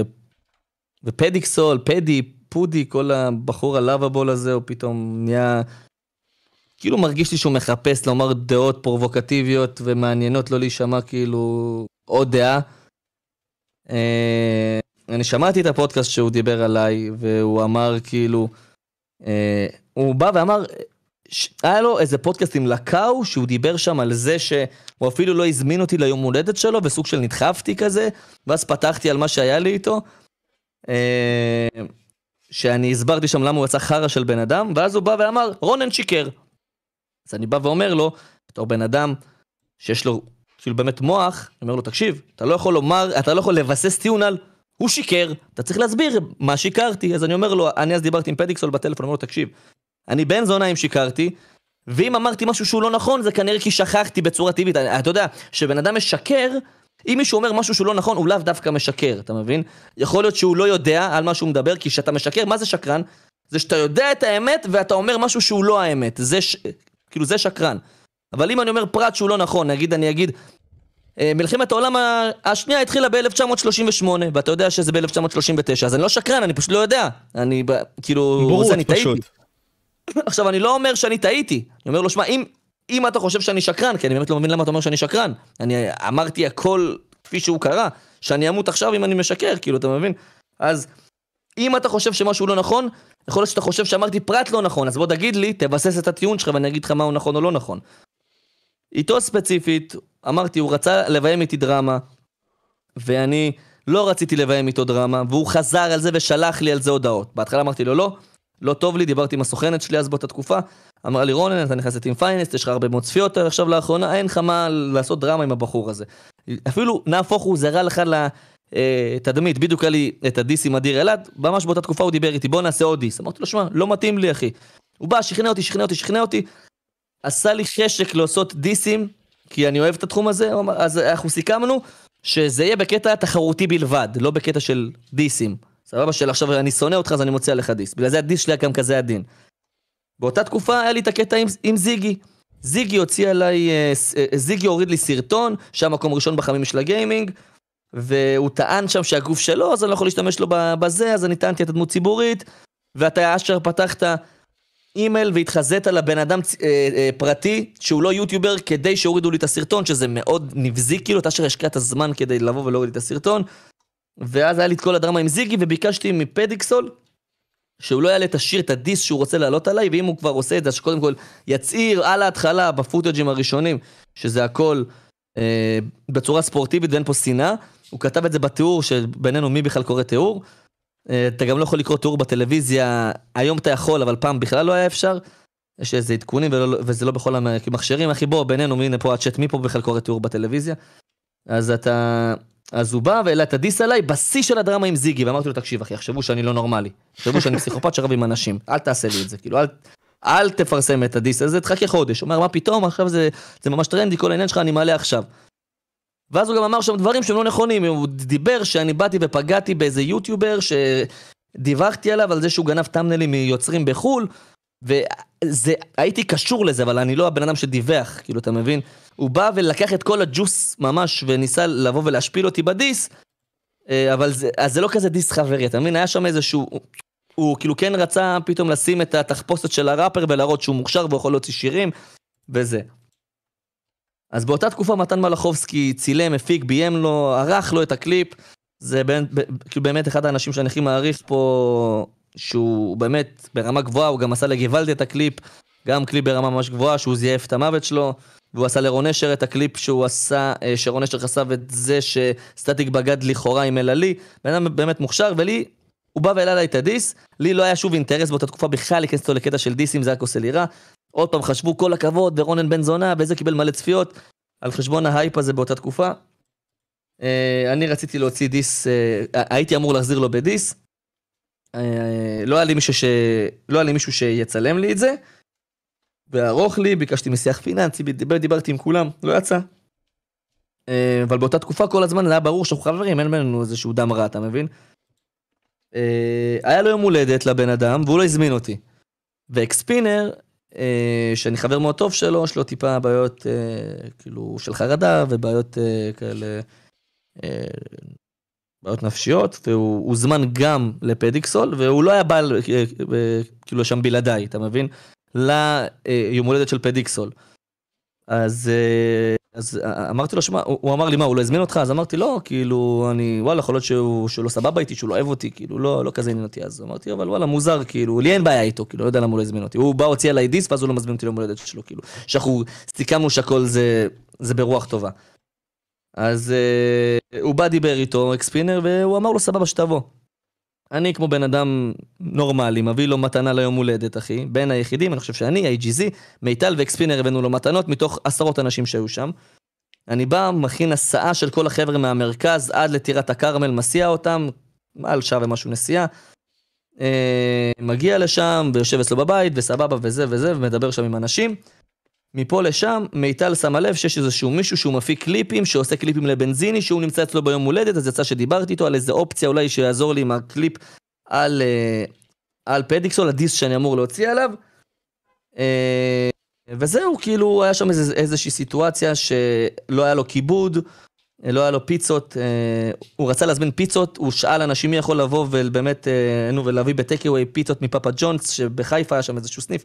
אף אחד לא כזה התנדב, אז אני התנדבתי, באתי, אספתי כסף, נסעתי, אה, הבאתי כיבוד לכל השולחן, ממש הבאתי מעצמי, גם, אני, אני גם בין היחידים שהביא לו מתנה, תחשוב בן אדם שהוא לא רצה להזמין, גם מביא לו מתנה, בין היחידים, גם דואג לו לכיבוד, אה, ולאחר מכן יצא הדיס שלי, אה, הוא בא וטען שם כל מיני דברים, כאילו, עושה, מה רונן קורא לי פדופיל? בדיס אמרתי פדי, פדי, פדי, פדופיל, לך לישון יא בן אדם, בדיחה, בן 20 תתנהג בהתאם לגיל, גבר זה מה שאישה צריכה, אתה, אתה קורא לי רעיל, אין בעיה, אה, אין, אין בעיה, אה, יש לי משהו שמפליל אותך, יודע שאתה צופה בסרטי גמר של ילדים רק כי זה מדליק אותך.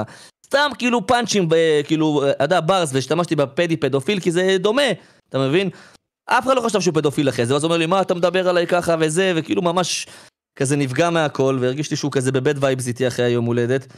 אבל הוא כזה הסתיר את זה, ואז היה לנו איזשהו קמפיין משותף עם LG שאני סידרתי לו, קיבלתי הצעה מ-LG, פניתי לסוכן שלו, ש...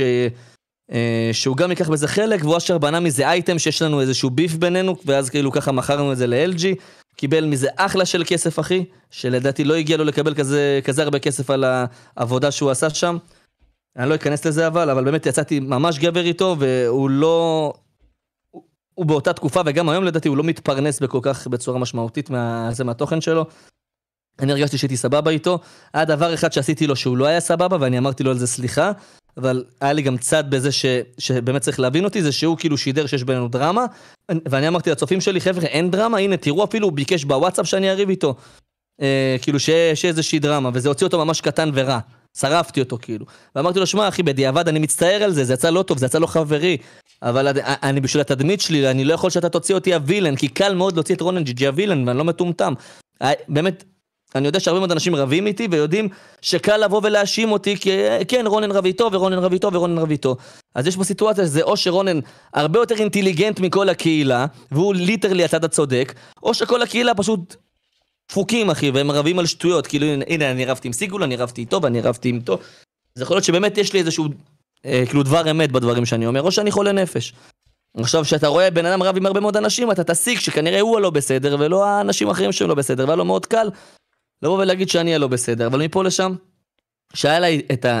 שהוא הוציא עליי את הדיס, אז... אה, ואני החזרתי לו, כאילו היינו כזה במצב של, אה, של כזה בסדר, עד שהוצאתי איזשהו סרטון.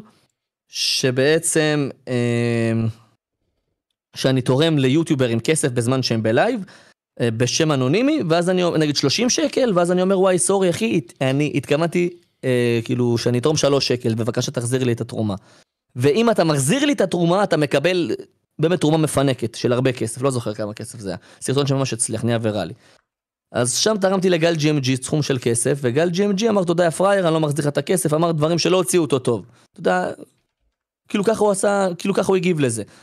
עכשיו, גל ג'ימג'י ידע שזה אחרי זה היה לסרטון שלי, ודיבר איתי, כאילו, אה, מה זה לסרטון, וכאילו, כן, זה אני הייתי, והוא שתק. יום לפני שאני מעלה את הסרטון, שעבדתי עליו מאוד קשה וגנזתי אותו ושילמתי לשתי אורחים שונים שערכו אותו, אה, זה היה סרטון יחסית קשה.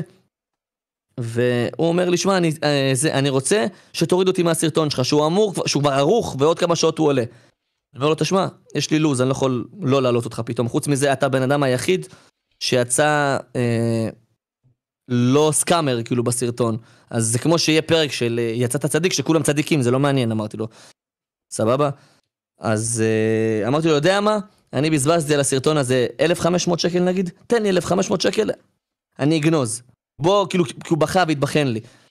סבבה, זה כאילו זה מה שאמרתי לו. ואני בינינו אומר לך, גם אם הוא היה מציע לי 4,000 שקל, אני מעדיף להוציא סרטון ולא, ולא, אה, נו, ולא סכום של נגיד 4,000 שקל.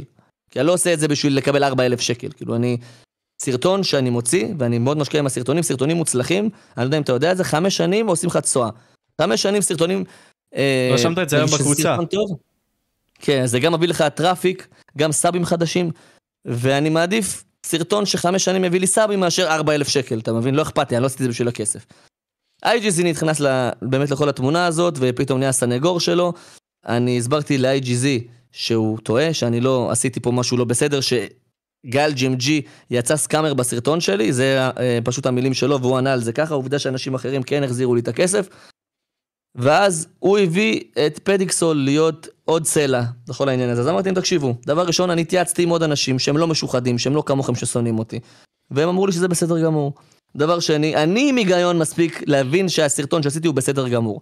ואז הם, ואז הם מנסים לבוא ולהטות את הכף. אז, אז פדיקסול אומר לי דבר כזה, הוא אומר לי, שמע, זאת לא פעם ראשונה שאתה רוכב על אחרים, שאתה שורף מישהו בשביל צפיות. אז אני אומר לו, תקשיב, ביצאת צדיק, אנשים יוצאים רעים. בסרטון שלי ידעתי שמישהו יצא רע. אמרתי לו, גם פיירוולף עשה את אותו קונספט והבאתי לו קרדיט, זה... אה, נו, זה לא הרעיון שלי הסרטון הזה. פיירוולף עשה כזה סרטון, והוא שם הוציא את זיגי רע. אז אני אומר לו, תקשיב, אם זיגי קיבל אש וזה זיגי, מי זה גל ג'ימג'י שלא יקבל אש, אתה מבין? זה כולה גל ג'ימג'י, אם שורפים מישהו כמו זיגי, למה שגל ג'ימג'י לא יישרף? כאילו, מה אתם באים עליי בכלל? אמרתי, מה אתם רוצים ממני? אז אמרתי לו, קודם כל, יא חתיכת צבוע, סבבה? אתה אומר לי שאני רומס ואני זה, אין לך בכלל עמוד שדרה.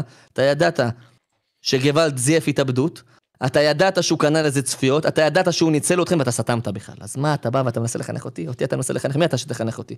אמרתי לו בכלל, מה אתה בכלל קשור לפה? מה אתה בא להיות סנגור של משהו בכלל? ואז זה נהיה מאוד מכוער, הוא אמר לי, אם הייתי מוציא עליך דיס באמת, הייתי משפיל אותך, הייתי... אתה לא היית יוצא מהבית, אמרתי לו, צא מהסרט שלך, אחי, אתה לא ראפר, אתה לא כלום, אחי, די, די. כאילו, צא מהסרט הזה, כי אם אני הייתי מוציא עליך דיס, תאמין לי, אחי, שאני פסיכופת. אני אשב גם שבוע כדי שאני אכתוב דיס שזה שיהרוג אותך. ואני לא בא בקטע כזה, אמרתי לו, עזוב אותי את השיחה הזאת, אני ישר פשוט באתי, ניתקתי, הלכתי מהשיחה הזאת, לא רציתי אה, אה, להיות חלק מהשיחה הזאת. אחר כמה זמן, אני מדבר איתו בטלפון, לא לי נעים באמת מכל האש הזאת שהייתה, ואני אומר לו, כאילו, אחי, כאילו, כאילו, מה יש? למה דיברת אליי ככה? מה היה שם בעוד השיחה? כאילו, אנחנו מדברים. יכול להיות שמה שאני אומר לך פה זה לא מאה אחוז, אני לא זוכר איך התחלתי את השיחה, אני זוכר מה נאמר בשיחה, אנחנו מדברים על מה שהיה כאילו בשיחה, זה, זה במאה אחוז.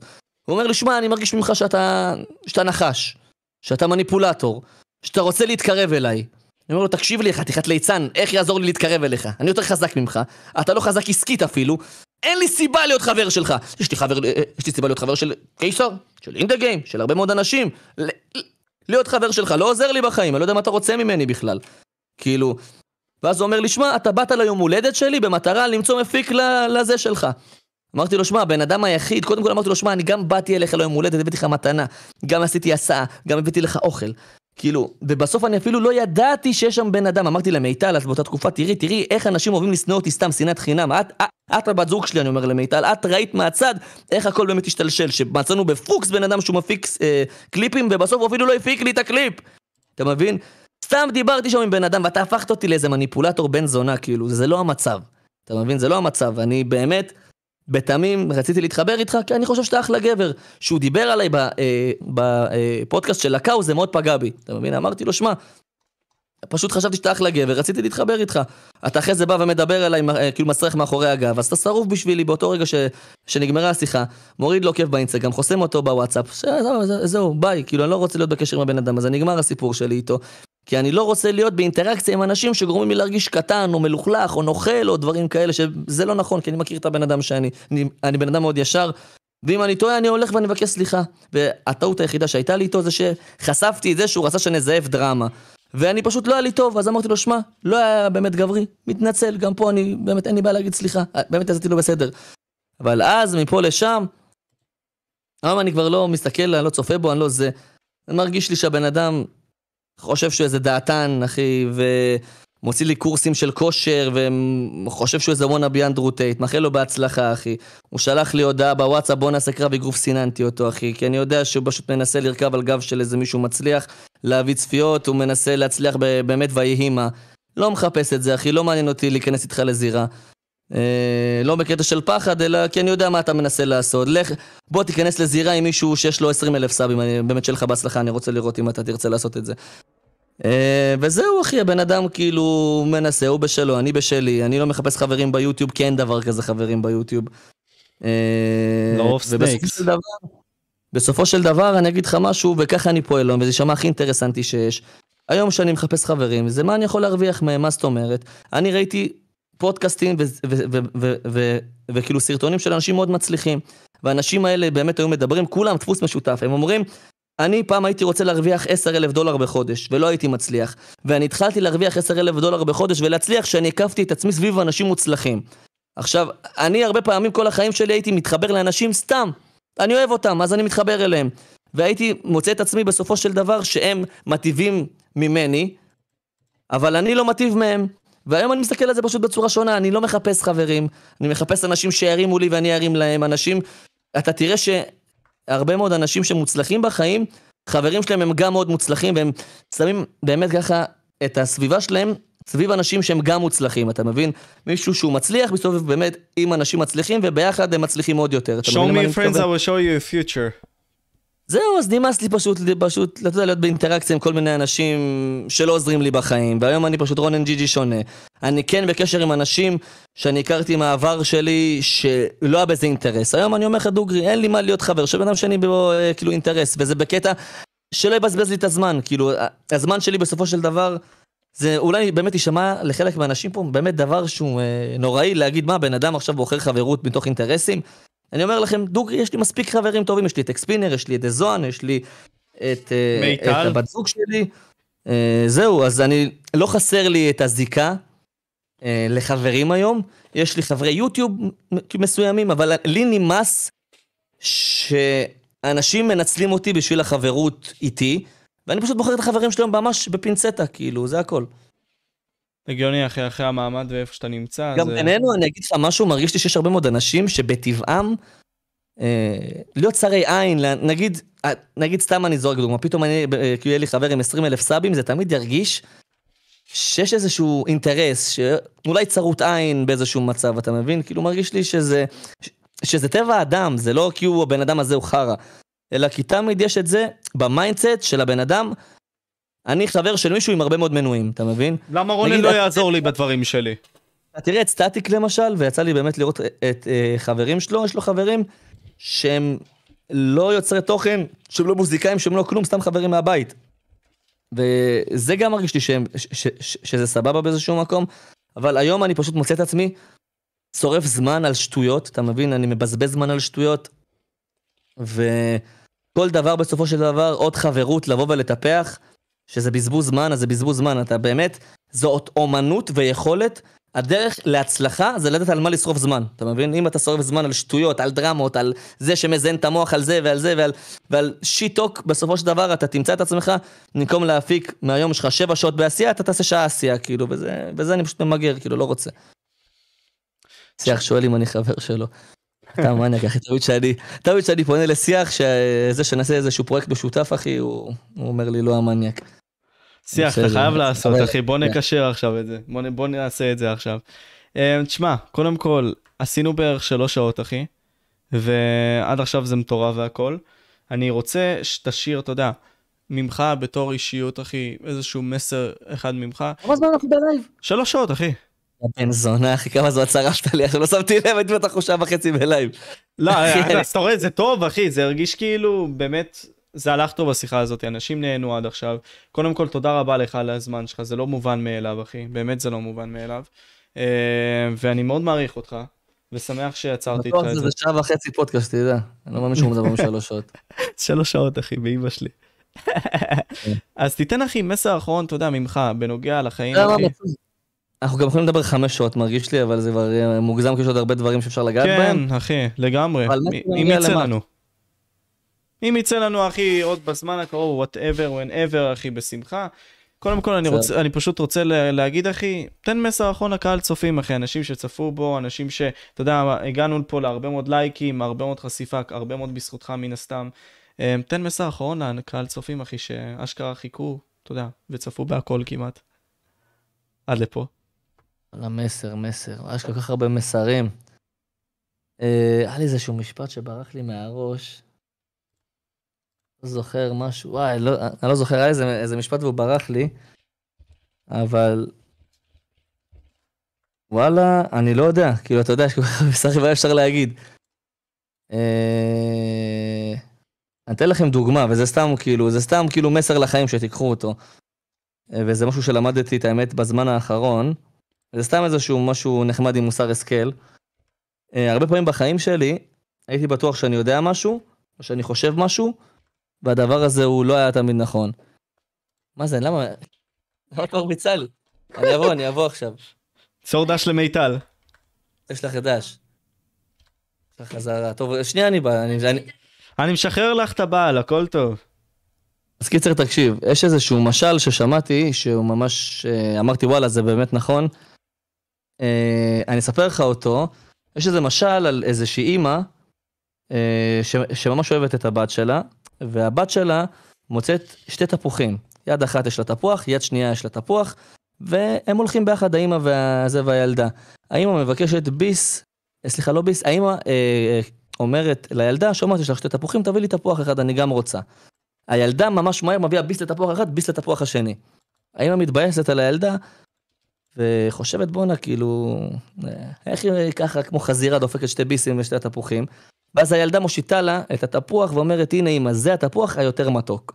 אתה מבין? אז היא בראש שלה, אתה יודע, כאילו, אני גם חשבתי, בואנה, איזה, כאילו, באמת, איזה ילדה אה, חזירה וקמצנית. אז הרבה פעמים בחיים שלנו אנחנו בטוחים שאנחנו חושבים איזשהו משהו שהוא נכון, אבל הזווית שלנו היא בכלל שגויה לגמרי. אז מה שאני בא להגיד לקהל, וזה משהו שאני הרבה מאוד שנים חטאתי בו, אה, זה שצריך הרבה פעמים לדעת או להסתכל על, על סיטואציות מהרבה מאוד זוויות, וזה גם יוביל אתכם להצלחה בחיים. כאילו, הרבה, כי החיים זה רצף של סיטואציות, ורצף ורצף ורצף, והרבה פעמים האנשים שמצליחים זה אנשים שמפרשנים את הסיטואציות בצורה הכי מוצלחת. אז הרבה פעמים צריך פשוט לדעת להסתכל על כל הזוויות. וליצור את הסיפור לא. הנכון בראש שלך, אחי. אה. בשביל לגלות לאיזשהו מסר. טוב, תשמע רונן, אחי, תודה רבה על הזמן שלך. לפני שהאישה תמשיך להכות אותך עם בקבוק, אחי, של מים, אה, אני אשחרר אותך, אחי. תודה רבה לך, מקווה שאתה נהנית מזה. וסך הכל. לא יצא שיח סרק. ויאללה, אחי, אה. תודה רבה לך. אני עכשיו אלך לפודקאסט עם מאור גם, ב grind כזה. ביי, בהצלחה. יאללה, תודה אח שלי, אוהב אותך, ביי אחי. יאללה, צ'אט, היה פה נחמד, היה פה טוב, רגע, אני אשים, אתם יודעים, אותי, סוג של מדבר עכשיו. אני אוהב אתכם, תודה רבה לכם, בלעדיכם זה לא היה קורה, ואתם התקווה שלי בהרבה מאוד מהמקרים לעשות את הדברים האלה למציאות אמיתית.